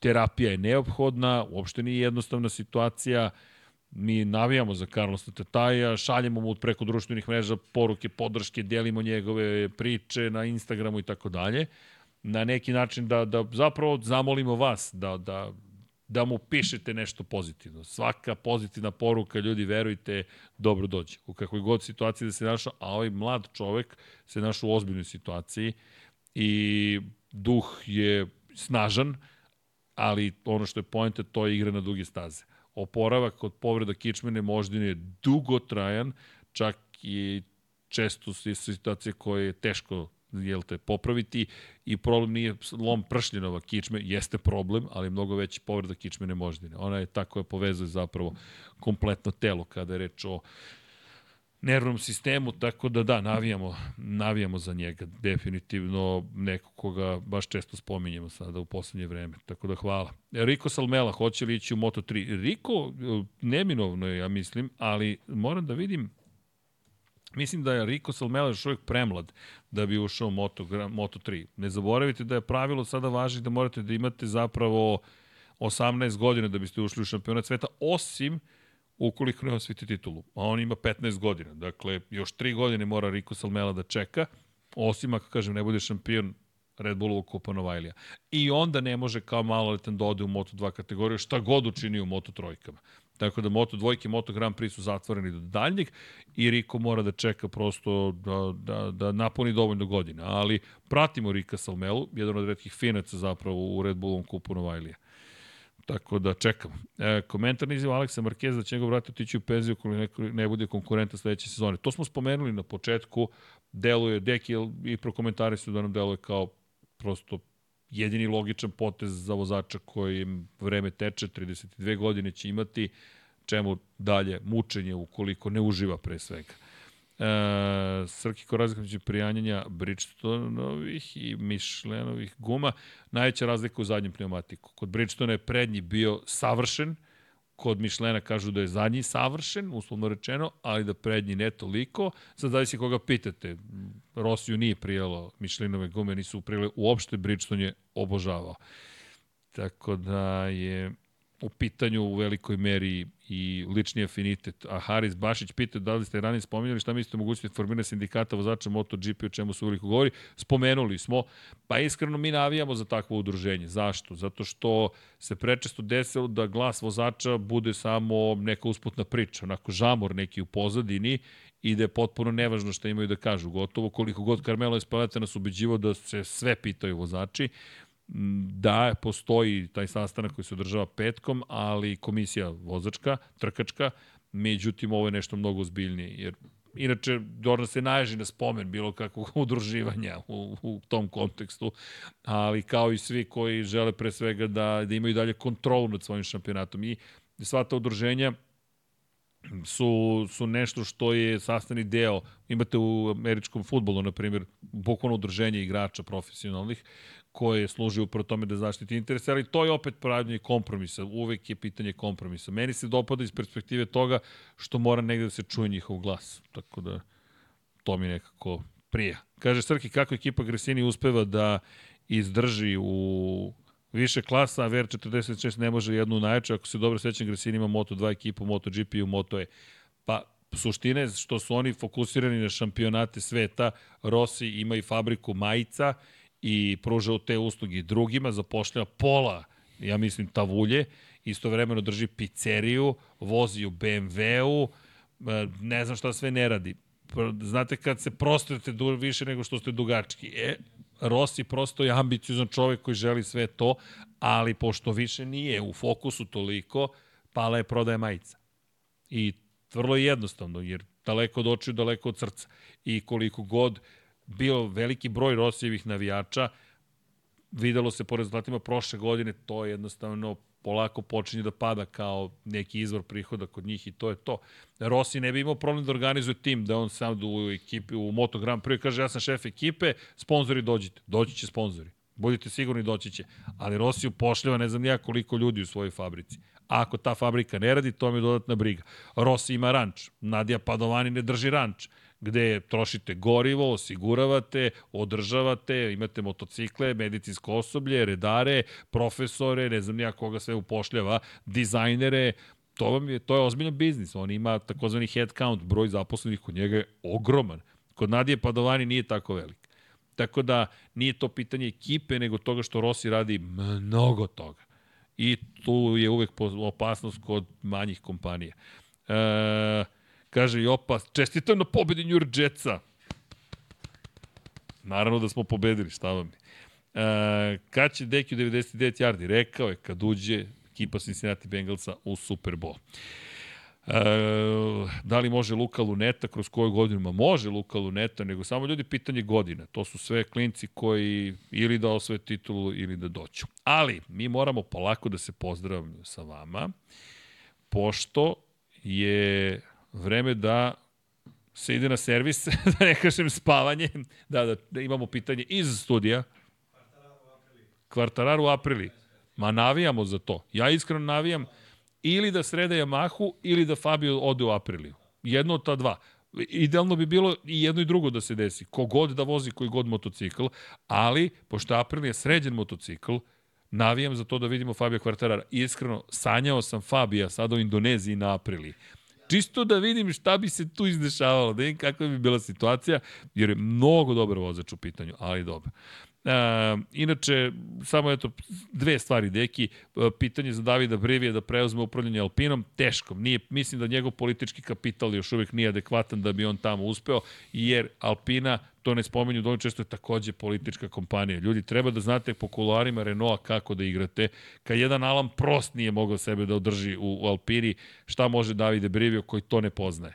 Dakle, nemojte to zaboraviti, to je i dalje, iako zvanično nije državna kompanija. Dakle, to je ogroman uticaj Republike Francuske na, na Renault. Vi to morate da znate kako da odigrate. I da li bi bilo bolje ili ne, da, mi se slažemo da pro, naše mišljenje propuštaju priliku, ali ovde pričamo, pričamo često o politici Ferrarija, zaboravljamo da politika postoji tekako kod Renaulta. Prosto za Uh, Srki, šta kažeš na to da je Anthony Joshua kupio dionice Alpini, sad će na rukavice stavljati Alpini mnogo da mu udarci budu brzi. Dobro, može. Može, može, zabavno. Uh, ljudi, uh, moramo polako, ali sigurno da se odjavljujemo. Verujte mi na reči kada, kada, kada vam to kažem. Kaže Debanđa, još mu samo fali 99 yardi, a spremamo i Kosmos 76, pa da se zalepi za ovu stolicu. Ali Deki, kada bi mogao stoječki da radi podcast, da. mislim da bi mu bilo mnogo bolje. To moramo da smislimo u novom studiju, Deki nekako stoječki, znaš, da, da radimo za stolom i onda imamo one malo neke barske stolice, poreme se odmori, pa se ustane, pa šta, digne se ovaj sto, promeni se malo kad. Kako? Motor sa 100 sa motorom. Ne, na pola samo i tako. Nema ga ovde, ali i, ili tako. Tako da znate. E, da li smo čestitali Kimiju? Nismo. Marko Hector je rekao kad će dinastija. E, mogu da vas obradujem da i ona ulazi u štampu i nju ćemo uskoro da potpišemo, tako da znate. Šank mu napravite. Hoćemo. Ljudi, onda sa šankom bih ja završio današnje druženje. Mislim da je idealno. Hoće li Džanki u skore vreme da dođe goste? Ne znamo. Džanki ima svoju priču, čekamo ga i za geto, ali tako, pa, pišite Džankiju na društvenim mrežama, podržite ga, mi ga podržavamo, ali Džanki prosto ne ulazimo u neke privatne situacije njegove, mi ga volimo, podršku ima, ostalo je na njemu. Čak mislim da sluša podcast, ne bi me iznenadilo, obično je uvek tu. Kaže, rana prognoza šampiona sve tri klase. Ajde, Zor, Matija Zoriću, da ne pričamo sad o šampionima, ali možemo za pobednike. Deki, ćemo brzinski pobednika tri i idemo lagano. Ko pobeđuje u Australiji? Hoćemo opet da zakuvamo. Ajmo da kuvamo, kuvamo, kuvamo. Olgado, Dixon, Beceki. Olgado Dixon Beceki, čak i navijač, čak i navijač Banjaje, skuva si ga. Znači, moram ja sad, šk, ovako, Ondžu, ne, ne, Ondžu nije dovoljno kuvanje. E, uz dužno poštovanje. Ne, ne, moram sad kad sam izgovorio Ondžu, a to nije kuvanje toliko. Ne. Nema veze, dobro. Sasaki, Sasaki, Arbolino, Da, da, šta je, učutali ste se, a, na Arbolina, a, prpa, šalim se, ajkule da se napadaju tamo po, po, po južnom okeanu, nije južni okean tamo dole. Ko je tamo okean zapravo? Je to južni okean koji kači dole Australiju? Trebalo bi, zato što on tamo kad se zavrti oko planete Zemlje, nema nigde zaustavljanja na kopnu, pa su najveći talasi. E, kako god, u svakom slučaju, otišli smo predaleko. E, I ko će da pobedi u Moto Grand Prix? Alex Rins. Idemo, Alekse, povređeni moj, u sprintu, ako ništa drugo, da vidimo šta može da učini. Nisam njegov navijač, ali mi je mnogo drago kako čovjek vozi kad vozi. Prošle godine Jack sa Miller sprint. O, da odemo iz sprinteve, idemo. Ko pobeđuje? Remy Gardner. O, ovi mislim... Augusto Fernandez. Kao, idemo. Idemo. Ljudi, ovo je bilo 354. izdanje Lab 76. Mi smo se lepo zaveri, nadam se da ste vi. Kliknite like ukoliko jeste, a i ukoliko niste, kliknite like da nas podržite, share, subscribe. Ljudi, ajmo malo subscriberi, potrebno nam je, ljudi, molim vas, idemo, akcija, idemo ka 40.000, na 100.000 dobijemo srebrnu plaketu. Pohvalnicu, bakic. Pohvalnicu, e, vi ste uspešni na YouTube-u. Tako, ti onda staviš pozadi, to je obavezno mora. Čuj da I onda stavi- neko zakači i padne ne, dole. Pa ne, nosit će ovde na, na plućima, ovako na grudima. E, tako da, da bismo stigli do tamo, molim vas, kliknite na subscribe. Patreon.com kroz Infinity Lighthouse, svaka podrška i te kako znači, imamo, tek imamo megalomanske planove, čak smo počeli da ubrzavamo neke stvari, ali čak, čujte, šta smo uradili za tri godine, mislim, svi zajedno možemo da budemo zajedno, jer vi ste zapravo Infinity Lighthouse zajedno sa nama shop.infinitylighthouse.com i naravno dogme join, pridruži nam se na YouTube-u. Naravno, to, to pojačava podršku i nama pomaže da radimo još neke blesavije stvari, tako da hvala na tome. I naravno da živimo naše, nadamo se i vaše snove. I vidimo se za vikend u Gastrošoru. Vidi, Da, e da, e da, e da, da. Samo da, da napomenemo, pošto je mnogo rano za trku Moto Grand Prix-a, a, a toliko je malo ljudi bilo u pet ujutro, onda smo rekli, ajte sada ne krećemo još u akciju. Bilo je mnogo iz perspektive sledećeg. Jedan čovjek je mnogo i hvala na tome. Tako da znate, ali pošto moramo poštedimo nas 50-godišnjake, a neki će biti ko- komentatori, onda ćemo sigurno raditi za Formulu 1 kompletan ugođaj, ali ima ekipa iz, iz Magične sobe predlog da reprize možda Tako je, čim se emitujemo. završi Formula 1, puštamo... Kad se završi ili pre Formule? Kad, kad počinje Formula? Na Formula mislim da je, da kasno. Da je Formula 1 tipa nešto oko ponoći, ako se ne... A, ne, ne, ne, on- onda pre. Dakle, pre, onda pre neki krećemo, da, da, da. matine, ne, Jeste, nije matine, ali neki pet popodne, na primjer, da krenemo trojke, dvojke, Moto Tako. Grand Prix, možda možemo i sprint, Tako da, sve možemo dođite, spojimo tu, da. pridružite nam se zašto? Vi, nekoliko razloga. Gradimo prostor. Podelite s nama radost, pa i ako nešto ne funkcioniše da nam kažete ljudi ovo, ovo, ovo, ovo. Slušamo vas, mi se radujemo, to smo sanjali odavno da neke, neke od tih stvari da uradimo i iz te perspektive, naravno, potrebna nam je vaša pomoć. S druge kako, strane, Kako kasno Formula ne, 1? trka je u 21.00. Trka je u 21.00. Da, onda znači pre. U 23 Da, da, se da, završava. da, zato, da, ti- da. zato ti kažem, Ne, ne, okej, okej. ako računamo da traje 5, 6, 15, 8, pa idealno bi bilo u 4 da krene zapravo. Zato što a, imamo i onaj uvod od sat vremena za Formulu 1. U 4 krene Moto 3, u 5 i 15 Moto 2, u, pa možemo iskratiti, u 7 Pa ne, krene MotoGP. mi ne, možemo ne, da puštamo 7 krene trke. MotoGP Da, da, da. i onda u 8 kreće uvod u Formulu 1. Ja, Ja, Recimo, ljudi, od pet, ljudi. od pet, na primjer. Pa 4 ili 5. Pa ajde, pet, da. pet je okej, zašto mi možemo zalepimo Moto3 za Moto2 trku za trku, nema Da, razloga. da, ali onaj uvod za MotoGP da bih ostavio. Ostavimo MotoGP. Ali to okej, onda pola pet je- pet.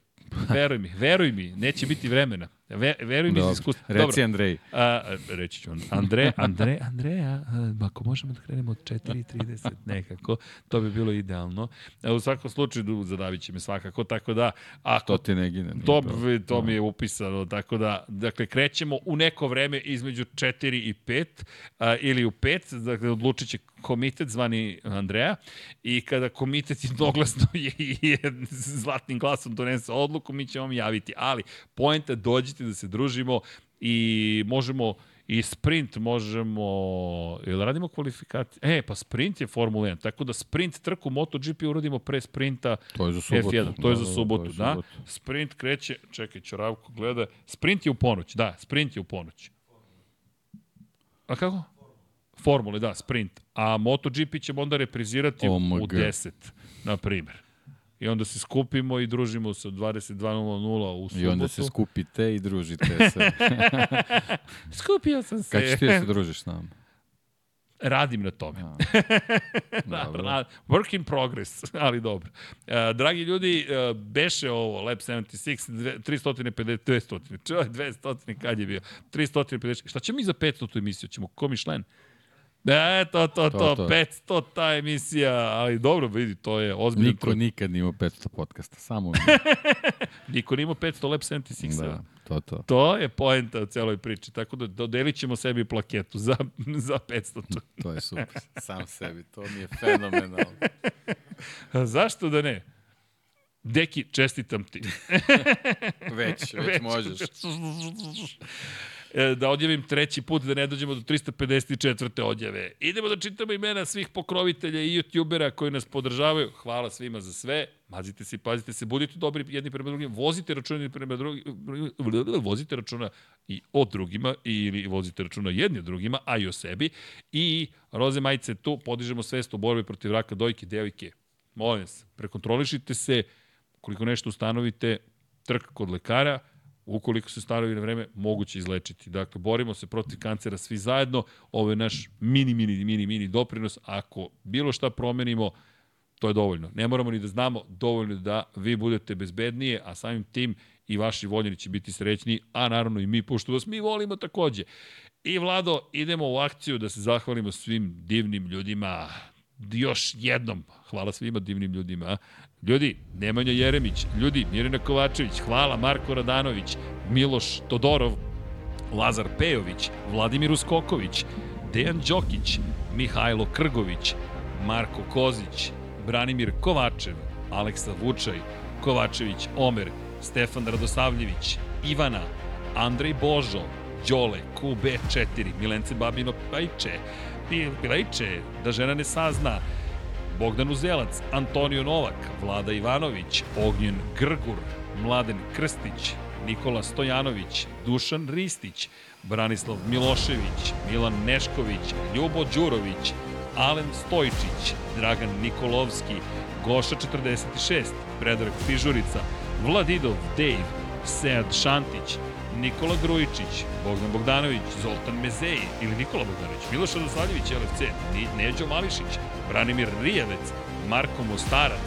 Jasmina Pešić, Dušan Delić, Anonimus, Donatorus, Ružica Stefanović, Strahinja Blagojević, Borko Božunović, Ivan Rečević, Salim Okanović, Živojin Petković, Ivan Toškov, Vuk Korać, Lazar Hristov, Lukas, Miloš Banduka, Dimitrije Mišić, Marin Antunović, Jugoslav Krasnić, Kimi Rajkonen, Andreja Miladinović, Igor Vučković, Nemanja Labović, Stefan Stanković, Nikola Milosavljević, Jasenko Samardžić, Miloš Rašić, Vukašin Vučenović, Marko Marković, Stefan Ličina, Luka Klaso, Jeca and Stefan, Nemanja Zagorac, Aleksandar Mitrović, Šefko Ćehić, Crnogorski džedaj, Milan Apro, Bojan Mijatović, Vladimir Filipović, Deus, Nikola, Jovan Đodan, Safet Isljami, Matija Binotto, Veselin Vukićević, Predrag Simić, Ivan Maksimović, Danijela Ilić, Nenad Pantelić, Stevan Zekanović, Sava Dugi, Josip Kovačić, Aleksandar Milosavljević, Marko Kostić, Zorana Vidić, Vukašin Jekić, Ognjen Marinković, Monika Erceg, Đorđe Radojević, Peđa Janković, Nikola E, Miloš Rosandić, Igor Jankovski, Simović Sarajevo, Ivan Ciger, Tijena Vidanović, Branislav Kovačević, Milan, Miloš Broćeta, Branislav Marković, Zoran Šalamun, Boris Golubar, Renata Neš, Đorđe Andrić, Nemanja Miloradović, Aleksandar Čučković, Anonimus Donatorus, Dragan Matić, Jelena Veljković, Mlađan Antić, Milan Kića, Lufonac, Džigi Bao, Dorijan Kablar, Danka, Branislav Dević, Miroslav Cvetić, Boris Kujundžić, Vamblisapa, Bata Brada, Klara Gašpar, Stefan Lešnjak, Milan Ristić, Armin, Luka Martinović, Darko Trajković, Nedim, Saša Ranisavljević, Tina i Ilija, Hrvoje Lovrić, Jelena Jeremić, Alen Vuletić, Inzolin 13, Vladimir Mutić, Ferenc Laslofi, Matej Sopta, Mihovil Stamičar, Andrija Todorović, Marko Blagojević, Aleksandar, klub štovatelja Ramona Mjereza, Stefan Janković, Ivan Simeunović, Mladen Mladenović, Jugoslav Ilić, Zoran Majdov, Nedim Drljević, Optimistik Josh Allen Fan, Ivan Rebac, Benjo KK, Armin Durgut, Miloš Vuletić, Srđan Sivić, Ante Primorac, Aleksandar Anđelić, Stefan Prijović, Marko Ćurčić, Đole Bronkos, Novak Tomić, Nikola Marinković, Andreja Branković, Aleksandar Antonović, Aleksa Valter, Stefan Milošević, Đerman, Katarina, Toni Ruščić, Ivica, Dejan Vujović, Nenad Đorđević, Andreja, Branko Bisački, Gloria Edson, Aca Vizla, Dejan Avić, Daniel Kolobarić, Ognjen Ungurjanović, Milan Milašević, Đorđe Đukić, Boris Erceg, Luka Savović, Stefan Nedeljković, Dejan Janić, Šmele, Vladan Miladinović, Ivan Milatović, Nemanja, Vanja Radulović, Vojin Kostić, Mladen Tešić, Aleksa Jelić, Luka Manitašević, Damjan Veljanoski, Luka, Stefan Vuletić, Bogdan Mitrović, Stefan Dulić, Zlatko Vasić, Aleksandar Bobić, Boris Gvozden, Nenad Simić, Sean Hing, Đorđije Lopušina, Mario Jelena Komšić, Stefan Vidić, Marko Petrekanović, Borislav Vukojević, Anonimus Donatorus, Laslo Boroš, Bojan Majstorović, Đurđica Martinović, Petar Relić, Boris Radović, Životić Jovan, Lj. Đurović, Dušan Petrović, Vladimir Stojadinov, Zoran Cimeša, Pavle Nj, Dejan Avić, Marko Horg, Milan Paunović, Nenad Ivić, Martin Gašpar, Ivan, Matija Rajić, Aleksandar Banovac, Nebojša Živanović, Emir Mešić, Jelena Mak, Vladimir Petković, Kristijan Šestak, Ivan Panajotović, Aleksandar Jurić, Denis Špoljarić, Aleksa Lilić, Petar Nujić, Nikola Božinović, Nedo Lepanović, Žarko Milić, Strahinja Brajanoski, Žorž, Borislav Jovanović, Ertan Prelić, Grgo Živaljić, Marko Bogavac, Marina Mihajlović, Bojan Markov, Bahter Abdurmanov, Mirina Živković, Aleksandar Radivojša, Vladimir Jovanović, Igor Gašparević, Mario Vidović, Filip, Marko Trkulja, Andrej Bicok, Ivan Maja Stanković, Ada Sokolović, Ivan Vujasinović, Igor Ilić, Marakos, Sadam Mehmedović, Nemanja Miloradović, Din Stero, Aleks Vulović, Bojan Markov, Vladan Đurić, Bruno Jurić, Tomić Miloš, Đorđe Janjić, Marko Lučić, Ejhel, Blagoj Ačevski, Milan Knežević, Ivan Božanić, Anonimus, Donatorus, Tatjana Lemajić, Zoran Baka, Future Graciano Rossi, Ivan Hornjak, Marko Stojilković, Uroš Ćosić, Vladimir Subotić, Aleksandar Kockar, Zlatko Marić, Nikola Božović, Marko Jevtić, Oliver Nikolić, Vlada Ivanović, Jovan Bojanić, Ivan Magdelinić, Nikola Grujičić, Resničanin, Petar Bijelić, Toni Soni 76, Branislav Dević, Vukašin Vučenović, Kro Robi 00, Milorad Reljić, Nikola Vulović, Mile Sukodinov Ristov, Milan Kamarunić, Alen Jesenović, Dejan Plackov Plackov, Vladan Miladinović, Penđer, Žika Sub, Ivan Doko, Uroš Čuturilo, Vladimir Bulatović, Branko Rašević, Vojislav Tadić, Nemanja, Drago Veković, Dejan Janić, Mensur Kurtagić, Bojan Gitarić, Kornjačin Vrač, Omer Sarajlić, Slaven 84, Saša Stevanović, Aleksandar Nikolić, Nedžad Mrakić, Marina, Bojan Stanković, Luke Williams, Ivan Vincetić, Đera 7, Almedin Ahmetović, Mateja Nenadović, Mrča, Bakadu, Pavle Lukić, Jelena Jeremić, Miloš Stanimirović, Ivana Vesković, Galeksić, Edin Ustavdić, Nikola Adamović, Miloš Zed, LFC, Srđan Ćirić, Nemanja Cimbaljević, Predrag Zec, Marko Bogovac, Mađar 007, Vuk, Domagoj Kovač, Stefan Škrbić, Igor Ninić, Nikola Niksi, Aleksandar P, Škundra, Pujo, Nikola Grđan, Aleksandar Stojković, Almir Vuk, Nemanja Bračko. To bi bilo tačko. Pozdrav za našeg voljenog Nemanju. Dobro, bilo je lepo, zabavno, a je kada nije lepo i zabavno kada pričaš o Moto Grand Prix-u. Pa, pa, pa, to ti kažem, deki. A ne, ne, ne, čekaj, deki je uvlačim u priču. Kako te spašava svaki, ne verujem. Ne verujem i Liverpoolovci kako se stick together, you'll never walk alone. U svakom slučaju, you'll never talk alone. Jao! Evo ga novi podcast, you'll never talk alone. to ti kažem, nešto je moralo da se desi pred ponoć, ako već nije prošlo. Ljudi, volimo vas, mazite se i pazite se, budite dobri jedni prema drugima, vozite računa i o sebi i o drugima. Devojke, proverite se, kontrola, borimo se protiv raka dojke, volimo se, mazimo se, pazimo se i idemo u veliku žurku zvanu Velika nagrada Australije. 1, 2, 3 i... Ćao, Ćao svima!